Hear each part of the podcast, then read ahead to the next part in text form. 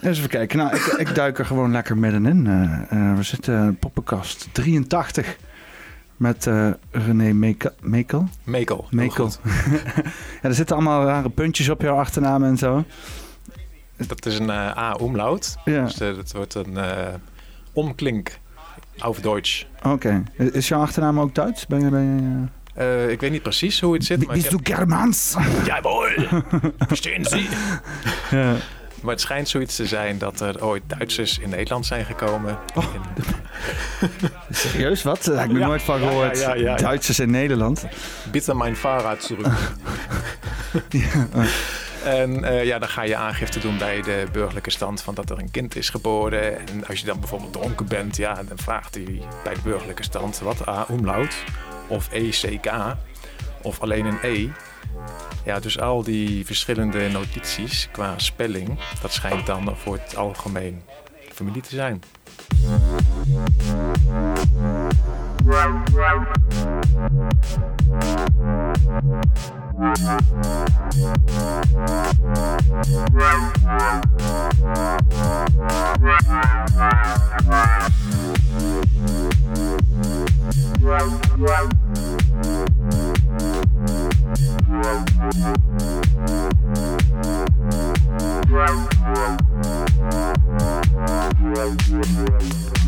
Hoe, hoe, bedoel je dan? Dat, dat die variaties, want er zijn inderdaad superveel. Je hebt Jansen, Jansen met één S, Jansen zoon, uh, uh, Jansen, uh, Jansen met A-puntjes erop. En weet ik, wat, waar, waar is dat dan? Nou, is dat een soort van cultureel... Je hebt Mekel bijvoorbeeld met twee E's en een K. Je hebt Mekel met A omlaut en een K. En ja, ik weet dan van bepaalde takken dat met twee E's en een K, dat is dan familie. En ja, zo zijn er meer die familie zijn, maar er zijn er ook die geen familie zijn. En wie dit dan wel en niet is, ik weet het allemaal niet. Oh, grappig. Dus, ja. dus andere manieren van spellen van dezelfde naam is, zou dus echt een soort van sociaal construct kunnen zijn. Uh. Ja, of een familieruzie misschien. Hè? Dat je een protestantse tak hebt en een katholieke tak. En, maar heb je niet gewoon mensen die dan ergens heen gaan en dat ze het dan op de manier schrijven zoals het volk het zou uitspreken, zeg maar? Zou kunnen, ik weet het niet. En uiteindelijk zit er ook iemand bij de gemeente of burgerlijke stand en die moet het opschrijven. En... Nee, want als ik bijvoorbeeld naar Amerika verhuis, weet je wel, ja. en ik zou mijn naam schrijven zoals ik het schrijf, Asselt, uh, en hun zou het uitspreken, dan krijg je Asselt. Hè? Als, ik, als ik hun mijn naam zou willen uit laten spreken zoals, zoals ik het zou willen, uh, Assault, dan moet je bijna schrijven als Assault. Snap je? Als een assault rifle. Weet je, dan, dan spreken ze het uit zoals, zoals het, het, het standaard zo. Dus je, je moet dan eerst, als je naar buitenland gaat, maar ergens een keuze nemen van wil je dat je naam nog steeds hetzelfde gesproken wordt, of wil je dat je naam er hetzelfde uitziet? Voor mensen die dat echt gaan verkrachten natuurlijk, als je in een andere plek komt. Uh. Ja, ik heb uh, met mijn achternaam geen flauw benul hoe dat uh, gaat, want ik was er niet bij. Ja, je wordt dan hier geboren. En dat, was, krijgt... uh, was tijdens uh, Napoleon, hè? Ja, en er zijn ook mensen die heten dan naakt geboren en dergelijke. Ja, zo heet ik dan niet. Maar ja, ik heb er niet voor gekozen voor deze achternaam. Geloof jij dat hier een 1850 Napoleon heen kwam om ons allemaal achternamen te geven? Oeh, jij gaat wel een keer heel hard nou. Um... Ik wil ook nog aankondigen dat we uh, truffels zijn aan het klaarmaken. Uh, maar eerst even naar onze fake geschiedenis. Gewoon even casual. Casual, even fake geschiedenis. Casual. Um, ja, de geschiedenis is heel anders dan ons op school is verteld. Eigenlijk is het meeste anders in essentie wat ons op school is geleerd. Uh, de meest essentiële dingen vertellen ze je niet op school. Bijvoorbeeld hoe je eten moet bereiden, hoe je eten moet bewaren, hoe je zelfvoorzienend moet zijn in een gemeenschap met, uh, met meerdere mensen. Um, op school wordt je geleerd afhankelijk te zijn. En degenen die dat willen, dus de mensen, ik noem ze maar mensen die nu de macht hebben, die willen ook uh, dat je gelooft dat deze maatschappij op een bepaalde manier tot stand is gekomen. En die wijze waarop deze maatschappij tot stand is gekomen, dat is eigenlijk gewoon een broodje aap verhaal. We weten al dat we bij de golfoorlogen voorgelogen zijn over massavernietigingswapens. Um, Libië is ook een triest voorbeeld. Toen uh, kolonel Muammar Gaddafi zat, was het een van de, of zo niet het rijkste land van Afrika. En nou is het gewoon walgelijk als je de, de beelden ziet. Het is vreselijk. Is, is, is Libië ook niet waar die, uh, waar die zieke uh, ontploffing was? Van die, uh, of was dat... Ja, het was een Amerikaans oorlogsschip, geloof ik, hè, waar je het over hebt. Heb, heb je het daarover dat er een oorlogsschip voor... Nee, de... een of andere fosfaatopslag of zo, die was vol de... de, de Was ook daar ergens, toch? Of Libanon was dat. Oh nee, dat was Libanon. Laat maar. Maar dat zou Libanon geweest kunnen zijn. Sorry, Ja, ik heb niks gezegd. ja, ik haal Syrië, Libië, Libanon. Het is allemaal zo moeilijk. En dan heb je ook nog Algerije, Marokko, Tunesië en Egypte daar in dat rijtje. Het- Gewoon alles aan de andere kant van de Mediterraanse, weet je wel. Alles tussen Marokko en Egypte in, dat, eh, dat dingetje. Ja, er zit ook nog een Malta ergens ertussen, daar daarboven in het water. Maar eh, heel, heel simpel gezegd. ehm, ik denk, nou, ik woon in Arnhem en de geschiedenis klopt niet. Maar ik zie wel allemaal mooie gebouwen hier, desondanks de oorlog. Want in de oorlog is heel veel verwoest hier in Arnhem. Dus voor mij is het dan makkelijk om die gebouwen hier van dichtbij te bekijken. Terwijl als je de gebouwen in New York zou moeten bekijken, bijvoorbeeld in de Verenigde Staten, ja, daar kan ik niet naartoe. En hier in Arnhem kan ik wel naartoe. En dan kan ik met een vergrootglas of mijn eh, camera kan ik heel dichtbij foto's maken. En ik kan het aanraken, ik kan het tegenaan tikken, ik kan het voelen. En ja, dan kom je erachter, ja jongens. Favor organisms excuses. with Ja. En eh, dan kom je erachter, ja, hebben ze dit to- toen destijds gemaakt? Ik geloof er helemaal niets van. Hè, als je dan... Ik heb bijvoorbeeld eh, gehoord dat mijn opa van mijn vaders kant... Ja, die kreeg een keer een lange broek op zijn verjaardag. En dan was het wijze van spreken feest. Oftewel, zo breed had men het vroeger niet. En van mijn moeders kant waren het boeren. En ja, die hadden goed te eten en netjes te eten. En die hadden het echt niet arm, maar het was een heel eenvoudig leven. En ze waren echt niet bezig met allemaal architectonische hoogstandjes te ontwikkelen en te maken en uit te denken. En als je dan over de paardentram gaat kijken, ja, er komt heel wat bij kijken om een tramrails aan te leggen. En dit zou men dan hebben gedaan om een tram met paarden voor te laten trekken. Waarom niet gewoon een koets met paarden? Dat is veel goedkoper.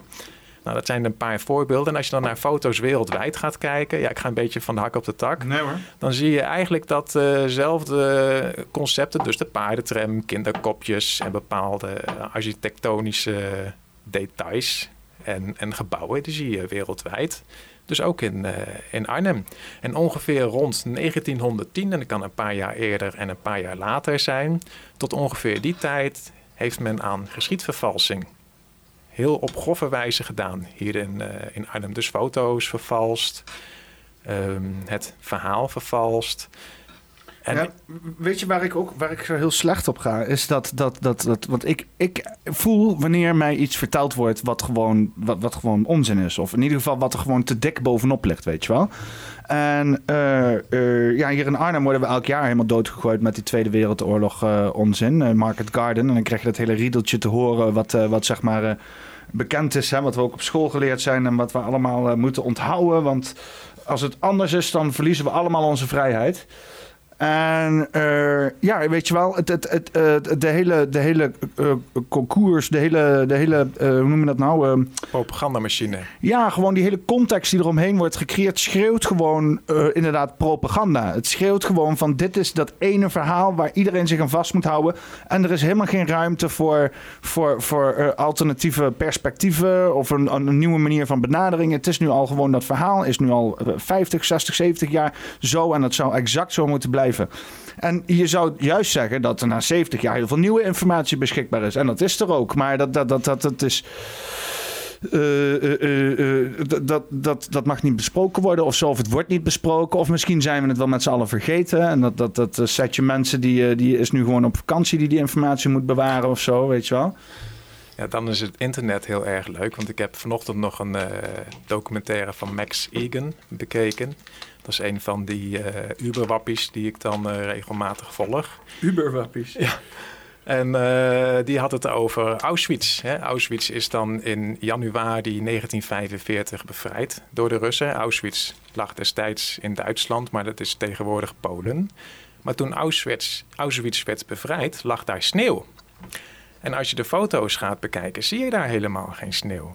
Dus die foto's die wij allemaal kennen van een bevrijd Auschwitz, die zijn later gemaakt dan op het moment dat Auschwitz werd bevrijd. Nou, dat doen ze nu toch ook wel. Doen ze gewoon even een pers op je. En dan, eh, of gewoon een of andere stokfoto, weet je wel, erbij. En dan zeggen ze, oh, dit is dat dan daar gebeurd. En dan hebben ze een foto van een hele andere tijdstip hebben ze erbij zitten. Ja, doen ze nou ook. Dus je werd destijds eh, bedrogen of destijds. We worden nu met foto's eh, om de oren heen gegooid die gewoon in elkaar gezet zijn. Ja. En ze hebben mij op school ook nooit verteld over Eisenhower's death camps. En dan moet ik het even goed zeggen. Dus ze hebben de, aan het einde... Death camps. Death camps. Ze hebben dus allemaal krijgsgevangenen genomen. Duitse soldaten, krijgsgevangenen. En die hebben ze langs de Rijn in de uiterwaarden neergezet. Gewoon, je gaat gebieden afzetten met prikkeldraad. Je zet er een paar bewakers uh, omheen. En dan sluit je die mensen daar op, zowel mannen als vrouwen, wel afgezonderd. wie waren dat dan? Wie zaten in die death camps? Dat waren Duitse soldaten of mensen die voor het Duitse leger werkten. En die werden aan hun lot overgelaten. En dat is dus ook pas de laatste jaren naar boven gekomen. En mij hebben ze dat op, op school nooit verteld. Hè. Bij mij op school werd verteld dat uh, de Duitsers die waren vreselijk en de geallieerden waren goed. Ja, er zijn wel bombardementen geweest aan het einde van de Tweede Wereldoorlog. Ja, want ze de geallieerden hebben onze geliefde stad helemaal plat gegooid. Dat waren de geallieerden. Het waren niet de Duitsers. Ik was altijd in de veronderstelling dat die fucking Duitsers Arnhem hadden plat gegooid. Maar dat is helemaal niet zo. Dat waren de fucking geallieerden. Ja, op het moment dat je ergens in gaat zitten. Ik was laatst in Nijmegen en ik, wist, ik wist dat helemaal niet meer. Daar is ook de stad gebombardeerd. En ik weet niet eens wie dat uh, heeft gedaan. Maar ik was altijd in de veronderstelling dat Rotterdam en Arnhem de hardst getroffen steden waren in Nederland. En dan blijkt dat Nijmegen ook een flinke klap van de Molenwijk heeft uh, gehad. Ja, dus hoe het allemaal zit. Maar ik vind, als je dan naar die, als we het dan toch over die vorige beschaving hebben en geschiedvervalsing. De Reesden in Duitsland. dat ligt uh, eigenlijk in het oude Oost-Duitsland. Is toch ook waar Volkswagen en zo zit? Uh, ja, ik weet niet precies waar ze allemaal zitten, maar dat is Bayern, hè, geloof ik. En is dan Dresden, dat is het voormalige Oost-Duitsland. Ik denk niet dat daar Wolfsburg is dat Volkswagen. Nee. Ik weet het niet. Maar uh, dat was zo'n prachtige stad. En er waren allemaal vluchtelingen, kunstenaars en outcasts. En dat hebben ze volledig plat gebombardeerd. Ja, en dan denk je, er zitten bijna geen soldaten of nagenoeg niet. Waarom doe je dat? Ja, ze moesten dat volk uh, gewoon kapot hebben op een of andere manier. En een groot deel van de architectuur blijkbaar. Hm. Ja, het is wat, hè. Ik, uh, want ik wil, moet ook even een lepel pakken. Ik ga even een klein stukje laten zien van jouw uh, Tartaria gebeuren. Dit is de website. Dat is jouw website. Vet, uh, vet leuke. Ja. Nou, is leuk, leuk gedaan. Dan een soort mugshot. Hè? Als je in de Verenigde Staten in de bak komt te zitten, hou je zo'n nummer voor je borst. En dan moet je van de voorkant laten fotograferen. En van de zijkant, zodat ze goed kunnen zien hoe je eruit ziet. En ja, ik dacht, zoiets ga ik ook doen. Want uiteindelijk is iedereen een slaaf. Zelfs als je met pensioen bent, dan ben je een slaaf. Want er is een derde partij die de koopkracht bepaalt van jouw geld. Steeds meer ouderen beginnen te zien van... hé, hey, ik dacht dat ik uh, me geen zorgen meer hoefde te maken. Maar ja, het wordt nu zo duur in de winkels. Ik weet niet of ik volgend jaar nog mijn voedsel en mijn energierekening... en, en dit nog en dat nog kan betalen. Dus je ziet dat steeds meer mensen zich zorgen beginnen te maken. Ja. Dus het zijn ook slaven. Hè? Ze hebben gewerkt voor hun pensioen. En dat pensioen dat verdwijnt, als het ware. Geef het maar een naam, geef het maar inflatie, geef het maar uh, oorlog in, in de Oekraïne. Of... Doe er maar wat mee, verkoop het uh, maar op een of andere manier. Maar uh, ja, steeds meer be mensen beginnen te zien dat ze in de maling worden genomen. Eens even kijken, je hebt een, een, een BitChute pagina. Ja. Dat is altijd risicovol, maar ik weet dat jouw filmpjes me niet, geen problemen gaan opleveren op YouTube. Maar even een klein stukje kijken. Oh, wat krijgen we nou dan? Ja, dat is de intro eigenlijk bij ieder deel. Dit is uh, in Schaarsbergen. Daar dit is een stuk hekwerk ah, van een uh, huis wat daar heeft gestaan. Dat huis staat er inmiddels niet meer. Wat is een graal? Okay. Of een vaas? Ik heb geen idee. Maar je ziet ze overal. En vooral bij kastelen en bij oude, mooie gebouwen. Deze staat in het Janspark in Arnhem tussen de Janssingels. En je ziet ze ook in Den Haag bijvoorbeeld. Deze zie je op de voorgevel. En nu we toch in Den Haag zijn, is het leuk om naar het Vredespaleis te kijken. En wat voor een prachtig gebouw is dat, hè? En tja, wanneer zouden ze dat gebouwd hebben? Nou ja, gaan we nu niet naar kijken. Maar ik vind het dan altijd interessant om verder te kijken dan... Het is een vette kerk. Wat is dit voor kerk? Dat is het Vredespaleis in Den Haag. Oh, dat meen je niet. Dat is inderdaad een vette toren. Maar ja, dus zo heb jij inderdaad gewoon heel veel filmpjes uh, heb jij, uh, heb jij uh, toch wel gemaakt. En jij bent gewoon jezelf gaan buigen over verschillende soorten bouwwerk. Zeg maar gewoon wat je heel veel hebt op BitChute. Al die theoretiseren over, over ehm, Tartaria. Over hopen foto's. En oh, kijk hier wat ik heb gevonden op het internet. Of kijk wat deze persoon heeft gezegd op het internet. En jij zegt nee, ik neem je mee naar gebouwen toe. Ja, ik dacht, ik ga gewoon zelf kijken. Hè? Want op internet wordt natuurlijk ook heel veel informatie van iemand aangenomen. Dan ga je dan zelf weer verder op beduren. Dankjewel voor de, wat is dit? Noemen we het thee? Ja, ja, eigenlijk niet. Hè. Het is eigenlijk een uh, gember- en truffelinfusie met een klein vleugje thee, inderdaad. Want heel veel mensen noemen dus inderdaad gemberthee en groene en uh, muntthee noemen ze thee. Maar thee zijn theebladeren. Dus als er geen theebladeren in zitten, dan mag je je drankje eigenlijk geen thee noemen. Dan is het een infusie. Is... Hè, scheikunde. Oké, okay, we zijn nou een fusie aan het uh, een, een, een, een, een, truffel. Welke truffel hebben we? Hebben die, wat, weet je nog welke het was? Ik weet het niet meer. Ik ben het een hond wat dat betreft. Ik weet het ook niet meer. We hadden een, een filosofische truffel hebben we gekregen. Ja. En die hebben we met gember hebben gedaan, want dat is goed voor de maag, zei hij. En dan heb ik een thee opgezet. Niet met 100 graden water, maar gewoon met 70, 70, 70 graden. En uh, dus die gaan wij ook smikkelen. En dan hopen we, dan hopen we dat daar iets leuks uitkomt. Want, want inderdaad, want uh, nou ja, dit even een hele vlugge intro in, in wat je doet en wie je bent. En dan, dan, gaan we zo wel nog verder dieper erin duiken. Maar wat is jouw relatie met, met psychedelica? ik heb er voor het eerst Jeetje, wat is mijn. De korte versie. Ik zat in een studentenhuis met een paar mensen die altijd flink aan de wiet en de drugs waren. En ik moest eigenlijk niks van drugs hebben. Ik vond het prima dat ze gebruikten. En uiteindelijk vond ik de wiet ook wel lekker ruiken. In het begin, als je dat voor het eerst ruikt, denk je van... Wat is dat heftig zeg. Maar op een gegeven moment bent je neus eraan. En dan vind je het zelfs wel lekker, afhankelijk ook van welke soort ze hebben. Uh, maar op een gegeven moment, na mijn dertigste, besloot ik om een keer mee te doen met paddo's. En waarom had ik daartoe besloten? Omdat ik ooit een keer in mijn studententijd over een psycholoog, of eigenlijk een professor in de Verenigde Staten had gelezen. En die was weer opgepakt omdat hij uh, wiet in bezit had en het mocht in die staat niet. Dus die zat weer in de bak. En die zei tegen zijn uh, studenten: Ga nou maar eens een keer een flinke trip maken op uh, wat dan ook, want daar leer je meer van dan een jaar in de studieboeken zitten. Nou, dat heb ik altijd onthouden. En die foto van die man, die kan ik me ook nog een beetje voor de geest houden, halen. Hij had een oorbel in, ik geloof dat hij kort haar had. En je had echt zoiets van, nou is hij een professor op een universiteit? Ja, blijkbaar dus wel. Dus na mijn dertigste had ik zoiets van, nou oké, ik uh, wil die, die trip wel, uh, doen. Ik had al de waterpijp met, uh, met hash en wiet gemengd geprobeerd. Want ja, ik rook niet, ik drink niet. En waarom drink ik niet? Ja, ik vind bier gewoon niet lekker. En ik rook niet omdat ik roken ook gewoon niet lekker vind. Barbaar. Maar ja, als je dan met, uh, met paddo's aankomt en uh, we waren met z'n vieren, ja, dan wordt het een heel ander verhaal. En uh, dus we hebben de paddo-trip gedaan. Ja, en het was ontzettend leuk en zeer leerzaam voor mij. Want je gaat je dan echt afvragen, wat gebeurt hier en waarom zie ik nou als het ware niet 3D, maar 4D, terwijl ik dat normaal niet heb. Ja. En waarom zijn die paddo's eigenlijk min of meer gedoogd of, of verboden? Um, wat mogen we dan niet weten?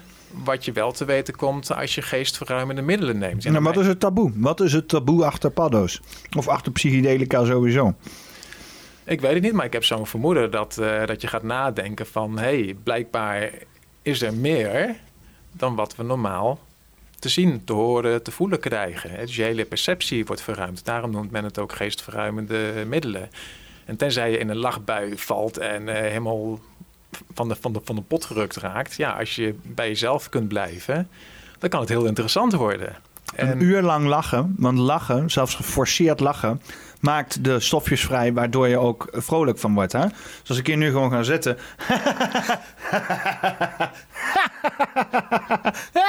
ik begin al mee te lachen. dan komt mijn, hersens zeggen dan van... oh, wacht even, hij is vrolijk, stofjes, weet je wel. Dus uh, je hebt ook lachtherapie letterlijk. En dan ga je letterlijk met z'n allen gewoon zitten lachen voor, uh, voor een uur lang. Dus als je dat krijgt uit zoiets van een trip... Zo'n lachtherapie betaal je waarschijnlijk 150 euro voor of zo, weet ik veel wat voor onzin. Nou, dan is dit een stuk goedkoper. Hè? Hoef je ook niet in een groep mensen te doen. Kan je gewoon met een maatje doen of zo. Ga je met z'n twee lekker lachen. Hoef je niet ongemakkelijk te zijn, want je vindt het oprecht fucking grappig. Whatever the fuck het ook is. Ja, lachen is gewoon gezond, naar mijn idee. Tenzij je jezelf uh, doodlacht. Maar dat zullen niet zoveel mensen doen, denk ik. Is dat, is dat gebeurd, denk je? Ik denk het niet. Ik denk dat meer mensen wegens andere problemen zichzelf vakant maken of een ongeluk krijgen. Maar niet vanwege psychedelica of, of drugs of weet ik veel wat allemaal. Ever Uh, heb je al een slok genomen trouwens? Ja, ja, ik heb al twee hapjes en een slok. En ik zweer, die gember, dat is echt goeie. Want je moet het twee minuten in je mond houden. Hè? Dus hoe gaan we dat doen terwijl... Uh, nou, gewoon een beetje kauwen en praten. Gewoon met volle mond. We gaan praten, of we gaan uh, praten met volle mond inderdaad, ja. Um, has ever someone died of laugh, laughing? Een goede vraag. Death from laughter. Oké, okay, nou, hè? daar gaan we dan. Death from laughter is supposedly extreme rare form of death, usually resulting from either a cardiac arrest, hartstilstand, or asphyxiation of stikken. ja, dat kan. Dat je inderdaad zo hard lacht dat je inderdaad gewoon stikt. Ja, maar dan ben je ook gewoon een gefaald stuk Darwin, toch of niet dan? Dan denk ik dan dat je comorbidities hebt, zoals ze dat dan uh, op een chique manier uh, zeggen. Oftewel dat je andere gezondheidsproblemen hebt. Dus ik denk niet dat je, uh, als je gezond bent, dat je van lachen dood kunt gaan. Als je doodgaat van lachen, dan heb je het schijnbaar verdiend. Ja, dan heb je al andere gezondheidsproblemen. ja, Als je dan niet dan was je wel dood gegaan is iets anders. Ja, dat denk ik ook, ja. ja. Maar fijn, dus uh, die trip die was zeer geslaagd. En er zitten verschillende fases in die, die Paddo-trip. En die heeft mij echt geholpen met het, het zoekproces. Waar, je dus, waar ik dus al sinds mijn 23e eigenlijk jonger hè, in zit. Van ja, wat is er nou, eh, wie ben ik? Wat kom ik hier doen? Wat is er aan de hand op de wereld? Hoe werkt het? En op de lagere school kwam ik al helaas achter dat de meester of de meester, ja, meesteres wil ik dan zeggen, juffrouw. die weten Mistress. Niet, mistress. Die weten niet alles. Um, terwijl je wel graag alles wilt weten. En ja, dus dat is dan al een teleurstelling naar je zoektocht. Hoe alles in elkaar zit. Maar ja, later kom je erachter dat school en opleiding niets anders is dan iemand gieten of zetten in een keurslijf middels indoctrinatie en propaganda. En als je het goed doet, als je goed te conditioneren bent, dan mag je een mooie functie vervullen in het systeem dat gewoon siloos is en totaal de mensen niet van, uh, van nut is. En ga je vooral niet afvragen waar je mee bezig bent. Hè? Dus dan zie je ook buiten, je ziet mensen allemaal druk, druk, druk, druk. En waar ben je nou eigenlijk mee bezig? Ja, dat weet ik niet, geld verdienen. Ja, en als je geld verdient, dan uh, ben je succesvol. En dan uh, krijg je een mooie man aan, of een mooie vrouw aan de haak slaan. Uh, weet ik veel wat allemaal. Mooie auto's scoren, grote, grote voordeur hebben en dergelijke. Mooie buurt wonen. En ja, geld is helaas nodig in deze. Nou, heel veel mensen zullen dan zeggen van ja, ik moet luiers kopen voor je kind. Maar ja, dat is eigenlijk, is luiers kopen, is lui. Je bent luiers, luiers koopt. want je kan ook gewoon een of ander doekje doen, zoals mensen al duizend jaar lang deden. En het dan even wassen daarna, met je handen inderdaad. En dat kost ook weer tijd en moeite. Maar die tijd en moeite heb je ook als je niet hoeft te werken de fucking hele dag. dat is een beetje die cirkel waar we nu uitgebonjourd zijn. Dat we dus inderdaad met z'n allen in dat cirkeltje van werken zijn gaan doen. En we komen er maar niet uit, weet je wel. Want eigenlijk moet je meer tijd vrijmaken voor jezelf, maar dan krijg je het geld niet. En je moet die drempel maken. Maar je moet eigenlijk nu dan, als je in dat cirkeltje zit, eigenlijk al gaan kijken van... Wat zijn andere manieren, weet je wel? Wat zijn andere manieren hoe ik, hoe ik mijn shit kan doen? Hoe kan ik mijn shit ook doen zonder ook maar uh, één cent te hoeven uit te geven of zo, weet je wel? Stek je erin? Sorry, Gember. Ja, is dat, uh, oh, is dat heftig, Gember? Hij schoot mijn kelen. Oh, oh oké. Oh shit. Nou, ik heb een glaasje water daarvoor staan, hè? zo, zo... Uh... Mm. Maar ja, maar uh, hoe, hoe, ben jij uit dat cirkeltje gekomen dan? Uh? Uit dat cirkeltje? Nou, ik zit er nog steeds in. Ik denk dat iedereen uiteindelijk die in Nederland woont nog steeds in dat cirkeltje zit. Want ik geloof dat men ooit in Brummen bezig was dat een stel soevereine mensen bezig waren een stuk grond toegewezen gekregen of toegewezen te krijgen van de staat. En dat is toen niet gelukt. Ja, dus als je soeverein bent en je hebt geen stuk grond hier in Nederland en iedere vierkante millimeter is al vergeven, ja, wat ben je dan inderdaad onafhankelijk? Dus iedereen, naar mijn idee, die hier nog in Nederland woont, is op een of andere manier afhankelijk van het systeem. Maar eh, kan je je situatie niet zo krijgen dat, dat, um, dat je, stel dat de hele overheid mocht wegvallen, dat jij nog steeds gewoon um, kan blijven leven? Want er zijn heel veel mensen die inderdaad, als de overheid wegvalt, uh, op een gegeven moment, er zijn mensen die gewoon niet eens kunnen koken en zo, weet je wel. Die gaan, uh, die gewoon alleen maar uit eten en die gaan alleen maar kant-en-klare shit. Ze weten letterlijk niet hoe ze een vuurtje moeten maken buiten en hoe ze gewoon water aan het koken moeten krijgen. Ja, we mogen niet eens meer een vuurtje maken. En je mag bijna helemaal niks meer hier in, de, in, in het land. Joh. Op de Utrechtse Heuvelrug, bij uh, de Bosperians, nummer 2, daar mag het wel. Hebben ze een vergunning aangevraagd of zo? Of uh, nee, ontheffing? Een privé, uh, ja, een privé stuk in het bos, 4 4 hectare. Ik heb 40 volgens mij neergezet. Ik moet even een nulletje weghalen ergens. Maar... Klein detail. maar daar mag je dus, hoe heet dat, openbaar vuur, hè? Noemen ja. ze dat? Open vuur, ja. openbaar. En ook s'nachts mag je in het bos lekker in en zo. En, oh, super. Het is wel een stiltegebied natuurlijk. Ja, dus, uh, maar niet gaan houden daar midden in de nacht tussen de wilde zwijnen dus als je, en Als je daar s'nachts inderdaad zieke speakers aan zet, dan ga je wel last krijgen met de bos en zo. Maar ja, en als je een bos in de fik zet, dan ga je natuurlijk ook last krijgen met uh, bosmeuk en zo. Maar uh, ja, dat is. Uh, uh, ga, ga, je, ga je vaak de natuur in en zo? Wat, iets wat je, nou ja, ik woon in het noorden van Arnhem en dat is heel erg bosrijk. En je hebt eigenlijk, Arnhem is een, een soort cirkel. Als je van bovenaf op de kaart kijkt en dan zie je in, in, de bovenkant, dus aan de noordkant van Arnhem, zie je een soort taartpunt naar het centrum gaan. En die taartpunt, dat is een groene taartpunt. En ik woon ergens aan de rand van die, die taartpunt, dus ik zie eigenlijk altijd veel in de, in de natuur. Arnhem is een cirkel. ja, dus het, uh, je ziet, ja, ja, hier zie je dan die taartpunt waar ik het over heb. Ah ja, ja, ja. hier die taartpunt. en dit is dan. Uh, ja, maar dat is grappig, hè? want je kan dus inderdaad vanuit het centrum van Arnhem. kan je helemaal zo het bos inlopen. Kan je gewoon de Veluwe verdwijnen als je wil. Ja, moet je wel een paar hekken doorknippen, maar ja, dat kan. Ja, hekken doorknippen, ja. Ja, je hebt zeg maar de hoge Veluwe, dat is uh, afgezet met hekken. Moet je ook toegang betalen. Um, maar er zijn ook gebieden waar je gewoon wel uh, op kunt. Ja, met de postbank en zo kan je gewoon op. Uh... Daar kun je gewoon op, maar dan moet je wel op de paden blijven. En dan uh, binnen zons, wat is het, opgang en zonsondergang. Dus er zijn we allemaal regeltjes. En ja, daar ben ik al heel lang niet geweest op de postbank. Maar ja, wat dat betreft zijn er wel heel veel restricties aan wat je hier wel en niet mag in Nederland. En ja, dus ik ben eigenlijk net zoals veel mensen, denk ik, aan het uh, overleven en aan het kijken hoe het zich allemaal verder ontwikkelt. Maar hoe het zich allemaal verder ontwikkelt, ja, dat kan twee kanten op gaan. En ik wil het graag een bepaalde kant op laten gaan. Want jij zegt dan, ja, zonder overheid kunnen we toch ook overleven? Ja, dat is mijn mening dus ook. Er moeten wel regels zijn. Ik geloof niet in 100% zuivere anarchie. Er is in Denemarken, in Kopenhagen, is een uh, militair gebied geweest. Dat noemen ze Christiana, geloof ik. Ik heb dat al, uh, ja. En uh, daar, daar zijn ze, ik geloof in de jaren 60, ik weet niet precies hoor, ik kan fouten maken in mijn verhaal, maar de essentie is dat ze daar in de jaren 60 een stuk gebied hebben gekraakt. En er waren geen regels in het begin. En wat gebeurt er dan? Er komen natuurlijk ook mensen op af die foute bedoelingen hebben. Eh, of mensen die komen daarop af die helemaal verstoten zijn uit de maatschappij, omdat ze niet uh, hanteren of handelbaar zijn. What you are about to see is a self-governing anarchist nation with no laws. A community that severed itself from the rest of the world where squatters built homes wherever they want and drug use is allowed freely on the streets. Since it began over 40 years ago, it has constantly been surrounded by controversy, with some seeing it as a drug haven while others see it as the ultimate expression of free living.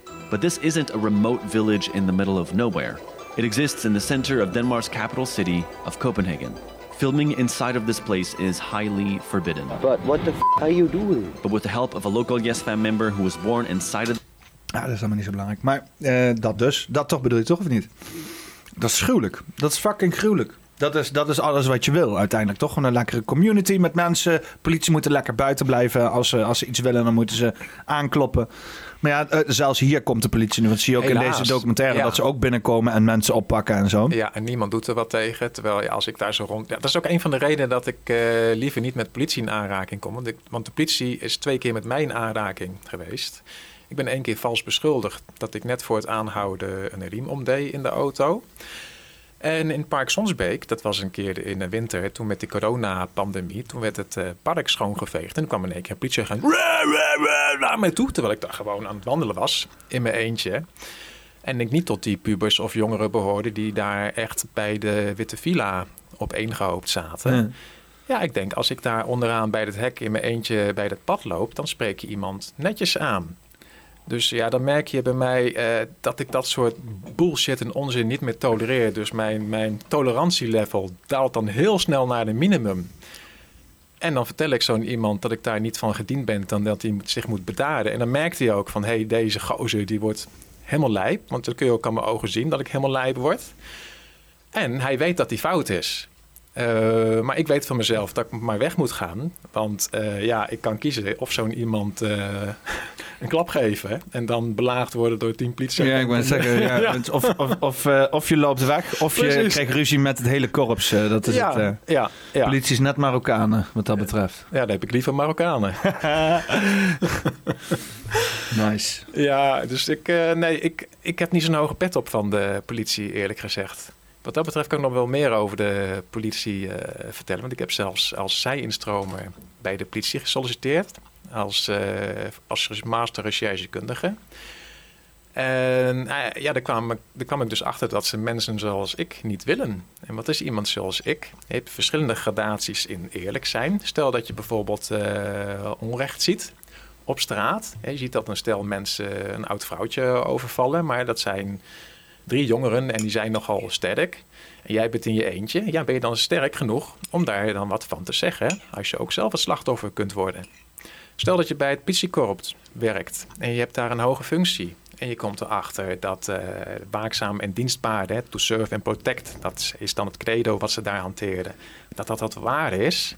Maar dat het niet geldt voor de bevolking, maar voor een bepaalde elitaire club hier in, uh, in Nederland en in de wereld. Stel dat je daarachter komt en dat je daar dingen ziet die niet door de beugel kunnen gaan. Ja, hoe sterk ben je dan om in je eentje daar wat van te zeggen in een politiekorps? Nou, uit die psychologische testen die ik heb gemaakt, er komt dus uit dat ik, hoe moet ik het op een nette manier zeggen, ik was niet flexibel. En um, Grote kans dat jij tegen schenen ging schoppen daar. Nou, wat betekent het woord flexibel? Je kan daar ook het woord corrupt neerzetten. Iemand die corrupt is, is uitermate flexibel. Maar op het moment dat ik onrecht zie en ik zou bij de politie werken en ik zie dat daar gewoon dingen gebeuren die helemaal niet kunnen, ja, dan ga ik er toch uh, werk van maken. En dan kun je mij bedreigen en weet ik veel wat allemaal, maar uh, ja, dan komt mijn rechtvaardigheidsgevoel naar boven. En dan word ik gewoon lijp om dat woord maar te gebruiken. jij bent zeg maar niet moreel flexibel. Jij hebt de principes.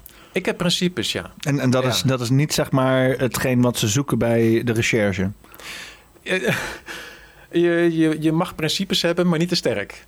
Maar, ja. Of de principes juist in hun, uh, weet je wel, uh, de, de, principes die hun ook hebben. Gedeelde principes met het korps, zeg maar. Ja, je moet een bepaalde flexibiliteit hebben om bepaalde dingen daar door de ogen te kunnen zien. Of, maar ja, het is beter dat je gewoon meedoet, want dat is de makkelijkste weg en we kunnen er toch niks aan doen. En dat zie je ook in feite in deze maatschappij, hè, dat de kleine criminaliteit, daar doet de politie niks meer tegen.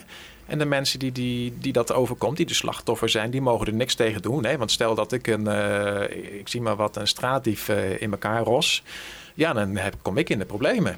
En die straatdief, als die wordt opgepakt, nou ja, vijf minuten later loopt hij weer uh, los, want ze kunnen er toch niks aan doen. Ja. En zo zijn er meer voorbeelden van kleine criminaliteiten waar niks aan gedaan wordt, of wat is, dat ze gewoon weigeren een aangifte in behandeling te nemen. Terwijl op het moment dat je aangifte doet, is men verplicht een aangifte aan te nemen. En ja, de, degene die daar bij de balie zit, beslist dan gewoon van nee, dat gaan we niet doen. Of dan nemen ze de aangifte aan en dan, uh, ja, het interesseert ze eigenlijk niet. Je weet al dat, uh, dat het... E-, enige interactie met de politie heb gehad, is ze doen inderdaad wel het papierwerk, maar dan vervolgens hoor, hoor je er gewoon niks meer van. Ja, er gebeurt gewoon niks. Maar een brommers gejat, uh, we hadden camerabeelden, we wisten waar de brommer stond, we hadden de naam van de persoon. Ze konden niks doen. We stonden met mijn mond erbij te kijken. Zeg dus jullie willen dat wij daarheen gaan en dan gewoon onze spullen daar hijsa gaan lopen, stullen pakken? Nee, nee, nee, nee, dat is niet de bedoeling. Want uh, als hun dan bellen, dan, dan zijn jullie daar aan het inbreken. Ik zeg, maar dat is toch gewoon godsgeklaag. Hun hebben mijn spul, wij kunnen het bewijzen en jullie kunnen er niks aan doen. Wat, wat, wat, waar zijn jullie voor dan in godsnaam? Ja, en dan zie je dus dat uh, naar mijn mening de politie dus meedoet in het spel om chaos te creëren in deze westerse maatschappij dat mensen gefrustreerd raken, boos worden op elkaar. En dus wantrouwen krijgen naar elkaar. Wantrouwen krijgen naar elkaar. En dat een keer bij een paar sportlui de maat zo vol zit dat ze dan een keer iemand in elkaar rossen of zo. Ja, dus uh, ik weet niet hoe het allemaal verder gaat lopen. Maar mijn tip is alleen, er is er is in, iemand op YouTube of uh, op Facebook had ik een filmpje gezien van, van een donkergekleurd iemand, Jay, Jay, een, een, zanger of zo. Die had een mooi filmpje, een mooi gesprekje daarvan gemaakt. Hè, dat er twee mensen aan een tafel zaten aan weerszijden. En die waren dan ruzie aan het maken met elkaar. Maar ze zagen niet dat er nog een derde partij in het midden zat. En die was juist de schuldige. Dus mensen moeten gaan zien dat ze bespeeld worden en tegen elkaar worden opgezet. Is dat je Boy Jay? Ja, dat is Ja, dat, dat moet hem zijn, denk ik. Ja. Ja, dat is hem. Tishy Boy J. Oké, dus jij kijkt Tishy Boy J. En die werd naar mij toegestuurd op Facebook, ja. Mm. Jij kent het filmpje dus niet zo? Nee, kom je niet achter. Nee, kan ik, nee, ik zie zijn gezicht en ik weet echt niet welk het zo is. Nee, maar, Maar die had eh, het filmpje, beschrijf het dus. Ehm, dat hij eh, eigenlijk vertelde dat er een derde partij is die de mensen tegen elkaar opzet. Dus dat niet de asielzoekers bijvoorbeeld. Ik weet niet of hij asielzoekers noemde in dat filmpje. Ik keek eigenlijk meer om hoe hij er tegenaan dacht. Naar hoe hij er eh, naar keek en hoe hij het bracht. En toen dacht ik van ja, jij snapt toch wel dat we bespeeld worden. En dat er een derde partij is die alle mogelijke moeite doet om de mensen over de gehele wereld tegen elkaar op te zetten. In een oorlog eh, tegen elkaar te sturen. Maar het zelf niet doen. Ja. Het is een soort van eh, eh, gecreëerde dualiteit waar wij als Ja. plebs mee moeten dealen. En daar mag al het eh, eh, retoriek en discours en weet ik veel wat mag er allemaal in bevinden. Eh, en daarbuiten ben je andersdenkend. Maar dat is wel de wereld van die derde partij waar hun in zitten. Met alle gekke rituelen en buitensporigheid en, rare rariteiten die ze allemaal wel niet uitvoeren om ons in een bepaald van hypnose te houden, weet je wel. Ja, het, het, is waanzin gewoon. Hè? Het is dan Alice in Wonderland met de rabbit hole. Waar je dan in, eh, in gaat. Is dat Alice in Wonderland? Maar in ieder geval, je hebt de rabbit hole waar je in gaat. En hoe dieper je de rabbit hole ingaat, hoe gekker het verhaal wordt. En hoe ongeloofwaardiger ook. En ik heb dus ook fases in mijn zoektocht gehad van... nee, dat kan niet waar zijn. En een van die laatste milestones in mijn zoektocht was van... ja, maar de geschiedenis is zo recent veranderd. Dat kan niet waar zijn. Maar ja, ik heb een technische achtergrond en dat scheelt dan weer dat ik iets anders kan kijken naar bepaalde technische prestaties die in het verleden zijn gemaakt.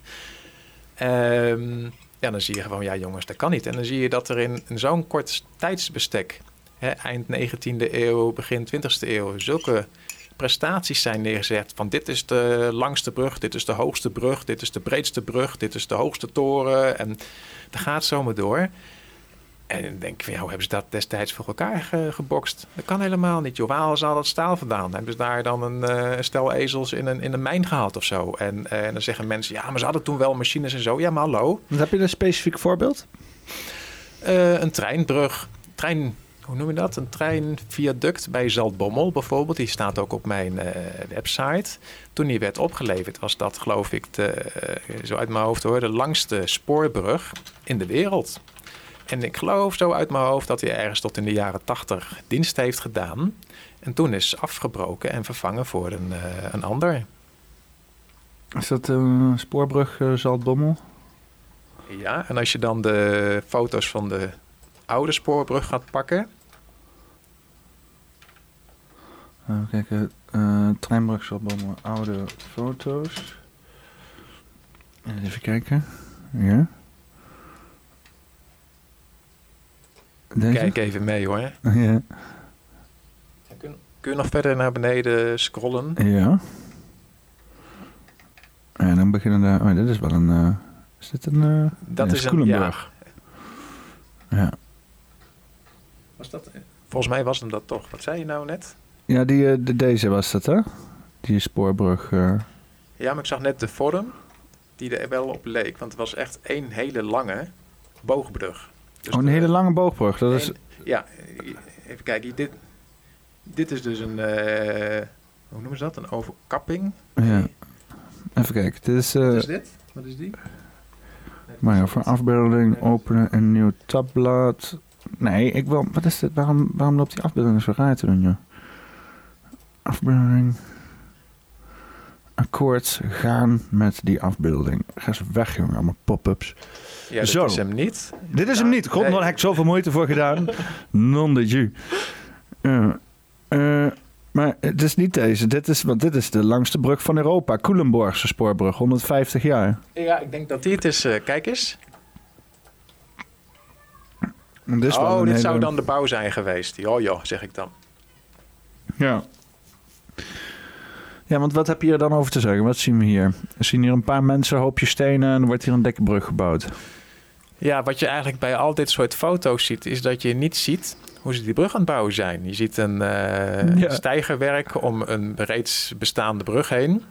En hoe ze nou echt aan het bouwen zijn. Hoe nou echt dat... Er zit niemand hier een schep of zo. Het is alleen een hulp stenen, maar niemand is daadwerkelijk die stenen. Het is eigenlijk alsof je, want jij zei dat ook inderdaad, zeg maar, er is iets raars met die oude foto's. Het is net alsof ze mensen inderdaad gewoon neer hebben gezet. Zo van hier, kijk jongens, we moeten even een foto maken.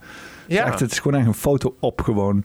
En vergeet niet, hè, dit is destijds, of dit was destijds de grootste spoorbrug, ik geloof, ter wereld. En met grootste bedoel ik dan dat je de overspanning, noem je dat overspanning? Dus dat je tussen twee oplegpunten uh, geen steunpunten hebt. Dus dat was een uh, prestatie van wereldformaat. Dus hier zit dat dus. Hier, hier ja, helemaal links. Hier is de, en hier is een, uh, en dan hier ertussen was dan de grootste overspan. Ja, en dat is waarschijnlijk, ik noem dit maar een artist impression. Ehm, en naar mijn idee is het gewoon complete fake, deze foto tussen aanleidingstekens. Um, ja, je ziet, ik, nogmaals, je ziet niet hoe ze het staal in de fabriek maken. Je ziet niet hoe ze de gaten boren in de stukken staal. Je ziet niet hoe ze de klinknagels uh, maken. Je ziet niet hoe ze de klinknagels verhitten. Je ziet niet hoe ze de klinknagels te plekken klinken. Je ziet eigenlijk helemaal niks in details. Je, je wordt je altijd de illusie gegeven, oh, men is druk aan het werk hier. En dan zie je bijvoorbeeld, uh, is het de Brooklyn Bridge in New York? Dat is ook al zoiets. Dat je echt denkt van, nou, hij staat er nog steeds. Je hebt ook de Washington Bridge. Je hebt daar in New York een paar bruggen, jongen. Dat je echt denkt van, hoe hebben ze dat, dat, dat destijds klaargespeeld? En ze staan er nog steeds. Ik bedoel, ze zijn gemaakt van ijzer. En ijzer dat roest. En het is ook nog eens een beetje zoutachtig daar in de buurt. Want New York ligt toch wel in de buurt van... Uh, is dat de Hudson Bay? Hudson River? Ja, waarom is dat niet uh, weggeroest? Je weer een artist impression inderdaad. Uh. Ja, waarom niet een mooie foto als je iets mega's aan het maken bent?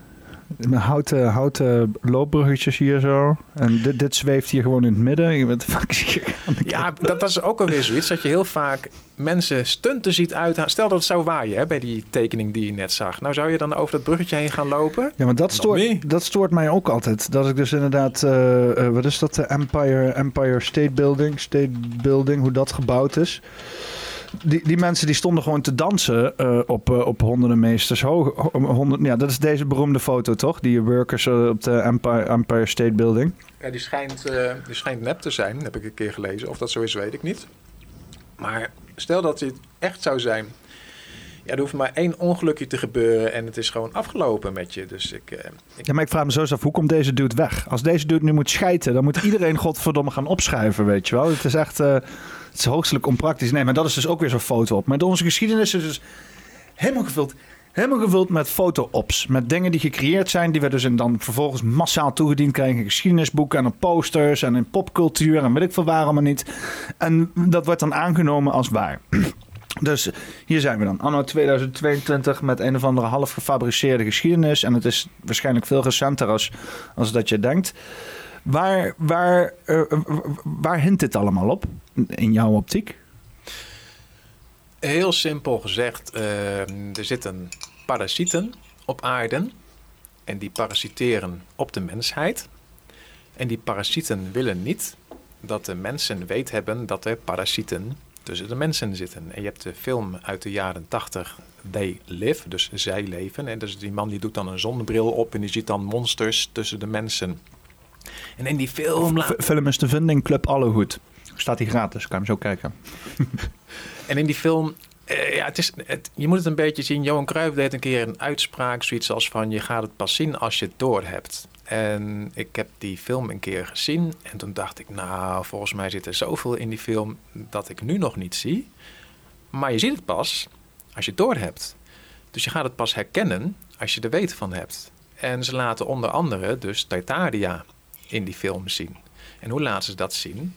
Door een of andere heel mooi gebouw uitdrukkelijk aan de binnenkant te filmen, ook het plafond. En dat is voor de, de scène van die film is dat helemaal niet nodig. Maar ze willen er dus wat mee vertellen. Maar in, fijn, in die film laten ze dus duidelijk zien dat er parasieten aan de macht zijn op aarde. En dat de mensen daar geen weet van mogen hebben. En dat mensen dat er mensen zijn die daar wel achter zijn gekomen en die een zonnebril hebben ontwikkeld, dat je die parasieten als zodanig kunt herkennen. Nou, naar mijn idee hebben we namen voor die parasieten in deze westerse maatschappij. En we noemen die mensen psychopaten en psychopaten. Politici. Ja, naar mijn idee zitten er ook veel useful idiots tussen, zoals een of andere Rus dat, uh, dat noemde. Hè. Dan heb je gro ja. grote ego's. Uh, Yuri Brezhnev, ja, toch? Volgens mij is die het, ja. ja. ja Want denk... die heeft gewoon dit hele social justice warrior concept... heeft hij gewoon al beschreven in de jaren 70. Waarbij hij zei van je krijgt straks allemaal useful idiots...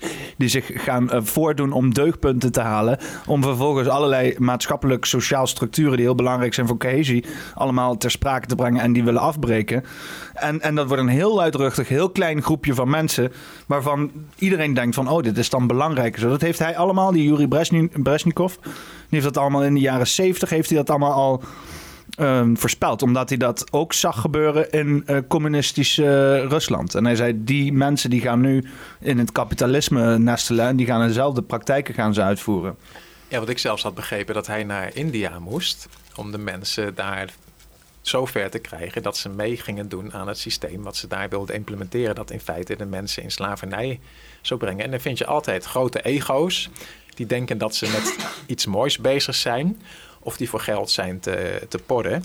En niet verder kunnen kijken dan hun neus lang is. Ja, en dat zie je overal, helaas. Want je zei net toen we, toen we elkaar tegenkwamen buiten... van jij hebt overal mensen op machtsposities. Dat zijn niet de meest bekwame en capabele mensen. Nee, dat zijn mensen die macht nastreven of aanzien. En die komen in dit systeem op de machtsposities. Ja. Dus, dus, en, wat, en wat zijn mensen die nacht, macht nastreven? Dat zijn psychopaten. Um, psychopathische narcisten noem ik ze dan maar even. Er is wel een gevaar hierbij, want je moet natuurlijk iemand een dergelijke diagnose laten stellen. En die diagnoses gaan vaak fout. Maar het leuke is dat psychopaten kun je door middel van een MRI-scan, geloof ik, of een uh, CT-scan, kun je die herkennen doordat ze bijvoorbeeld een uh, andere hersenstructuur hebben. Ik weet niet de details, maar je kunt ze eruit halen. Ook bij de uh, psychopathische narcisten. Want ja, narcisten is een heel ingewikkeld verhaal. Naar mijn idee zijn narcisten om de cohesie en de familie- en vriendschapstructuren in de maatschappij kapot te maken. Terwijl de psychopaten puur op de machtsposities zitten en de agenda dicteren die moet plaatsvinden zonder emotie. Je zou een psychopaat kunnen zien als een machine zonder bewustzijn. En een narcist is een, een emotioneel gezien, zeg maar, een kind van drie à vier jaar oud. Met het ego van een kwaadaardige, en boze heks. Ja, maar narcisten worden gebruikt door psychopaten om hun plan is. Want je hebt dan uh, iemand die, uh, in mijn optiek is iemand een narcist, is gewoon iemand die leeft voor het ego. Hè, die, is, die heeft een zelfbeeld die die op een heel hoog voetstuk heeft gehezen. En daar, daar moet dan alles aan voldaan, zeg maar de hele dag. En het liefst zoveel mogelijk mensen moeten daar ook aan voldoen. En dan heb je psychopaten, die hebben gewoon geen geweten. En die hebben een of andere megalomaande ambitie die ze, waar ze zelfwaarde uithalen. En daar moet alles voor, voor ruimen. Maar die zien, als je een beetje psychopaat hebt, dat bijvoorbeeld iemand die een narcist is, uh, heel, dat is een useful idiot. Want die hoef je alleen maar een beetje te voeden, zijn ego. En te zeggen van, als je dit doet, ja, dan ben je helemaal de shit. Dan heb je helemaal de bom, dan heb je chicks, dan heb je geld, weet je wel. En die, gaan, die, gaan, die doen nog twee keer het werk zo hard als dat, dat jij zou doen.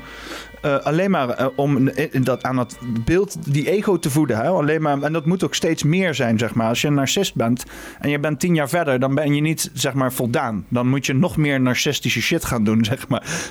Dat houdt niet op. Ja, er zijn ook veel narcisten. Ik geef je 100% gelijk. Maar als je in het narcisme gaat duiken, op, vooral op YouTube zijn er heel veel kanalen die het over narcisten hebben. Want steeds meer mensen komen erachter wat narcisten zijn. En in feite willen ze jouw energie. En dat doen ze door uh, dat ze door jou worden, willen opgehemeld willen worden. En krijgen ze dat op een gegeven moment niet meer, dan is negatieve energie, dus jouw aandacht, in negatieve zin, dus weer die gember, dat is ook energie.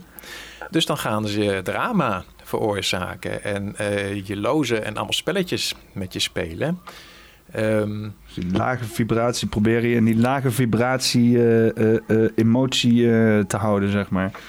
Ja, hoe dat allemaal precies gaat, weet ik helaas niet energetisch gezien. Maar mensen die met dat soort narcisten en psychopaten... Ja, nou, psychopaten zijn mijn idee in relaties minder schadelijk. Dan moet je toch naar de narcisten toe. Ja, die mensen die worden helemaal uitgeput En zelfs als je er mee stopt met zo'n relatie, jaren later zijn ze nog steeds van slag en uitgeput. Dus wat dat betreft zijn narcisten zeer kwaadaardige parasieten, zoals ik dat zie, om hier de harmonie die hier ooit was bij die vorige beschaving, om die te onderdrukken. Maar hebben we dan niet zeg maar uh, een systeem gewoon gecreëerd waarin zij kunnen floriseren? Want in principe narcisten, psychopaten zul je altijd hebben. Alleen je moet een systeem creëren waarbij ze niet zo kunnen floriseren. Het is nu, lijkt wel alsof het systeem gemaakt is voor narcisten en psychopaten. Ja, het systeem is ontworpen door psychopaten ten dienste van psychopaten. Voor psychopaten, door psychopaten. Nederland, kom ook gezellig langs. De grootste familie. Uh, ja, ja. het is gewoon waanzin. En daarom heb ik al die bullshitbanen hier. En al die bullshit managers, bullshit adviseurs, bullshit rapporten en bullshit wetten. Ik stond laatste keer bij het stoplicht en er waren twee moeders over de kruising naar elkaar aan het schreeuwen die op de fiets stonden. En eentje schreeuwde trots over haar zoon. Ja, hij stuurt nou uh, belastingrecht. Dat is een hele moeilijke studie. En dan denk ik echt van, mijn god, hoe stom kun je zijn. Ja, het, is al, het, is al, het is al wat om dan belastingrecht te gaan studeren als jouw persoonlijke ambitie, maar dan ook dat je moeder dan trots op je is. En dan, dan denk ik eigenlijk van, dan heeft hij het dus waarschijnlijk gedaan om zijn moeder trots te maken, weet je wel. En zo zijn er ook ouders die hun kinderen nog verder fucking dat systeem indrukken de hele tijd, weet je wel. Mijn vader zei vandaag ook tegen me van, ah, oh, maar hè, als je maar eh, wel een beetje lekker geld verdient, hè. Als je maar lekker geld kan verdienen. Ik zei, nou, weet je wel, als je een werkgever vindt waar je lekker geld kan verdienen. Ik zei, nou, pa, uh, als ik lekker geld wil verdienen, moet ik niet voor een werkgever gaan werken. Dat is één ding wat zeker is, weet je Want dat is wat bij hem ook nog helemaal in die verbeelding zit. Dat hij dus inderdaad afhankelijk moet zijn van een goede werkgever om hem dus inderdaad dat te geven wat hij nodig heeft. Nou, dat is al voor mij, is, dat is al helemaal niet waar. Uh, ook sterker nog, een, dat heb ik ook geleerd door te kijken naar hem. Hij is ook uh, in reorganisaties terechtgekomen na de 2008-crisis, weet je wat. Terwijl hij een hartstikke waardevolle werknemer was met hartstikke veel ervaring, is hij er gewoon uitgeflekkerd. Zo van, nou ja, zoek het allemaal maar lekker uit. En wat moet je dan als 50, 60-jarige gozer in, in een arbeidsmarkt, weet je wel? Dat schiet er allemaal niet op. Dus uh, ja, dat is, dat is apart. En dan alsnog nu, weet je wel, zo diep zit het erin bij sommige mensen, weet je wel. Want het is letterlijk alles wat ze kennen. Dus, dus, dus ja, het is heel moeilijk om daarvan los te komen. Om, om, om ook maar zoiets te hebben van, oh, maar wacht even.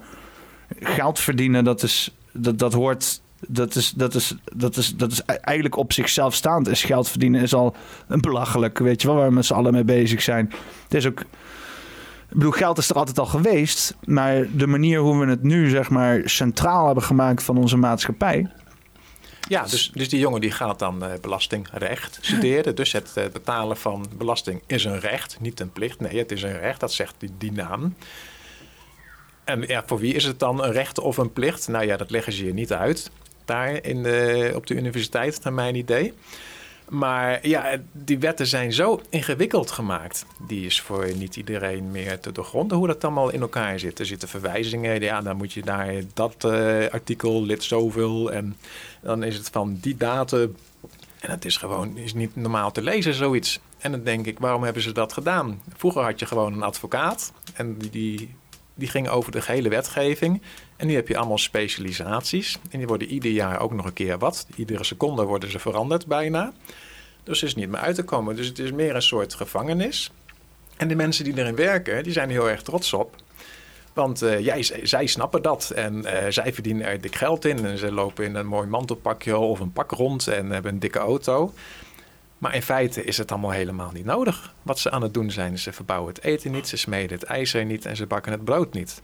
En dat is wat nu momenteel ontbreekt in de maatschappij. De basisvaardigheden om gewoon te kunnen overleven. Want op het moment dat je in je basisbehoeften zelf kunt voorzien met een bepaalde groep mensen, dan hebben die psychopaten geen macht meer over je. Ja. En dat, dat is wat ze niet willen. Daarom hebben ze al die bullshit systemen gecreëerd. Antistructuren. Ja. Even, even ondertussen. Ik trip een bal ondertussen. Hè? Je gezicht is al een heel andere vorm inmiddels en zo. En, dan, dan, loop ik achter. Ja, ik denk het wel. Ik merk ook dat ik, want ik heb er zin in een jointje, dat ik weer, ik, heb de hele dag al geen vuur. Ik ben de hele dag al vuur aan het scoren overal. Dus ik ga even snel uh, vuur scoren. En dan laat ik je helemaal alleen achter hier met het Oh, wel een ramp. Ik heb net mijn mond vol gestopt. en ik denk, oh, hij is aan het praten. Ik loop achter. Dus ja, ik ben momenteel in mijn theekopje met een klein theelepeltje aan het graven. En ik stop maar... Kan ik het laten zien wat hierop zit? Dan ga ik in mijn mond stoppen. Oh, daar is de camera, ja, tuurlijk. En de truc is dat je dat in een wangzak duwt. Want het moet via je tong en je, en je wangen in je bloed terechtkomen, onder andere. Ja, want in de speekselklieren daar zit het. Hè? Dus je moet het zo lang mogelijk kouwen om dus echt de speekselklieren alles op te laten. Heel veel mensen denken van ik moet het in mijn maag hebben, maar dat, dat is niet waar de, de, de opname zit, zeg maar. In de maag zit niet zozeer de opname. Ja, volgens mij is het een samenspel van wat in je maag gebeurt en wat met je speekselklieren en in je mond eh, gebeurt. Wat er allemaal precies gebeurt, weet ik niet. Maar ik heb ooit een keer paddo's tot mij genomen door ze eerst in een blender te stoppen, omdat we ze zo, zo vies vonden. En toen hebben ze ze maar uh, naar binnen gewerkt. En toen gebeurde er niks. Je voelde hmm. wel van alles in je maag, maar er gebeurde niks. En we waren zagrijnig, want we hadden zo op die trip ons verheugd. En die kwam niet. Dus uh, ja, ik heb nou gewoon een hele bobbel hier. Een hele wang. Ik ga zelf bijna een beetje over mijn nek als ik eraan denk alleen. Maar ik vind het heel moeilijk om die shit allemaal weg te werken. Mijn maag die zegt allemaal mijn keel en zo zegt allemaal nee. Maar ik zit er al goed in. Ik heb lekker goed gekoud. Ik ben ook, want ik sta er ook voor te kijken hoe snel het werkt. Ik, uh, je bent uh, 20 minuutjes aan het kouwen op die shit. En ik, ik ben nu al uh, bal aan het trippen, jongen. Ik zweer het. Dit gaat waarschijnlijk nog wel erger worden. Jij bent ook joints aan het roken en dat doe ik dus niet. Nou ja, maar als het goed is, zou dat het effect juist moeten verminderen, uh, weet je wel. Maar het hm. scheelt, ik heb ook niks gegeten vandaag, hè, dus dat is misschien ook... Uh, ik, ik, heb uh, tot 12 uur, of om 12 uur heb ik mijn laatste maaltijd gehad. Ik heb niks gegeten Helemaal vandaag. niks? Niks. Oh, dan ga je Nada. als een speer zo meteen. Mm. Mm. Is het raam uh, goed dicht hier? Anders dan uh, denk je zo dat je kunt vliegen. Oh nee, dat, ik, kijk wat het grappige is. Ik woon hier dus nu 2,5 jaar. Ik heb hier ballen gespeeld als een motherfucker. Uh, in allerlei staten gedaan. Dus, dus het laatste waar ik... Ja, ik, ik, zou naar beneden willen springen... op momenten dat ik inderdaad...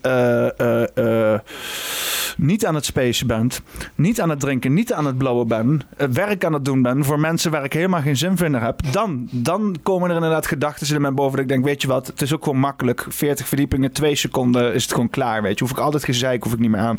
Maar niet als ik aan het trippen ben. Dan is veel... Ik, ja...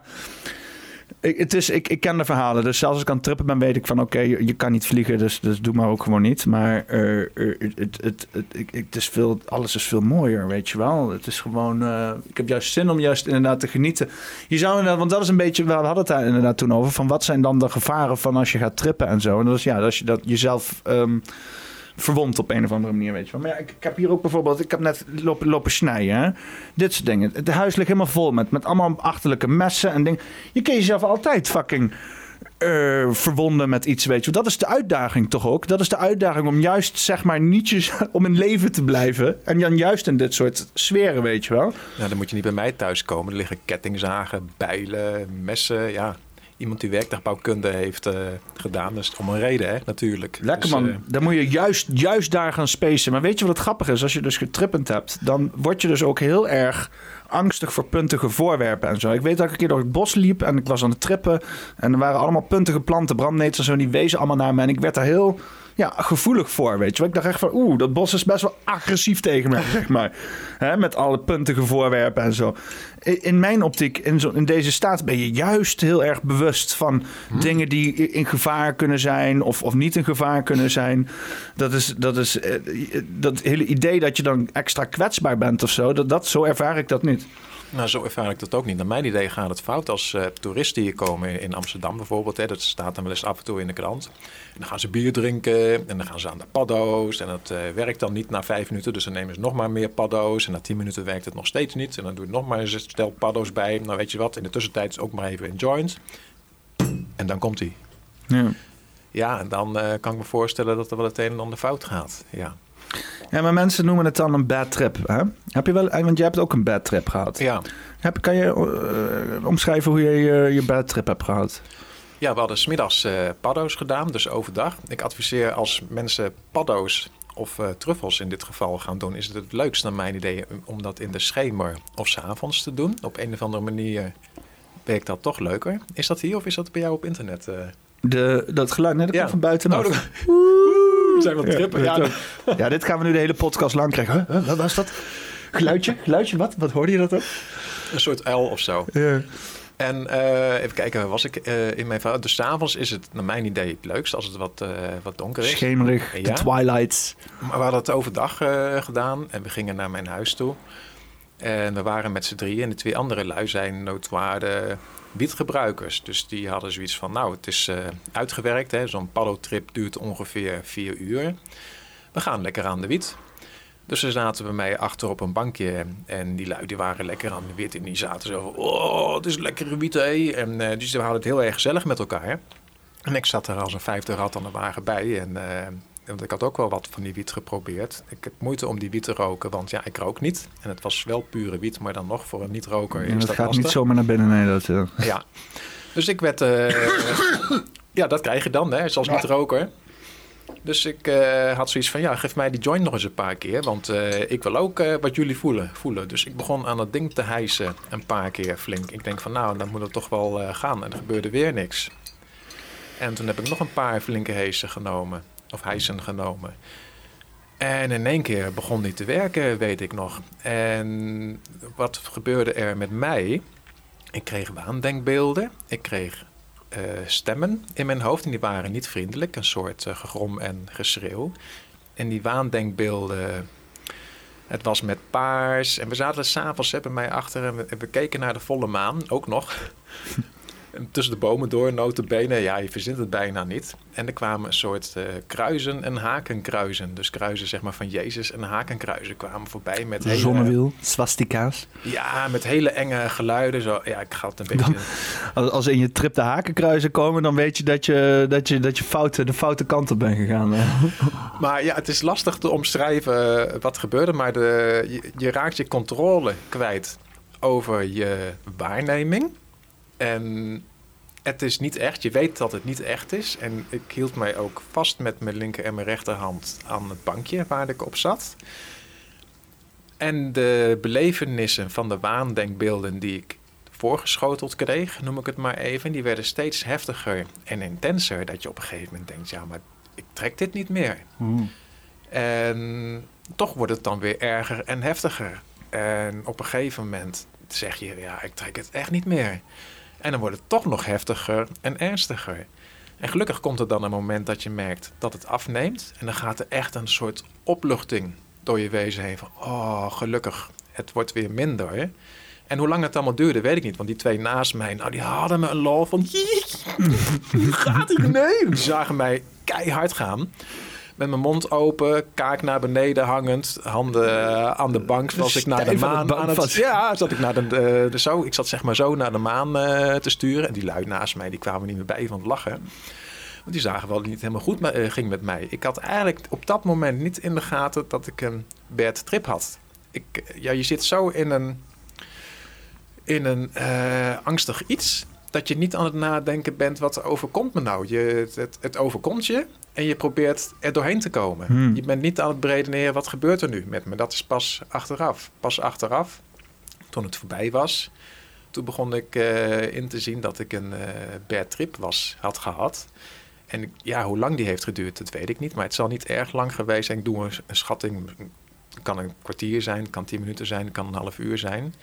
Dus wat dat betreft mag ik van geluk spreken dat het niet. Uh, want ik heb verhalen gehoord van mensen die gewoon een hele dag, hoe heet dat, een hele nacht door een bad trip hebben gehad. Ja. Ja, dan kom je anders uit als persoon gewoon. Dat is, ja, dat, is een, een, een ordeal, is dat. Alsof je een berg aan het beklimmen bent of iets dergelijks. Ja, dat lijkt, als ik dit acht uur lang had gehad... Zo, dat, ja, dat is echt een heel traumatische ervaring dan. Het is dat het relatief kort is geweest. Dan, uh, en dat ik het zeg maar nog kon, kon behappen. Hè. Ik was me ook volledig bewust dat ik op dat bankje zat bij mij achter.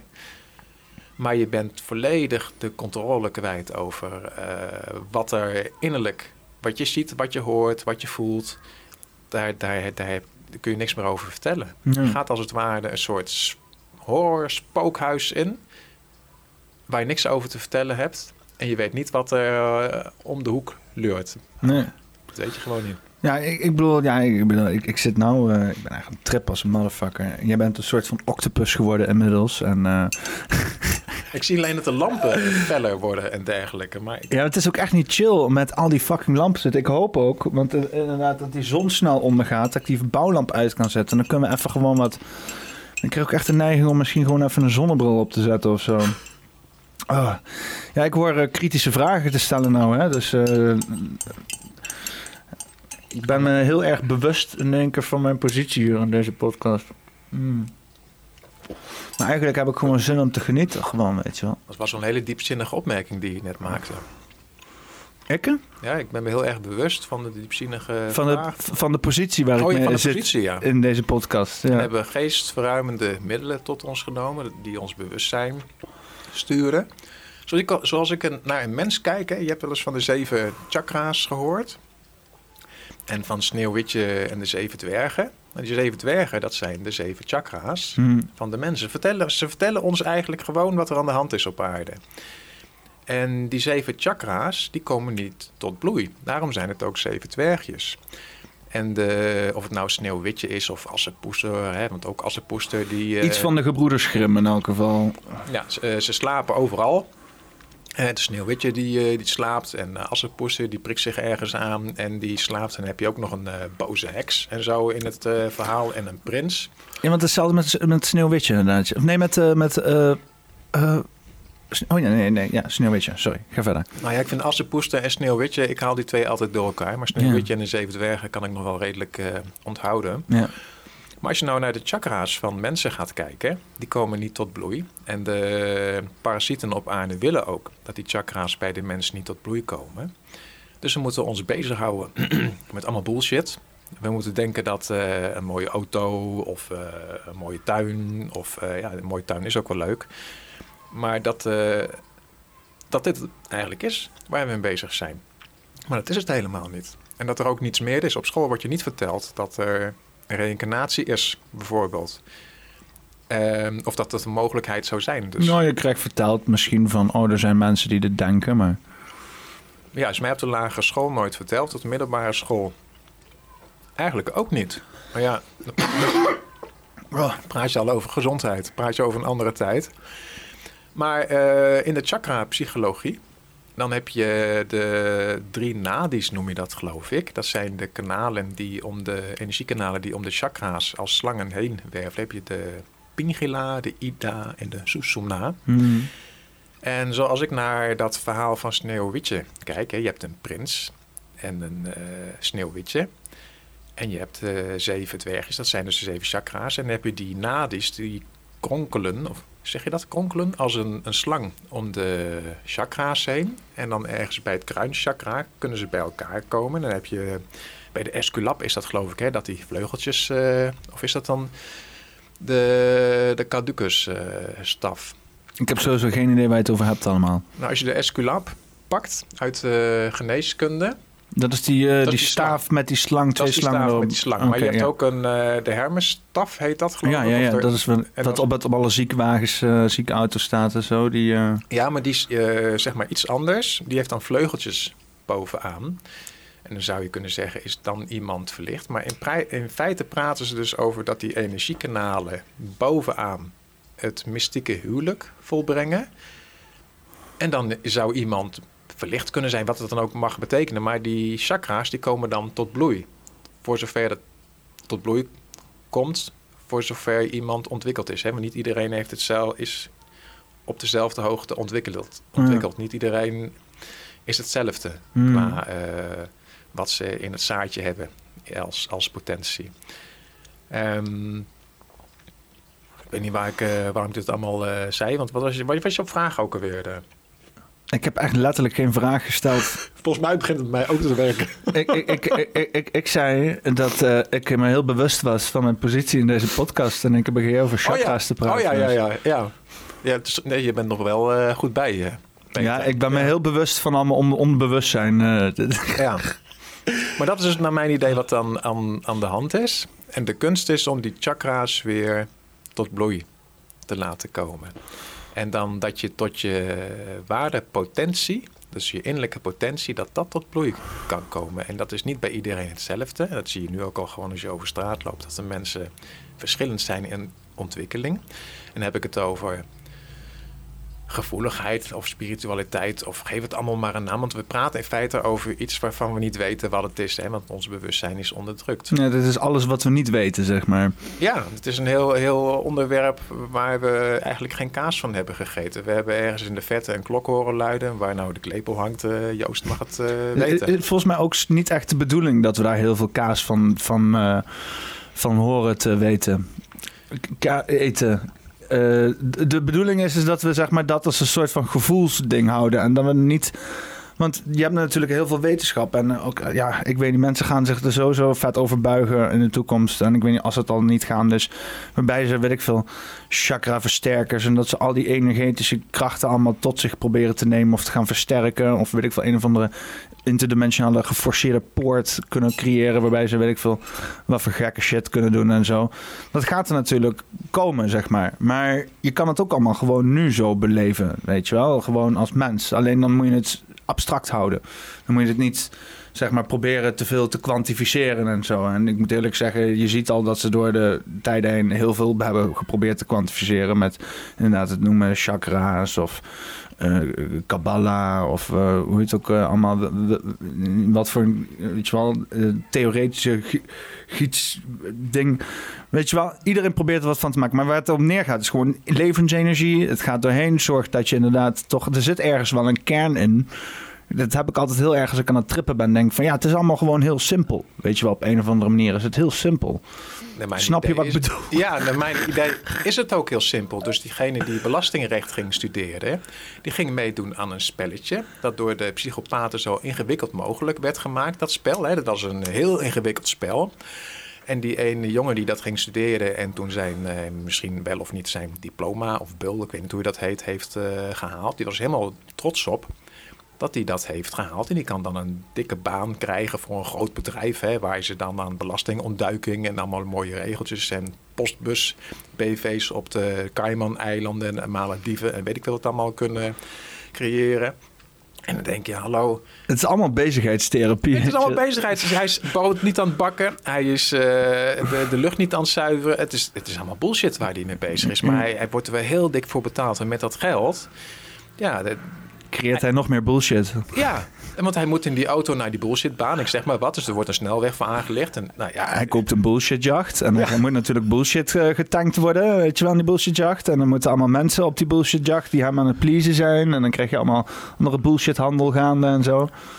Ja, belasting. Belasting, wat zei je nou? Belastingjurist. Nee, belastingrecht. Ja, ik noem het maar belastingrecht. Maar belastingrecht. Ja. Ja, want jij hebt je sowieso ook al wel een beetje verdiept in het rechtssysteem en zo, toch? Of in ieder geval... Nou, ik heb ermee te maken gehad. Het, uh, toen ik er het eerst echt mee te maken kreeg, was midden jaren tachtig. En toen spande mijn vader een rechtszaak aan tegen de buren vanwege overlast met honden. Maar dat deed mijn vader dus. En ik kreeg zelf, eind jaren negentig, wilde ik een uh, rechtszaak aanspannen tegen een bovenbuurman. Dat kon je zonder advocaat doen. Hè? Dus onder een bepaald bedrag of als de waarde niet echt in geld uit te drukken was. Ik geloof dat het destijds iets van 5000 uh, euro was. Als het te vorderen bedrag onder de 5000 gulden lag, dan mocht je dat zonder advocaat doen. En wat ik dus ging doen, ik ging naar de bibliotheek in die wetboeken kijken. En toen dacht ik van ja, maar dit zijn oude wetboeken. Ik wil de up-to-date wet zien. Dus ik ging op internet kijken of ik de wet kon inzien. En toen bleek, volgens mij was dat Maximus of zo, zo'n website, dat ik moest betalen om die wet te kunnen inzien. Hallo, iedere burger, wat is dan een burger? Dat laten we even buiten beschouwing, wordt geacht de wet te kennen. En wil ik de wet inzien, dan moet ik ervoor betalen. Nou, dat is nu gelukkig anders. Nu kan iedereen gewoon de wet inzien hoe complex die ook is en alle vorige uh, versies en dergelijke. Maar dat was toen nog niet zo. En ik zag ook dat die rechter.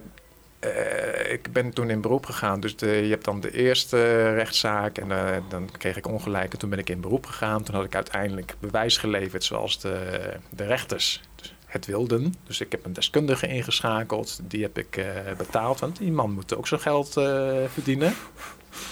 En dat was een bouwkundige en die heeft dus een rapport gemaakt. En die heeft dus gezegd van nou zo en zo zit het in elkaar. Dus de lekkage die de heer Mekel heeft, dat is uh, ten gevolge van de situatie van de bovenbuurman. Daarom en daarom. En dus en zus en zo.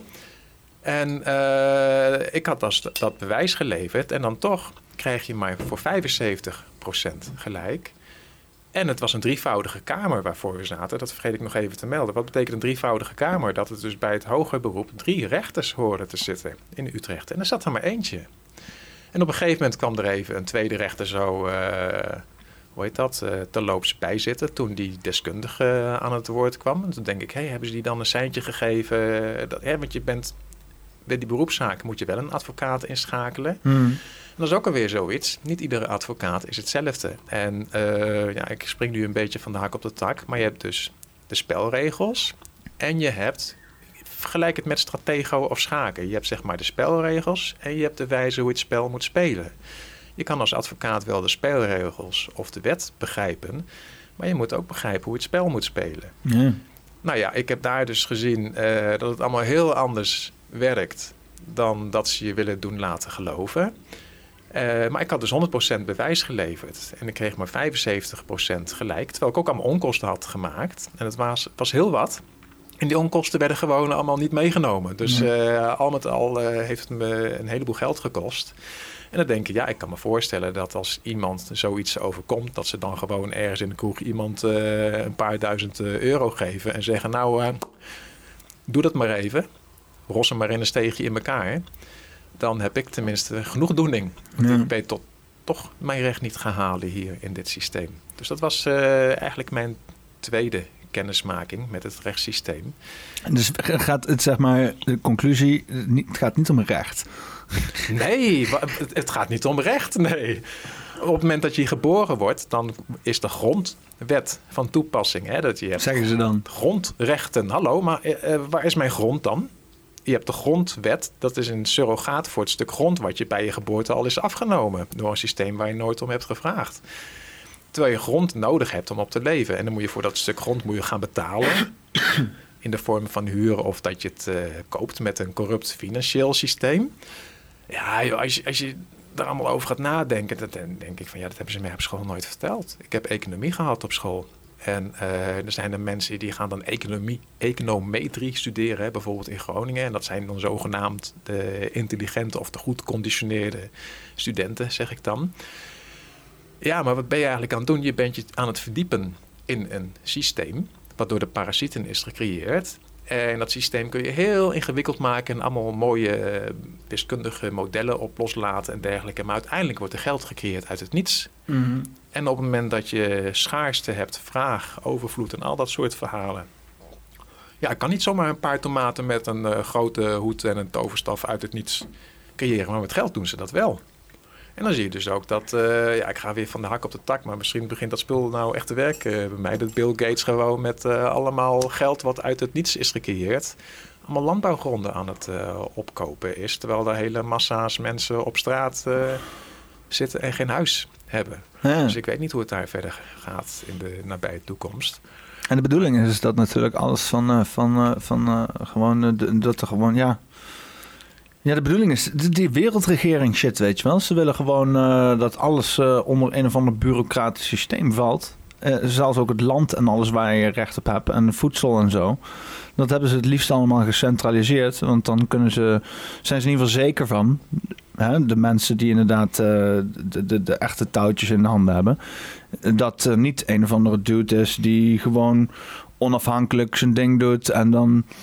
Ja, ik, ik weet niet, ik, ik zit het ook altijd, ik zit het in mijn hoofd altijd uitspelen en denk van waarom zou je zoveel macht willen hebben, weet je wel? Omdat het parasieten zijn. Er zijn, naar mijn idee, ik zeg, eh, ik zeg er maar even expliciet bij dat het mijn mening is. Ik ga hier niet zitten zeggen dat ik uh, alwetende Oh, dat is de kerkklok die ik zo duidelijk hoor. Nee, dat is mijn klok. Oh, mijn, mijn, mijn, persoonlijke kerkklok. oh, dat is jouw persoonlijke kerkklok. Uh, dus ik verkondig hier mijn mening. Naar mijn mening zijn de paradisieten, die, die hebben een hiërarchie. Als je bijvoorbeeld een narcist tegenkomt, een echte narcist... die denkt ook niet in termen van vriendschappen en gezellig samen zijn... maar die denkt in termen van hiërarchie. Ik heb ooit een, uh, een vriend gehad, die was toen een vriend... En die noemde zichzelf de, wat was het nou? De general in zijn vriendengroepje. Mm. En toen begreep ik dat nog niet helemaal, omdat ik zelf anders in elkaar zit. Maar op een gegeven moment ga je dus documentaires op uh, internet uh, kijken over allemaal mensen die dus uh, narcisten hebben ervaren. En dus aan het uitzoeken zijn met behulp van psychologen die er meer van weten. Hoe dit allemaal werkt en dergelijke bij dat soort mensen. Ja, dan zie je dat, dat, dat, dat narcisten heel ingewikkeld verhaal nogmaals, maar de meeste narcisten denken in termen van hiërarchie en uh, parasiteren op jou. Hoe kan ik hem of haar voor mijn wagentje spannen? Nou, met die psychopaten, die zijn dus uh, eigenlijk allemaal narcistisch. Uh, ja, het wordt heel ingewikkeld. Een, een, psychopaat is wat anders dan een, een psychopaat zou je zien kunnen zien als een, een mens zonder gevoel. Hmm. Terwijl een narcist het gevoel heeft van een klein, boos en kwijtaardig kind. Ja, dus er zit al... Komt, al, komt niet verder, zeg maar, een heel onder, onder, onder, onder slecht ontwikkeld EQ, zeg maar. Ja, zo zou je het uh, kunnen zeggen. Ja, kijk, uh, stel dat... Z zou je dat dan nog, zou, is dat dan nog te redden op een of andere manier? En echt... Is dat in steen gegoten, dat soort mensen, weet je wel, die dan, die dan inderdaad uh, narcist zijn? Uh, zou je die niet gewoon uh, naar het Tibet moeten sturen en dan... komt, is er nog wat mee te doen? Of, Nee. Sorry. Ja, ja, het is wat. Ja, maar dat, dat, is dan dus, dat is mooi kut. Want dan zit je dus met een hele wereld met mensen waar jij een hele, hele bubs met mensen waar je dan eigenlijk niks mee kan. Nou, dat is het probleem waar we dus nu ook in zitten. Dat we allemaal problemen hebben, maar er dienen zich altijd mensen aan. Want het probleem met die psychopaten en die narcisten is dat ze niet laten zien dat ze psychopathisch of narcistisch zijn. Ze hebben een masker op. Plus ze zullen tot de dood aan uh, bevechten dat ze het niet zijn. Een narcisten zullen altijd... Stel dat je een narcist in de familie hebt... dan gaat de hele familie meestal naar de psychiater of de psycholoog... behalve de narcist.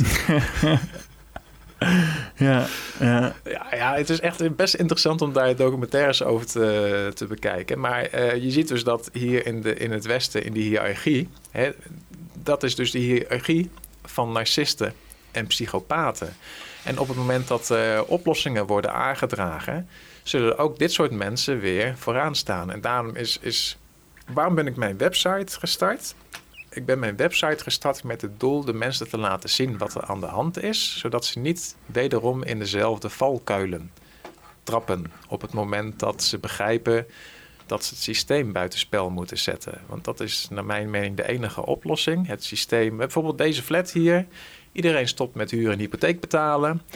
En dan komt natuurlijk de politie en die zegt van ja jongens, maar dat kan niet. Want, uh, ja, dan komt hier sowieso een ME-team uh, de hele boel uh, leeg ruimen hier. Als we met z'n allen georganiseerd niet meer zouden betalen dan komt hier op een gegeven moment gewoon een dikke ME-ploeg. Uh, komt een heleboel ruim hier. Hetzelfde als met anti-kraak en zo ze dat gedaan hebben. Ja, ik weet nog. Met, met, met krakers. Met krakers ze dat gedaan hebben. Ja, ja ik weet nog met die demonstratie in Arnhem met uh, corona en zo. Dat er ook heel veel. Dat vertelde jij toen over. Hè, dat er heel veel politie was. En dat je daar niet eens het marktplein uh, op mocht. En hmm. dergelijke. Maar ja, dan kom je er niet op. Maar stel nou dat hier allemaal mensen zijn die zoiets hebben van... ja, oké, ik woon dan niet in die flat, maar ik sta wel het achter het idee dat het systeem ontmanteld moet worden en we moeten ergens beginnen. En ik ga niet zeggen dat het dan meteen de goede kant op gaat. Hè? Want als bijvoorbeeld uh, iemand aan het autorijden is op mijn circuit en die auto vliegt de bocht uit en ik zeg met mijn eigenwijze kop, ja, maar je had die bocht zo moeten aansnijden en in die versnelling en dan zo moeten remmen en dan, uh, en dan zegt die gozer, nou doe het dan voor.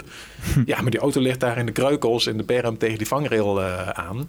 Ja, ik kan het met die auto niet meer voordoen. Die moet eerst afgesleept worden, naar de werkplaats gerepareerd en zo is het met de aarde ook. De landbouwgronden zijn uitgeput, mishandeld, vergiftigd. Het is, het is flink naar de kloten. Onze zee zit vol met plastic. Ja, joh. Het... Microplastics. Dat is wel dat is het enige waar ik, waar, ik maak me helemaal niet druk over de opwarming en zo en zeespiegel. Laat water maar komen, weet je wel. Laat, water komt toch wel waar het moet komen, weet je wel. Dus uh, laat maar gewoon komen en we hebben ons daaraan gewoon aan te passen. Uh, het probleem momenteel is dat er te weinig water is. Dat is nog te grappig. Maar afijn. Uh, ik weet niet meer wat ik wil zeggen. Nou, ik merk, merk, wel dat ik harder begin te gaan. Nou, Ja? Ja? Trip je me ook? Ik trip me echt al ballen al een tijdje. Nou, jongen. dus... Ik weet ook dat ik net wat wilde zeggen over narcisten, psychopaten en hiërarchie. Maar uh, ja, uiteindelijk uh, dwaalde ik af naar het milieu. En dan zitten we in de oceaan met microplastics. Ah, we gaan wel, we gaan wel even, even bekken over het milieu. Maar ik ga, ik ga wat doen aan die lichten, man. Ik, uh, ik word helemaal niet goed van. Dus ik ga een zonnebril opzetten. ik, ik, kan het nog redden zonder zonnebril. ja. Hou even mensen bezig. Ja, oh jee, wat moet ik dan nee, zeggen? Ja, nou, als mensen geïnteresseerd zijn in narcisme narcisten. Kijk eens op uh, internet. Uh, als je geen moeite hebt met de Engelse taal, dan zijn daar zeer veel kanalen over te vinden. En wellicht heb je zelf met een narcist te maken, maar herken je het niet, omdat niemand je ooit heeft verteld wat een narcist is en welke kenmerken uh, narcisten hebben. Want er zijn een paar kenmerken. Ik dacht dat we het over milieu gingen hebben. Ja, sorry. die die uh, bij alle narcisten eigenlijk wel naar voren komen. Nu terug naar het milieu. Oh. Maar, maar, welk milieu? Oh, nee, nee, maar wacht, wat is dit dan voor mindfuck? Ik, nu wil ik ook een opzemming van dingen die dan naar boven komen. Wat, is, wat zijn die dingen die we kunnen vinden? Ze doen vaak aan word salad. Laat, laat, laat ik bij het begin beginnen. Een narcist natuurlijk doet natuurlijk nooit wat fout. Hè? Ze gaan altijd ontkennen dat zij de oorzaak zijn van een probleem. Wat zij zelf hebben gecreëerd. Dat is gelijk punt twee. Ze creëren. Maar wat zijn een word salad? Ja, dus op het moment dat je aanspreekt... Woordsalade. woordsalade, ja. Dus op het moment dat ik met jou een... Ik heb een uh, probleem gecreëerd, hè, want ik wil jouw aandacht, jouw energie.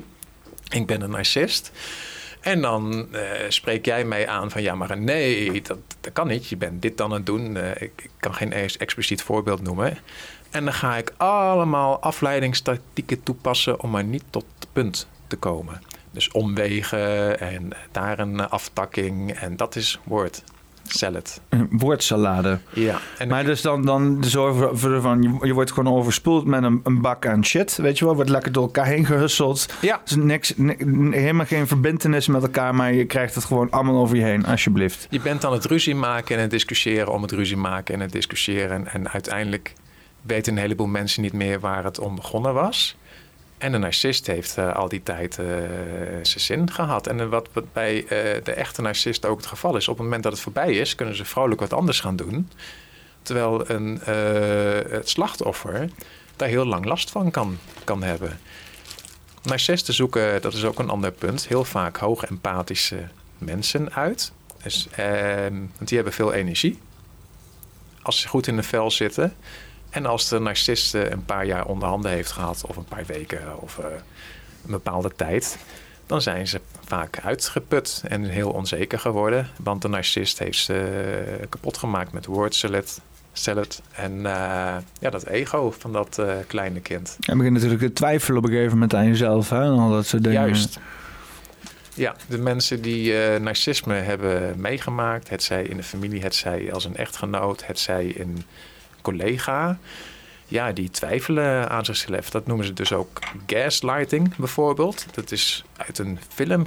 Een film heette Gaslighting, geloof ik, 1947 kan dat? Ik weet het niet precies. Het is een dude die eh, de hele tijd de lampjes uh, uh, hoger en zachter zette. En dan dus een vrouw daarvan de schuld gaf.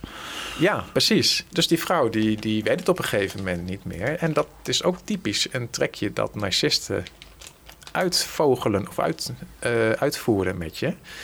En eerlijke en integere mensen, daarbij komt het niet op dat er mensen dus zouden zijn, dus in dit geval narcisten, die erop uit zijn om jou te belazeren en een loer te draaien, terwijl het bijvoorbeeld een, om een liefdesrelatie zou kunnen gaan. Dat is dus een volgend punt.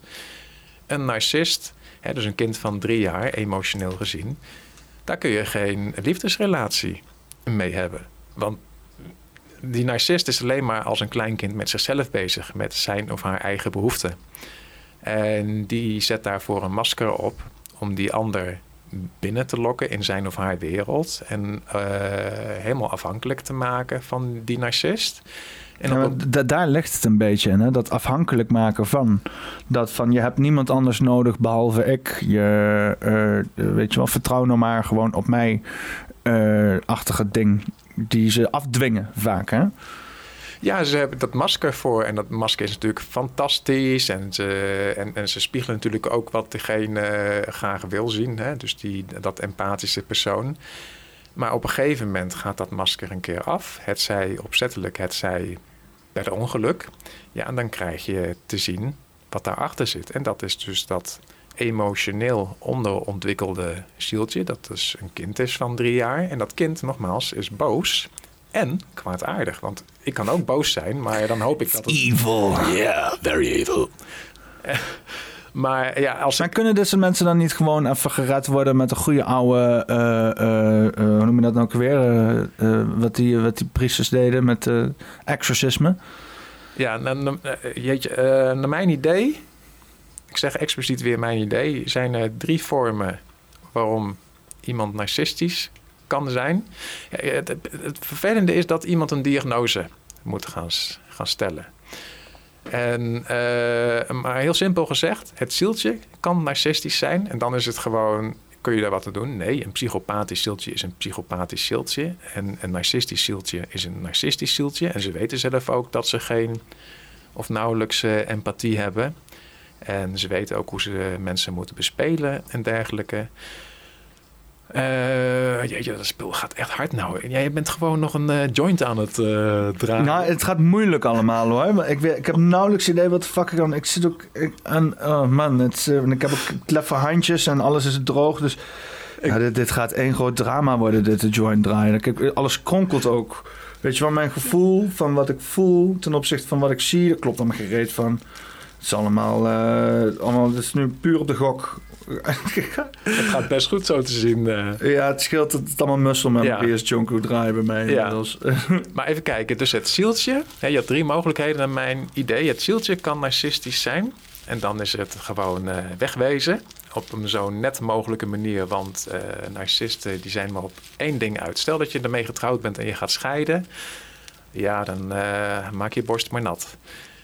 Uh, het tweede is uh, dat er zich een entiteit kan innestelen bij iemand in de aura. Dat is mijn mening.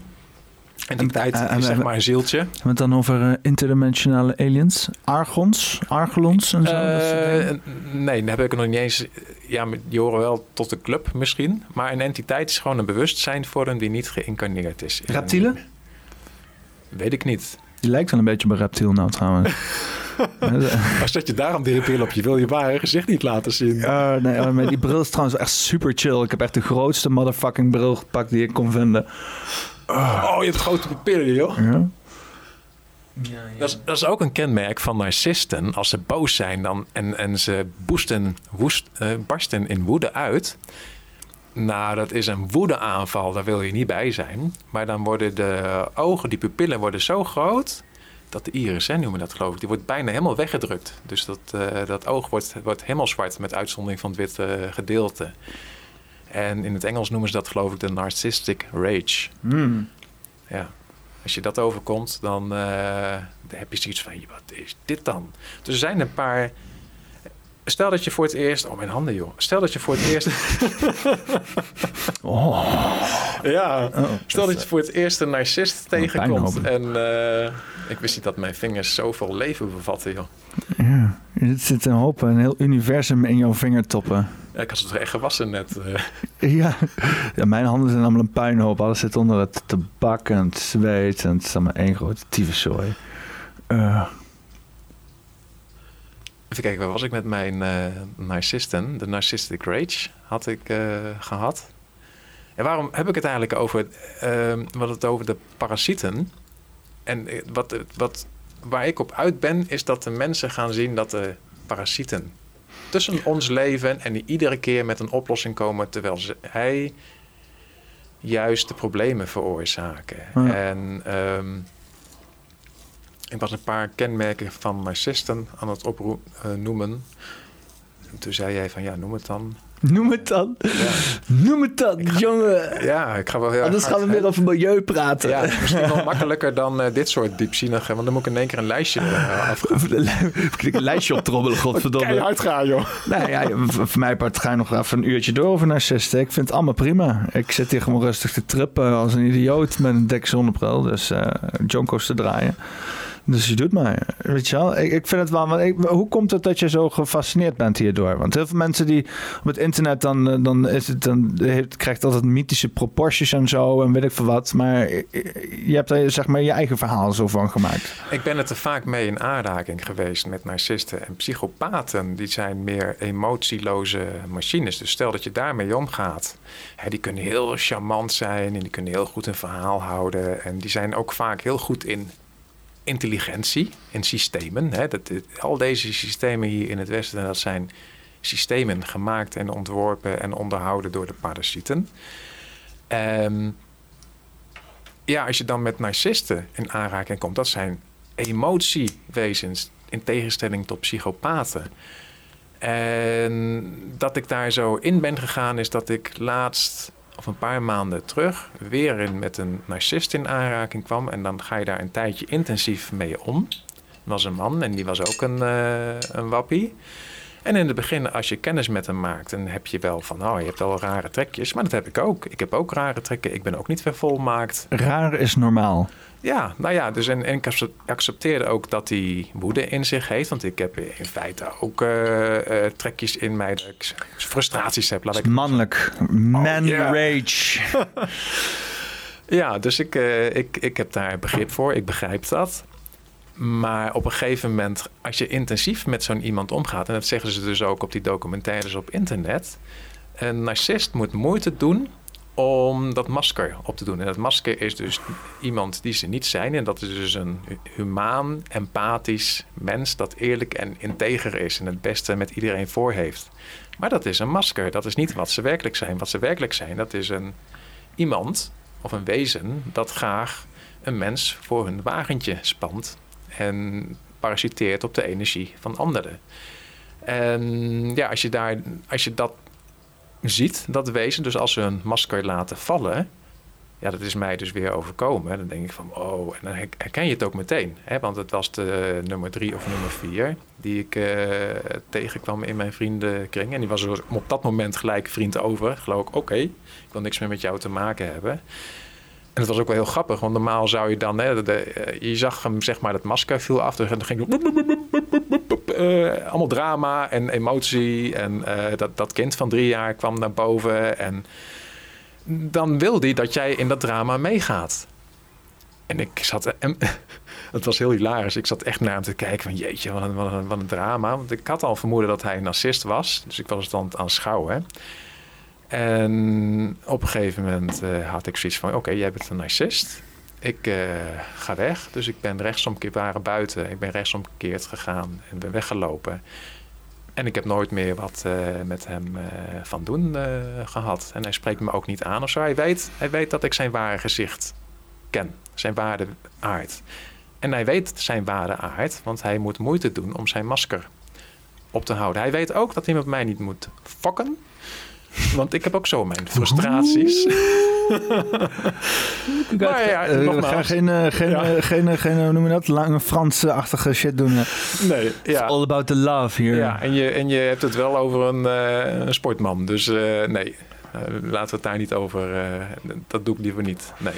Ja, je kan, uh, je, kan uh, je moet duidelijk ook grenzen aangeven voor jezelf, weet je wel. En als dat uh, niet met woorden kan, dan, dan moet dat inderdaad met daden gebeuren, toch? Daar ben ik er 100% mee eens, maar dat mag niet van de politie. Nee, de politie ja, die wil dat dat voor jou oplost. Je mag niet voor eigen rechten spelen, maar als je voor eigen rechten gaat spelen, dan kom je in de bak. Want die, want al dat tuig mag zich allemaal mis, misdragen. Want het is allemaal kleine criminaliteit. En de politie heeft het te druk om zich daarmee bezig te houden. Maar de saamhorigheid in de maatschappij ontbreekt om toezicht te houden. En de mensen zijn te bang om, om uh, toezicht te houden. De meeste dan niet allemaal. Hè. En daarom gaat het hier helemaal uh, lang. Nou ja, het gaat langzaam zie, zie, het, uh, kant op. zie je het in Arnhem achteruit gaan? Gewoon fysiek in jouw omgeving, zeg maar? Ja, het leuke is Nextdoor. Net als zo'n buurt-app. En, ik, en dan uh, af en toe dan, uh, kijk ik daar wel eens op. En dan, naar mijn idee gaat het achteruit. Ik hoor uh, over mensen die in Klarendal wonen... dat ze vinden dat het daar achteruit gaat. Maar die wonen er al vanaf jaren negentig. En, en, en, wat is achteruit dan? wat, is, wat is de definitie hier van achteruit? Ja, dat heb ik ze niet gevraagd. Nee, maar voor jou dan misschien? Voor mij. Ja, voor mij is achteruitgaan dat de saamhorigheid Pauperen, zeg maar, gewoon van een wijk of iets. Ja, hoe doe je dat? Je zet het dus... Heb een mooi uh, Nederlands woord voor, hè? Verpauperen. Ja, je zet het dus, dus, dus mensen die er niet opgegroeid zijn... zet je in, in een wijk neer en die laat je niet integreren. En, dan is ieder, en die gaan s ochtends naar hun werk, hè, bijvoorbeeld. Die stappen in een auto of naar de trein en dan gaan ze naar hun werk. En s'avonds komen ze terug. Moeten ze eerst even langs de crash hun kinderen ophalen. Dus dat is een vorm van verpaupering. En mensen die gewoon de hele dag voor de tv hangen.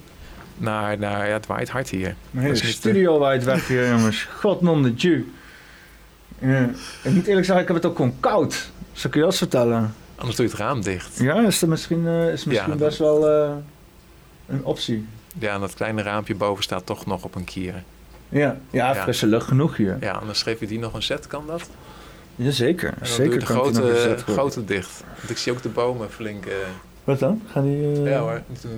maar dat kan ook een trippen zijn natuurlijk, hè? Want alles beweegt natuurlijk. Even naar mijn handen kijken. Je handen bewegen ook. oh joh, er gebeurt een salsa in mijn hand. Heb je duct tape voor mijn middelvinger? Anders dan uh, gaat hij naar de Beekstraat toe. What the fuck? Oké, ik ga een raam dicht doen. Dit wordt ook een hele opgave al hoor. Dat lukt niet zomaar, want ik heb dit helemaal, heb ik helemaal dichtgepind met allemaal dingetjes en zo. En, oh, oh, oh. Ja, ja, maar er moet wel iets. Anders kan ik, kan ik deze deur niet gewoon dicht doen. Is dat niet makkelijker? Nee, nee, nee. Oh. nee dus dit, we moeten even dit door. Om te bereiken wat we willen. Jouw wiet ligt hier op de grond, Peter. Ah, we hebben het. Het ligt al. Oh strijden tegen de elementen. Man, ik vind je dapper hoor. En onder deze omstandigheden. Ik vind het heerlijk. Ik hou ervan. maar de, de teloorgang of achteruitgang, of uh, welk woord gebruikten we nou net? Ik ben het woord kwijt. Omschrijf het woord.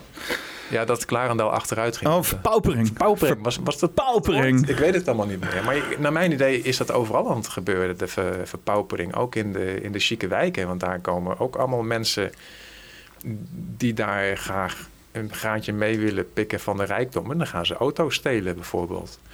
Dus het is al jaren aan de gang. Maar het is een langzaam proces. Dus, uh, maar nu door heel veel vreemde mensen, dus laten we het asielzoekers noemen, binnenkomen. Nou, maar wacht even, wacht even, voordat je allemaal afdwaalt. Want in principe, hè, want we hebben het idee dat alles allemaal beter wordt en zo. Maar als ik dit allemaal optel, hè, jouw uh, ook geloofsovertuiging, ook waar je, ik, jij hebt mij meegenomen in Arnhem en laten zien van ah, dit gebouw is zogenaamd 200 jaar of 300 jaar oud. Maar hoe de fuck kunnen ze die stenen toen maken, weet je wel? Dat was, dat was gewoon letterlijk... Ze hebben vroeger hebben ze technieken gehad, whatever, waarbij... Het is gewoon verloren kennis en zo gaan. Dus als je dat allemaal bij elkaar telt dan is er eigenlijk al sowieso een hele lange verpaupering gaande, zeg maar. En we, we kleden het allemaal aan met al onze leuke technologische snufjes als, als progressie. Maar uiteindelijk uh, is er al een hele lange verpaupering gaande ja, zoals van de mensheid. zie is dat je hier in Nederland kun je het als voorbeeld nemen. Er is een Tweede Wereldoorlog geweest. En na de Tweede Wereldoorlog is de vadertje staat ontstaan onder Willem Drees. Dus die, die heeft gezegd, nou de staat gaat voor je zorgen. En op zich vonden de mensen dat ook goed. Want uh, je zag dat de welvaart, dus steeds meer mensen kregen het goed. Dus de welvaart ging omhoog. En mensen hadden het beter. Uh, je kon op vakanties, wat voorheen niet uh, kon, voor, voor enkelen slechts. Dus ja, niemand die zou protesteren waarom een vadertje staat slecht zou zijn en al die wetten en dergelijke. Maar ja, wat het probleem daarbij is, dat het doorontwikkeld wordt, dat steeds meer mensen afhankelijk worden van dat systeem en dat ondertussen de hele industrie- en productiefaciliteiten. Hè. In Twente hadden we textiel, uh, nou ja, weet ik veel wat voor... Arnhem is ook leuk. In Arnhem had je, dat had ik je net ook verteld. Die, die, uh, die, hoe heet die, de Hanze-steden shit en zo, toch? Dat was, dat was een heel ding. Ja, nou ja, dat is de, de officiële versie van de geschiedenis. Er oh. zal wel iets van geweest zijn, maar ik denk dat spoorwegen al honderden jaren bestonden. Dus ja, dat, dat, die context met Hanzesteden en dergelijke, dat moet, uh, moet anders geplaatst worden in, in, in het verhaal. En hoe? Ik weet het niet. Maar uh, even kijken, waar was ik nou? Oh ja, Arnhem, wat wilde ik zeggen? Verpaupering? Ja, verpaupering. Dus we hadden hier dus ook twee autofabrikanten. Hè? Daar had ik je net uh, Gelre auto's had je en Stokvis. Die maakte ook vrachtauto's. Ja, volgens mij ga jij heel hard. Ik denk dat je spijt krijgt dat je die joint oh. tot je hebt genomen. Nee, ik ben op zoek naar water. Oh, ja, dat is fase 1. En dan zometeen wil je een zak chips. En, uh... Ik wil eigenlijk wel zin in een biertje, maar ik wacht nog heel even. Ja. Maar wat ze dus gaan doen, ze gaan je afhankelijk maken dus van uh, het systeem. En ondertussen zijn er plekken op aarde waar mensen nog zitten te springen om een stapje eh, vooruit te doen, hè, die in armoede leven. En dat zijn dan derde wereldlanden. En dan ga je productiefaciliteiten dus we hadden hier de textiel, textielindustrie. Ik krijg wel moeite met articuleren nou. Doe me je sowieso niet aan. Ja, dus je moet een beetje praten doen. Hè, want het zegt, eh, wat ze eigenlijk zeggen, het is goedkoper produceren in lage loonlanden. Dus uh, je gaat uh, de mensen hun bestaansrecht ontnemen en dat ga je naar het buitenland brengen. Maar ja, dat gaat zolang mensen geld hebben om daar dingen voor te kopen. En die, die, de kringloopwinkels liggen er vol mee, maar ja, ik ga even te snel. Dus uh, de hele industrie hier in Nederland wordt kapot gemaakt. En daarvoor in de plaats komt een uh, hopeloos systeem. Ingewikkeld systeem. Dus iedereen is nou economie, rechten, uh, weet ik veel wat. Er zijn allemaal mensen aan het managen, adviseren. En dat wordt dan ook op een gegeven moment kapot gemaakt. En dan krijg je de verpaupering. Want die mensen, met de corona hebben ze, ik weet niet hoeveel mensen hebben hun bestaansrecht verloren, zijn afhankelijk gemaakt van uitkeringen, uh, toeslagen, eh, weet ik dat ook alweer zoiets. Je hebt, hoe, hoeveel mensen houden zich bezig met het toewijzen van, van uitkeringen, toeslagen en uh, goede doelen, ook al zoiets. Is dat niet gewoon allemaal overbodig? En die hele belastingdienst zou gewoon, het zou gewoon een app kunnen zijn. Ja, maar daar gaan we dus ook naartoe. Dus dat is de, het, het einde van het verhaal. Dat alle mensen. Ja, dat is eigenlijk kut, is dat. Er was een tijd dat ik dat wel zag van, oh, dat is natuurlijk de ultieme manier. Maar tegenwoordig ga ik ook zoiets van, ja, belasting, weet je wel. Belastend. Het is ook gewoon, het is belastend, belasting. Eigenlijk zou je, als je zou het gewoon allemaal helemaal niks meer moeten doen. En dan kijken waar de verval zich begint op te komen en dan dat opnieuw gaan proberen te financieren, weet je wel? Dan, dan zou je... Finan financieren, maar dan het is, het, met nepgeld, met monopoliegeld of ga je geld uit? Nou ja, of, of de mensen die dan dat uh, uh, voor je doen, uh, ja, uiteindelijk kom je toch uit op een of andere geldsysteem, weet je wel? Betalen ze uit een bitcoin van mij, het interesseert mij wat. Maar het gaat erom dat in ieder geval die instanties nu alleen maar waardeloos inderdaad aan het functioneren zijn. En met allerlei geld aan het uh, uh, smijten en herarrangeren. En subsidies, weet je wel. Uh, al die eindeloze hoeveelheden subsidies die overal aangevraagd voor kunnen worden. Hoeveelheid uh, het slaat er maar nergens op. De hele belastingdienst is alleen maar, is alleen maar ambtenaren die helemaal bezig zijn om dingen bij te houden. Terwijl iedereen zou het ook gewoon, als, iedereen, als ze gewoon iedereen met rust zouden laten. Dan, als ze ophouden met zoveel geld te innen en dan. nee, ik weet het niet. Weet je wel, belastingdienst moet gewoon weg. De hele belastingdienst moet gewoon. Het hele systeem mag van mij buitenspel worden gezet. En, uh, maar al de mensen die nu trots een functie vervullen in het nutteloze systeem ja, houd er rekening mee dat je vroeg of laat je functie verliest en daarmee je bestaansrecht. Want in feite hebben we het niet over geld verdienen, maar bestaansrecht. En mensen denken nu in termen van, uh, ja, maar ik moet toch geld verdienen? Hè? Die, ze denken niet een stapje verder terug. Ja, maar ik moet bestaan of ik wil bestaan. Ik heb bestaansrecht. Maar al dat recht is je ontnomen. En daarvoor heb je dit zinloze shit-systeem gekregen, wat ze aan het kapot uh, maken zijn. Want ze hebben, wat ik al zei, de productie in andere landen uh, overgebracht. En de bankiers hebben ervoor gezorgd dat die andere landen goedkoper zijn. Waarom zijn die mensen daar minder waard dan in een hoge lonen land? Dat bepalen de bankiers. Vroeger dacht ik dat de wisselkoersen en dergelijke, dat dat een kwestie was van vraag en aanbod. Maar het is gewoon allemaal gemanipuleerd, net zoals als dat uh, partijen zijn op de beurs. En ze geven het zelfs toe, dat Vanguard en BlackRock. Vanguard, ja. Die, uh, er zitten computerprogramma's achter, zodat ze weten hoe ze moeten speculeren. Want die zijn net ietsje sneller dan uh, een, een, mens. BlackRock, dat is natuurlijk ook een symbolische goudmijn. Ja, en, en, denk ik, hallo, maar het gaat om bestaansrecht. Dus waar is mijn stuk grond?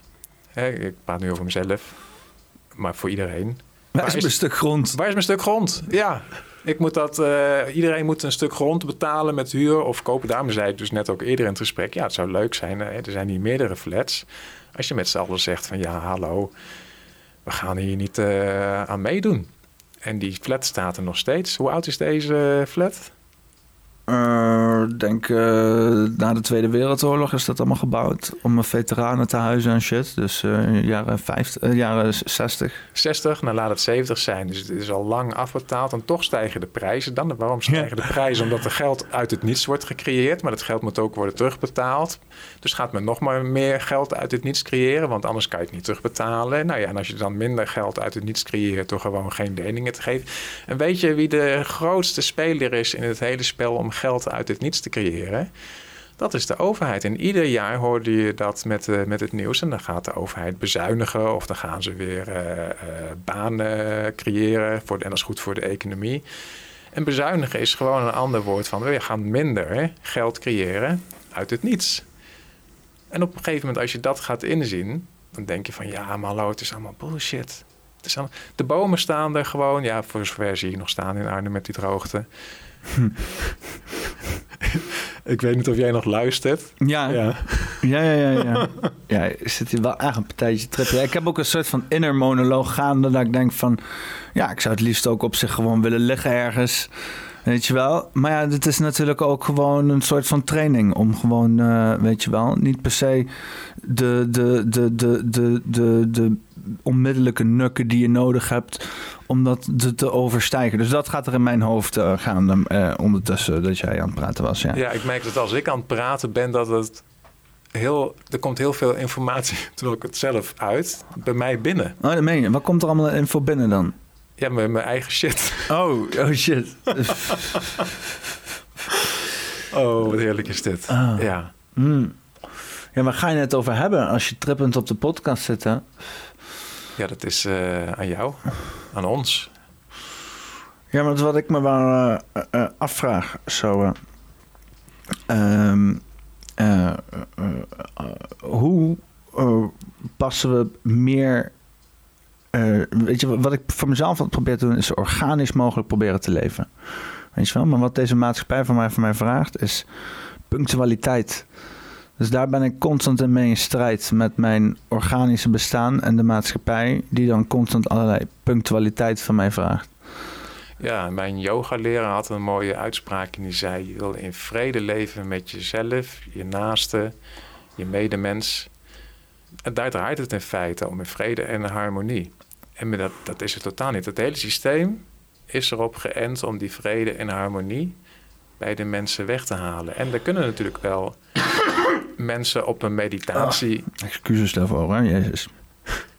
op een meditatiekussentje gaan zitten. Mijn meest gelukzalige momenten heb ik gehad in een paddo-trip.